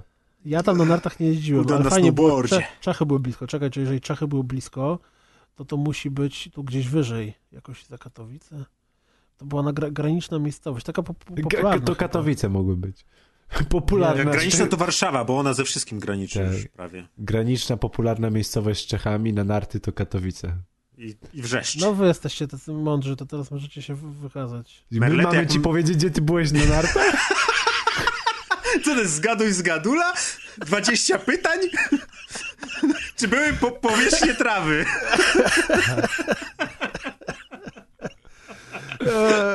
Nie, czekaj, blisko Czech? Dobra. To w jakiej odległości od przejścia granicznego był pierwszy monopolowy? Bardzo blisko. Takie 10 minut sobie. Oje. E, nie, dobra. mm, E, ja się dowiem, jak, jak to się nazywa. To a wyczytajcie Ja się pozdrowienie dowiem. kolejne w tym czasie. I pozdrawiam Melle przy okazji właśnie. Deusz, ty Dobrze. jesteś drugi w kolejce. Dobrze, czyli punk styler albo punk styler, zależy czy po angielsku, czy po polsku. Pozdrowienia. Pozdrawiam cały dział IT u mnie w korpo, zwłaszcza osoby, które zrobiły listę top 10 systemów krytycznych złożoną z 14 pozycji. Ale chciałem powiedzieć, punk styler, że to niczym, że to, to, to wcale nie jest dziwne, ponieważ ja ostatnio w środowisku uczelnianym, że tak powiem, dostałem listę 17 pytań, na którym były 24 pytania, więc To widzę, że to popularne jest. Obracacie się w takich kręgach inteligenckich. Proletariat to to nie jest. może to jest jakiś trend ostatnio, że nie wiem, liczebniki się myli. Najpopularniejsze 17 pytań w 20 Nie. pytaniach. Nie wiem, dawno nie wchodziłem na jakieś demo... A w ogóle demotywatory istnieją jeszcze? Bo ja Nie tego mam nie... pojęcia. Bankowo. Ty, no bo ja w ogóle nigdzie nie widzę tego w internecie ostatnio, nie? Jakieś tam gify, coś tam, demotywatory to? widzieliście? I było jeszcze jeb z dzidy i jeszcze było, co jeszcze z takich było? Nie będzie, to się pojawia. A, jeszcze było takie jedno coś, ale nie pamiętam. Ja w ogóle myślałem przez Fake pierwszy... był. Fake! O, Fake, o, fake. tak. Nie, ja przez pierwsze, nie wiem, tam pół roku działalności FGD, jak się zaczęło pojawiać, to ja myślałem, że to jest ten taki spam na Facebooku, że jak się klika, to potem ci spamują tablice takie, takie posty, no bo nie, nie, nie, nie potrafiłem sobie wyobrazić, że FGD to jest naprawdę legitna strona, nie? Że to... Taki hardcore, nie? Że ktoś nazwał, nazwał jebdzidy. No, coś w tym jest, słuchaj, coś w tym jest. Mi się Punk Styler skojarzył z tym. Rack the microphone straight from the top. Pa, pa, pa, punk Styla. Freestyle. Punk Styla. Punk style. Dobra, kolejne pozdrowienia. Tutaj gadają grzyby jakieś. O nie, przeglądarka mi się... Sensei pozdrawia. Yy, Sensei jest, tak. Wyimaginowana grupa oczekująca recenzji MGSV pozdrawia Maćka i archiwum dźwiękowe w jego głowie. Ufamy, że recenzja piątki jest przechowywana w niskich temperaturach. Ja tu mam pytanie do Senseja. Co to jest za tym MGS-em w tym zamrażalniku? Co to za jakieś takie tajemne To wygląda woreczki? jak pierogi albo... no, nie, tu są pierogi i jakaś taka buła. Nie, taka... No, fakt, buła jest. Buła. Buła i spuła. Boże. Dobra, Bartek M. Mm, witam, słucham was od jakiegoś czasu, ale dopiero teraz postanowiłem się pokazać. Powodem tego jest to, że zostałem posiadaczem lapka, który jest dość mocną maszyną, a co za tym idzie, zostałem członkiem społeczności Steam. Do tej pory grałem na jak X360, a następnie na PS4. Płynne przejście do pozdrowień. Dla prowadzących jeden z dwóch najlepszych podcastów w Polsce. Ten drugi też pozdrawiam. Do dechy. Pozdrawiam słuchaczy, właściwie słuchaczy. Pozdrawiam pozytywnie zakręconych ludzi, to między innymi wy. Pozdrawiam Polaków, którzy tak jak ja słuchają was na północy Europy. Hej, a napisz Bartku, gdzie na północy Europy, bo to zawsze jest... Musimy, kurde, tą mapę odgrzebać. Jest, gdzie się widziałem ostatnio. Teraz, kurde, dużo więcej tych pinesek by się tam poprzypinało. Oj, teraz to by Bartku, napisz, czy u to zimno, bo właśnie na północy Europy to chyba nawet zimniej niż tutaj. Może I czy alkohol jest z u was drogi? Stoku po prostu. I czy alkohol jest u was drogi? No, Savena też przeczytajcie, bo to nie pozdrowienie, ale to ten. To prawie jak pozdrowienie. To czytaj, Deusz. Um, to, to nie, Sevena nie czytać, czy czytać w takim razie? Czytać, czytać, no czytać. Kuldan Dobra. Miły komentarz? Coś jest z ty. tym dodawaniem energii przez rozgrywkę. W ostatni czwartek, po nieprzespanej nocy, wybrałem się na spacer do sklepu. Żeby było fajnie, okazało się, że w styczniu jest zamknięty. Widać, jak często chodzę na spacery. Przez to musiałem się wybrać do sąsiedniej miejscowości. Jak w jedną stronę szedłem wolnym krokiem, kończąc pewien inny podcast, to na powrót zapuściłem sobie rozgrywkę, to bujałem się na chodniku jak murzyn z San Andreas. Dobrze, że mieszkam w małej miejscowości, to raczej wiele osób nie wiedziało, jak się wydurniam o 7 rano na mrozie. Polecam ten styl wracania ze sklepu. Bez kochani. Chciałem zauważyć, że San Andreas to jest Sa Andreas. Żeby nie... Ha. No, Spółka akcyjna. Mm. Teraz mnie wrobiliście w jakiś czeski, a ja w ogóle nie umiem. dobry wieczór redaktori. To ty, jak umiesz, to dawaj. Nie, ale to nie, to ty bardziej włoskim przeczytałeś. Czesi to mają, wiesz, taki... y, Twardszy. Dobry wieczór. O, Tak? pięknie, O. dokładnie. Dobry wieczór, redaktori. Jestem Ceski posłuchać rozgrywka podcast. Pozdraw zemek Nedliku. Dobrego piwa, a dlouchymi wlasy na krku. Janosik je teplous. Te plusz. E, Mam, słuchajcie, tłumaczenie na angielski. Fuck. Czekaj, przeskoczę na You polski. kidding? Zabierz sobie to zbaleństwo. Tak. Cholera, niechcący kliknąłem na perski, to tego nie przeczytam. Czytaj po persku. Miau. No powiem tak, że po, po angielsku jest lepsze tłumaczenie, bo po polsku nam proponuje dobre redaktorzy wieczorem, a po angielsku jednak było good evening editors. Mm. I'm a Czech student rozgrywka podcast. O, student, posłuchacz. Greetings from the land of dumplings, good beer and long hair on the neck. Janosik is a fag.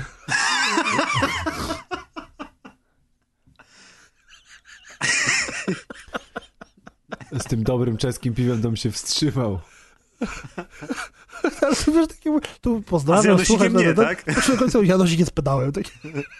Not escalated quickly. W ogóle Jędrzej, nie, pamię- nie pamiętam, czy to było na grupie, czy gdzieś w innym komentarzu dotyczącym jakiegoś tekstu. Jędrzej po prostu idealnie napisał, napisał jakiś długi komentarz, po czym dodał na końcu coś na zasadzie, ale co tam ja mogę wiedzieć? Jestem tylko kurą w czapce. No. było tak, dobre, no bo jest kurą w czapce. Jest jak- kurą w czapce różowej z załączonym pomponem, jak z Division. Last Jedi. Mm, Pozdrawiam swojego protegowanego redaktora oraz pozostałą część redakcji podcastu Rozgrywka, także tam w spoczynku w stanie. Tak, Miki D, o tobie również myślę. Dodatkowo pozdrawiam wszystkich fanów podcastów innych niż Rozgrywka, co to w ich warto słuchać. Formogatki, Fantasmagierii, Niezatapialnych, członków grupy Rozgrywka, Fantasmagieria oraz followersów moich i nie moich.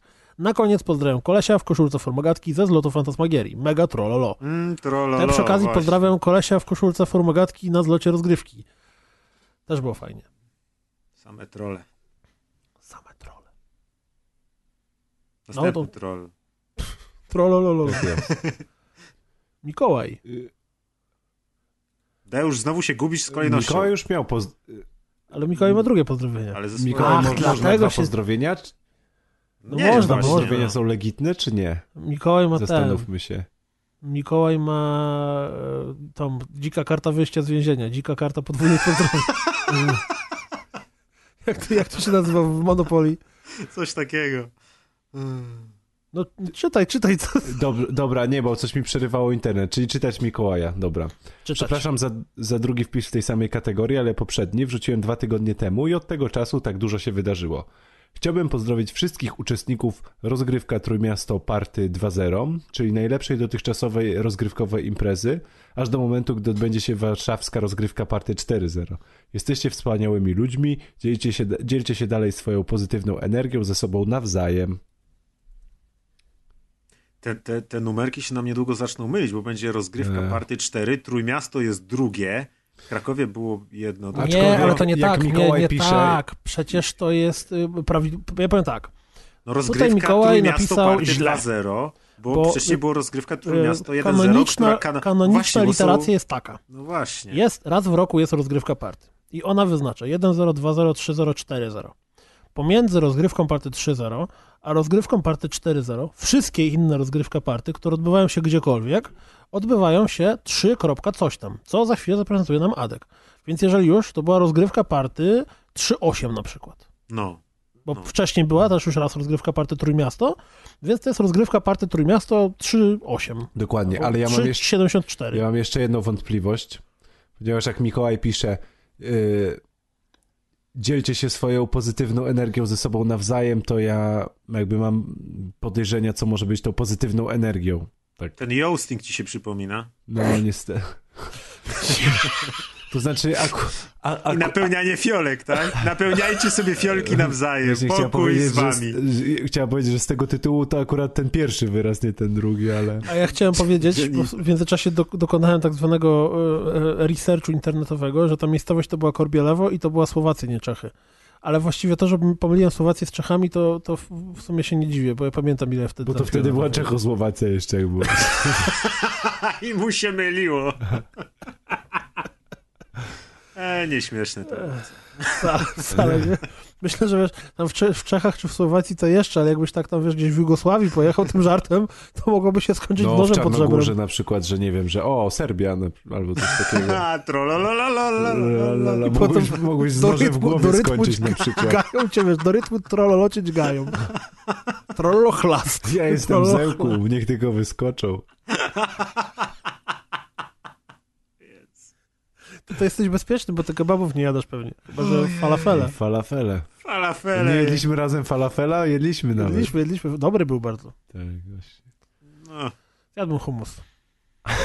no właśnie, fumus, ble. Jak, na jakie off-topy w ogóle zeszliśmy? Zjadłem hummus. Dobra, e, Maćku, Adrian Trollnaś. Maćku Pićku. Adrian Trollnaś pozdrawia wszystkich uczestników poznańskiego zlotu rozgrywka party 3.14. O proszę. Dzięki za prezent serduszko. Nie pochwalił się, co dostał. Może trochę tej, Tej, tej, tej, go, Adek, może- nie śpi, co dostałeś? może tej pozytywnej energii trochę. Adek, co dostałeś? Nie, udaje, że go nie ma. E, oprócz tego pozdrowienia i podziękowania dla Krzyśka za pomoc z dobieraniem komponentów hashtag PC Master Race. O proszę, przejście na ciemną stronę mocy się szykuje jakieś. Dziękuję również wszystkim, którzy złożyli mi życzenia urodzinowe. Maciek jest stary, taczanka z się. Okej. To może to, że taczanka z się, over! może to, że taczanka z się, to jest nawiązanie do tego prezentu. Dostał taczankę, myślisz? Taką ruską, jak z targu? Nie no, że z się. Nie wiem, w Poznaniu jest ulica Taczaka na rynku, więc myślałem, że może to coś... A, myślisz, że to literówka? Taczaka z się. Tak. Może. Anna R. z kropeczką. Mm, Pozdrowienia, gorące pozdrowienia dla wszystkich uczestników Wrzeszcz Coast rozgrywka party. Było cudownie, nie mogę doczekać się kolejnej wielkiej imprezy. Zapraszamy w wakacje do Warszawy. Trzeba jakąś nomenklaturę wprowadzić, bo teraz jest jeszcze Wrzeszcz Coast rozgrywka party, co że jest jeszcze czymś innym.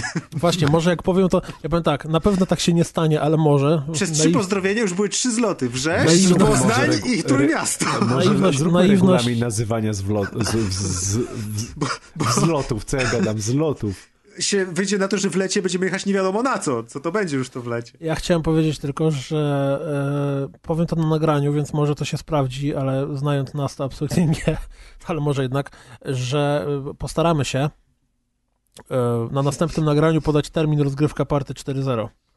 Bo koncept jest taki, że jeżeli podamy go już w lutym, to wtedy każdy chętny, nawet z, z zagranicy, nawet za granicę będzie mógł sobie ustawić jakieś tam tanie loty, czy tam inne Ryanery, czy Będziecie wiedzieć, kiedy się zwolnić z pracy na Dokładnie przykład. tak. Więc tak. wtedy, wtedy już nie będzie, wtedy już nie będzie, że przebacz, to na pewno będzie jakoś wakacje. Albo, że tam Natomiast, ten y, ma Ostatni post, ostatni post na wydarzeniu będzie w marcu, a potem w lipcu nagle będzie post. O kurde, ja jednak nie mogę. Ja serdecznie pozdrawiam króla z tej okazji, który na pewno jak tylko napisze, y, przypomnę przed kolejnym nagraniem, że panowie mamy ustalić termin odrywka party, to napisze, że dla niego jest za wcześnie, nic nie będzie ustalał.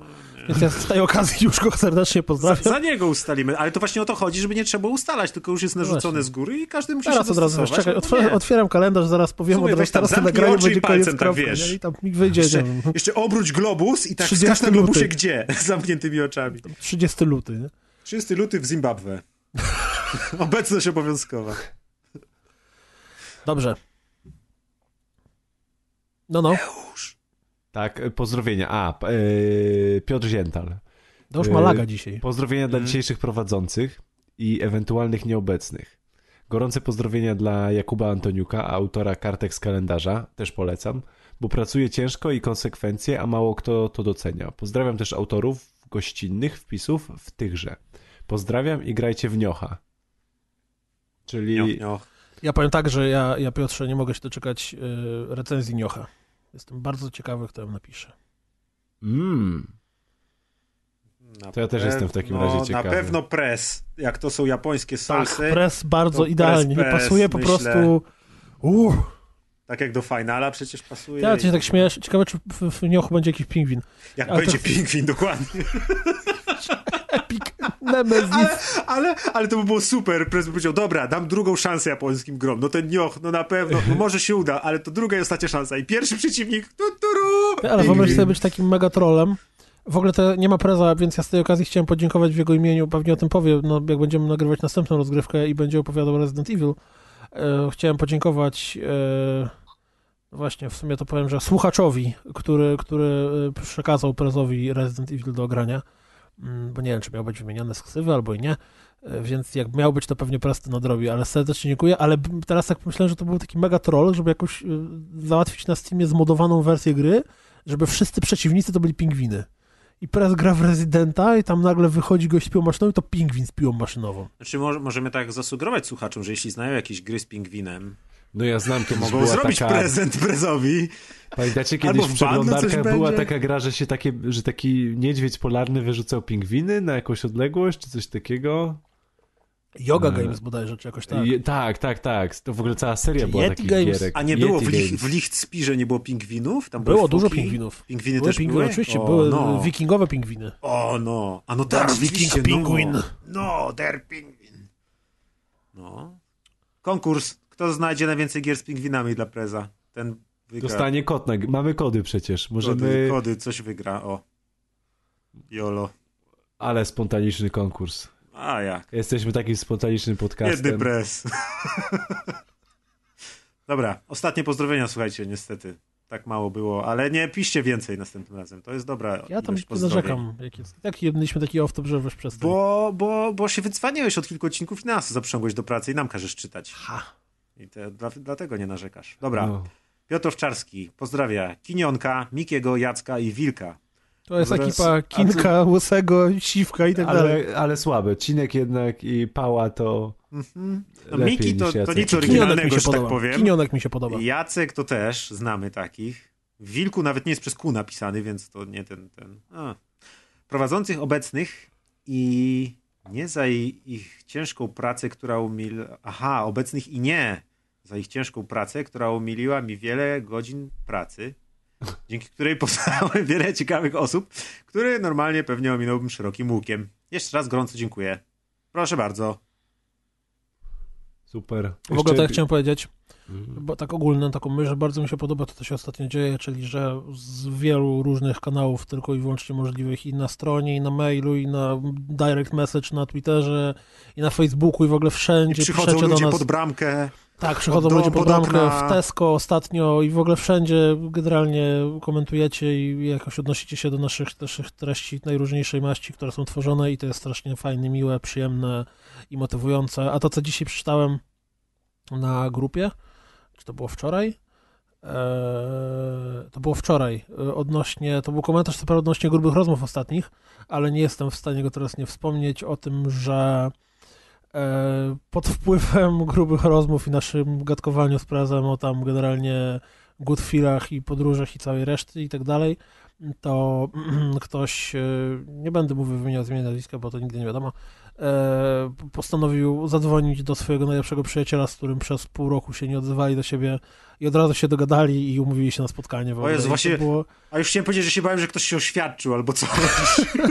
ale to było tak, tak po prostu mega przyjemnie przeczytać coś takiego, bo w O. ogóle naprawdę, wiesz, zmieniamy, hashtag zmieniamy świat na lepsze. Szkoda, że to nie rozgrywka, tylko grube rozmowy jakieś. Ale to ten sam RSS, to wiesz, to takiego spada do jednej puli. Ten sam RSS.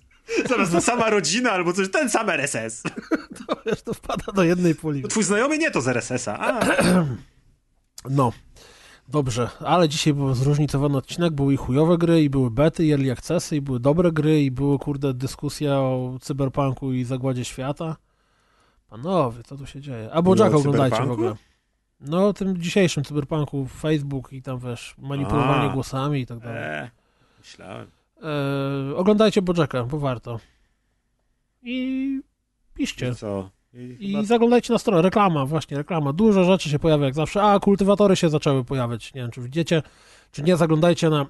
Jeśli ktoś nie wie, co to jest kultywator, to niech zajrzy na nasz kanał YouTube'owy, gdzie zawsze w piątek znajdziecie moją mordę, która wymądrze się do kamery różnych ciekawych, interesujących Kuldan rzeczach. jest youtuberem, Kuldan jest youtuberem. Absolutnie największym. Na szczęście nie muszę nagrywać w 4K, bo udało mi się zmieścić w Full HD. Eee, I to nawet jest jeszcze trochę miejsca na jakiś tam gameplay z boku. Długi neuron Maciek miał tak zwany. Zanim się zaśmiał na pełni, to musiał obkrążyć tą Nie, głowę. najpierw się zaśmiałem pod nosem, a potem tak. Że to zasługuje na zaśmiał Najpierw, tak, najpierw, tak, tak, doceniłem potem jednak, a niech ma. No właśnie, więc kultywatory polecamy, dobranocki polecamy, wszystkie inne rzeczy naszych jak najbardziej. Czytajcie codzienniki, doceniajcie Maćka na Patronajcie i w ogóle I Kuldana na patronajcie, cukiereczki, ciasteczka i kurna, misie, bzdysie i tam I jeszcze. ochrypłem przez I ochrypłem. e, to nagranie. Ej, udało nam się, na, było nas trzech, miało nas być pięciu, taki spoiler, ale wyszło, wy, było nas trzech, w każdym z nas inna krew, ale dało się trzy godziny, chociaż, czyli po godzinę na łebka, wyszło. Jest, Pamiętaj, że przed, usklejane. mm, przed, przed nagraniem gadaliśmy 20 minut w- już z włączonym Audacity. O nie. Więc jeżeli nie zrobisz jakiejś długiej wejściówki intra, gdzie O na przykład nie, przez, puścisz no. trzy kawałki, to, to, to byłby troll, nie? Wszyscy wiemy twoje wejściówki, teraz puścisz wejściówkę pod tytułem troll o 20 minut, zapętlone. Dobra. Nie no, wiemy, żebyś tak nie zrobił przecież, on. No Nie, nie za te Albo- pieniądze. Albo...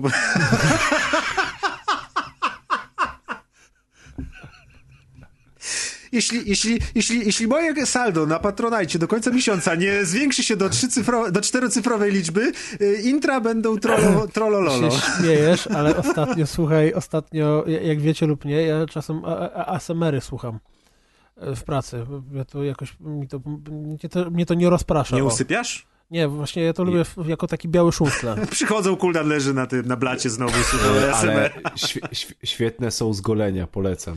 Bo też Nie, sobie... z goleniem mnie rozpraszają. Ja Ale- lubię, ale takie- jakieś bzdury. Żyletką, Tak, nie tak, z elektryczną. brzytwą, tak, tak. z goleniem Jezu, brzytwą. masakra. Ale mm, ostatnio trafiłem na jakąś laskę, która generalnie, nazwijmy to, popularna SMR-ka, która tam ma, wiesz, nie wiem, 80 tysięcy to jest zawód. No tak, żebyś wiedział, ci ludzie z tego żyją. Ale- Skojarzyło mi się, że ASMR zrobienia laski to by było. Ostatnio trafiłem na taką laskę. Brzmi Znaczy- nieźle, 15 minut, fajne Maciek, to się takie. nazywa porno. Tylko bez tego, bez, bez wizji. Bez wizji. Jak się zmieni zakładkę. Porno Odpalasz dla- filmik i zmieniasz zakładkę na rozgrywkę na przykład. To I czytasz sobie jest porno artykuł. dla osób niewidomych. Na pewno Takie jest. z, z, pre- z prezentacją, znaczy wiesz, że wiesz, że w ogóle nie ma obrazu, tylko Tak jak, tak jak Blinki w facetach w rajtuzach oglądał Playboya, nie? Tego takiego z Braillem. Ale w każdym razie trafiłem na jakąś tam tą, tą y, dziewczynę, która właśnie jest e, ASMR-ką, czy nie wiem, czy to się tak odmienia, albo czy tak to się nazywa. W każdym razie, w mojej opinii dosyć popularną, bo tam jakieś, wiesz, 80 tysięcy subów, coś tam, każdy film tam setki wyświetleń.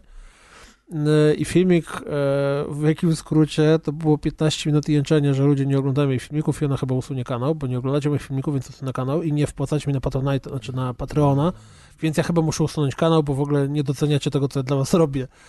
Więc kliknąłem z ciekawości na Patreonie, tam wiesz, jakieś tysiąc dolców i takie what the fuck? I ktoś w komentarzach nie wytrzymał i napisał, że kurwa, słuchaj, ja wiem, tak, nagrywanie filmików bardzo ciężka praca, ale myślałem, że to jest twoje hobby i robisz to z przyjemności, a nie tylko dlatego, że jak nie będziesz zarabiała 10 tysięcy dolców miesięcznie, to sobie odpuścisz jeszcze nam grozi, że jak wiesz, się drapiesz po głowie za 10 tysięcy dolarów miesięcznie. no, Hmm. wiesz, naczytałeś się jakiś głupot o żabach, Tak, tak. W życiu przeczytałem jedną książkę, a ty napchałeś sobie głowę głupotami o żabach. Więc właśnie to mnie rozbawiło, że wiesz, że, że e, to jest znowu tak jak Kickstarter i ty Indiegogo i cała reszta tych portali zostało wykrzywione w absurdalny sposób. To jak widać się również, również takie sympatyczne, nazwijmy to portale umożliwiające dacie na piwko komuś, są, mogą zostać wykorzystane odwrotnie, czyli że jak nie osiągnę, Maciek, jak nie osiągnę tamten, to będzie 20 minut trollożu na to jest jak początku terroryzm, to jest taki nowoczesny Ale to- cyberterroryzm, ale to nie? centralnie, to jest szantażowanie wiesz, swoich Jestem terrorystą. Dokładnie. Dobrze, bo ja już naprawdę ochrypnę. Tak. Mm. Nie dociągniemy do czterech godzin. No staramy się, ale nie da rady, kuźwa. A to, co, powiem ci tak, Ciągniemy jak możemy, jak to. Obawiam Ciągnij, się. Deusz, ciągnij. obawiam się, że gdybyśmy chcieli, to bez żadnego problemu byśmy dokończyli te sumie. 4 godziny. Poznając życie, powiemy papa, zrobimy stop i potem jeszcze będziemy przez godzinę gadać na Nie, pierdołach. ja się od razu wyłączam, bo za dużo blopersów będzie. I wiesz, i, i powinieneś w ogóle ten, e, w, jak to się mówi, Mm, e, powinieneś natychmiast wyłączać zapisywanie bloopersów, żeby potem nie musieć ich składać. No, no mówię właśnie, no. Tak. Nie, dobra, bez sensu. E. Dziękujemy wszystkim za ściągnięcie Dziękujemy. i przesłuchanie podcastu Rozgrywka. Odcinek Kończę flaszkę i do domu. 132, tak jest. Kończę flaszkę i do domu. Pa, pa! Pa, pa. Nara. Hey, hey,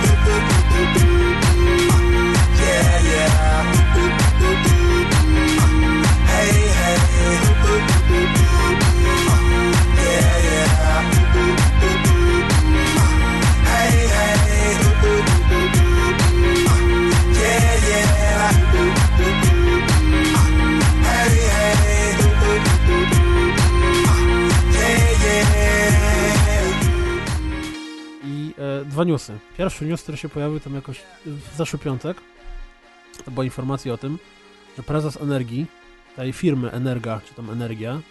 e, Ach, to już wiem, co chcesz powiedzieć. W ramach otwarcia swojej siedziby, czy coś tam, tak, w ramach siedziby, czy czegoś tam, zrobili mszę świętą i e, zawierzyli Energię się opatrzności Bożej. zawierzyli opatrzności A dziś coś mi... Tak, w ogóle, nie? Że tak powiem, A dziś- Jezu. Ale dosłownie. A to jest, to jest o tyle śmieszne, że oni kiedyś opowiadali Matko o przypadku, że jakaś tam firma z, nie, z Azerbejdżanu czy skądś tam mm, mieli problem z samolotami, linie lotnicze i po tym, że zrobili gruntowną kontrolę wszystkich samolotów, to tak na wszelki wypadek y, poświęcili kozę. Y, Tak wiesz, na zakończenie kontroli lotniczej, żeby na pewno Dobrze, wszystko tylko było kozę. I, I to tak strasznie mi skojarzyło się, że wiesz, że spółka elektryczna tutaj Co kraj to powierza obyczaj, się nie? opatrzności Bożej, ale dziś mignął mi jakiś news, że wiceprezes, cytuję, wiceprezes spółki Energa śpiewał dla szatana czcijcie złotego cielca. Generalnie po raz na jakiś koncert rockowy czy coś w tym stylu i go złapali jak tam śpiewa y, piosenki szatanistyczne. Więc to jest dosyć zabawne, że wiesz. O, a jak robili to święcenie, to on powiedział: Mam nadzieję, że nie zabraknie nam boskiego prądu na naszej drodze, tego Bożego światła i że nasza firma będzie się rozwijać, będzie bezpieczna, chroniona Bożą pomocą wszystkich świętych, także świętego Michała Archanioła, do którego żeśmy się tutaj przed chwilą modlili. A to ciekawe, czy na przykład jak ktoś jest niewierzący, to może brać od nich prąd, czy trzeba jakieś deklaracje składać? Albo ci nie działa ten Wydaje prąd mi w się, ogóle, że nie? już nie. Płacisz, a nie działa. Działa jak No, więc, masz korki y, To jest poświęcone. piękne, że wiesz, masz prąd, A ty wierzysz w prąd, czy nie w ogóle? Bo ja nie widziałem nigdy prądu. wiadomo. Wydaje mi się, że to jest ściema, bo nigdy nie widziałem. No, a to się da udowodnić? Nie da się. Dokładnie A tak. nie, pioruny widziałem, pioruny widziałem. Dobra, to wierzę w Ale skąd wiesz, że to prąd? Skąd wiesz, że piorun to pior, Piorun prąd? to może Bóg zesłał. Ja, Tak jak, walą, jak, jak walą pioruny, to ci się lampka świeci? A, no nie, rzeczywiście. No. Co najwyżej jakiegoś sąsiada ubije, ale żeby się lampka świeciła, to... No to może To Helios, ciumka. czyli Delios. Deusz, czyli Delios. W ogóle Deusz to Deus to już prawie jak Może Bóg, jakiś bo to Bóg w sumie? Asmodeusz albo coś. Ty, Asmodeusz a to właśnie, był a może, ale nie, to jakby było nas dużo, jakby było nas pięciu, to wtedy bym przedstawiał wszystkich i na końcu byłby i Deusz. Po prostu, nie? A tak to bez sensu. O, a, Asmodeusz będzie demon upadły Nie, no bo Deus to Bóg jest, księgi... nie? Ale to po, nie wiem, czy to po grecku, czy po łacinie. Nie po łacinie Deus, tak? Ej, i nawet Asmodeusz może być. Ja pierdzielę. Dobra, to będzie Asmodeusz. O, proszę. Ale Asmodeusz, tylko, że on nie jest z greckiej, tylko z jakiejś... Nikt się nie kapnie, proszę cię. Nikt się nie Okej. kapnie. Prawie jak Astmodeusz, jakbyś miał astmę. Król astmy. Znaczy Bóg astmy, Astmodeusz. O, ku, ku, to Kuldan ma to.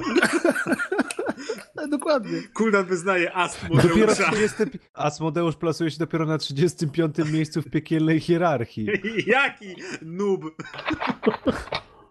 Lamer z tego Asmo, Astmodeusza. Ej, a u Rozsiewa tak niezgodę śnieg między mężczyzną a kobietą. Jest demonem nieczystości. Dobra, O, pasuje mi. Dobra, może być. Jak ta gra się No. nazywa? Jezu. Eee, Tak, tak. No. Rave, Soul Raver. tak, są Gra o dwie Ravera, o części, nie? imprezie rave'owej. Dobre. Który patronuje Ej, Astmodeusz. dobre. Soul Raver. Mm, Firestarter, eee, Firestarter. Ale ładnie powiedziałem papa i mi wyszedł stożek na ścieżce taki ładny Mi też. z tego. faktycznie. To bardziej No, bad z papa wychodzi ten stożek. Papa. Przepraszam, ale to Ale jest bad ładnie. plug. Bad plug? No, Robisz bad pluga ustami? No serio, Mówiąc czekaj, muszę papa. otworzyć. Muszę otworzyć. Ostatnio. co Ale to w ja ogóle w Genital ostatnio Justic jest taka minigierka, że spadają kupy z nieba i trzeba je dupą wciągać z powrotem do środka. O nie, kurwa. A wiesz co jest najlepsze jeszcze? Że na przykład jak ty zaczniesz wciągać z jednej strony, to ktoś zac... i drugi gracz zaczyna ściągać z drugiej strony jak spaghetti w zakochanym kundlu. i jak wasze się spotkają odbyty w końcu, jak wciągacie ten sam ostatni kawałek, to lecą serduszka i, i słychać buziaczka. Kurwa, nie ma. Ej, to jest, to jest y, najlepsza. To jest taka gra, tak jak South Park był kiedyś taki, że przełamywał te pewne normy Tak. i w ogóle to dobrze, że ta gra powstała, bo ona jest naprawdę śmieszna. I to, że można dobra, łapać lecące mogę- kupy i trzeba je wciągać do dupy z powrotem, to jest genialne. Będę ja teraz chrupki kukurydziane, więc... No, o tej porze chrupki kukurydziane, co ty prezem jesteś? Masz jeszcze fit batona. Ale to nie są fit właśnie, to nie są, to są, wiesz. O, miałem wam no. o przeszczepie kału powiedzieć. A to nie było to, co przed chwilą powiedziałeś o tym, że wciągasz odbytem Nie, lecący nie. ten? To dawaj. Będzie do blopersów i, i na dobranoc. Jedziesz z tym kałem. To jest taka Dawaj to, jest- gówno. To jest w ogóle trend w leczeniu. W sensie, bo wiecie, teraz trendem w leczeniu jest to, że flora bakteryjna, probiotyki i tak dalej, cała Komórki odporność leży, cała odporność leży w jelitach i musi mieć dobrą florę bakteryjną i tak dalej, i tak dalej. No i na razie, na razie się to stosuje u takich skrajnych przypadkach, czyli po takich silnych antybiotykoterapiach albo gdzieś po chemioterapiach, jak masz całą rozwaloną florę bakteryjną jelitową, no i tak naprawdę nie ma dla ciebie takiego ratunku, bo probiotykami się tego nie odtworzy.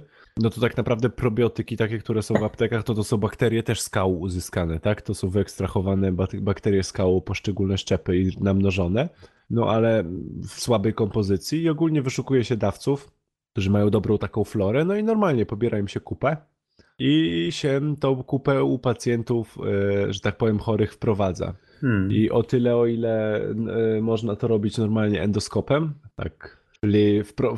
to, co się wyjęło tyłem, wprowadza się po prostu tyłem, tylko u innej osoby. Jak w Genital...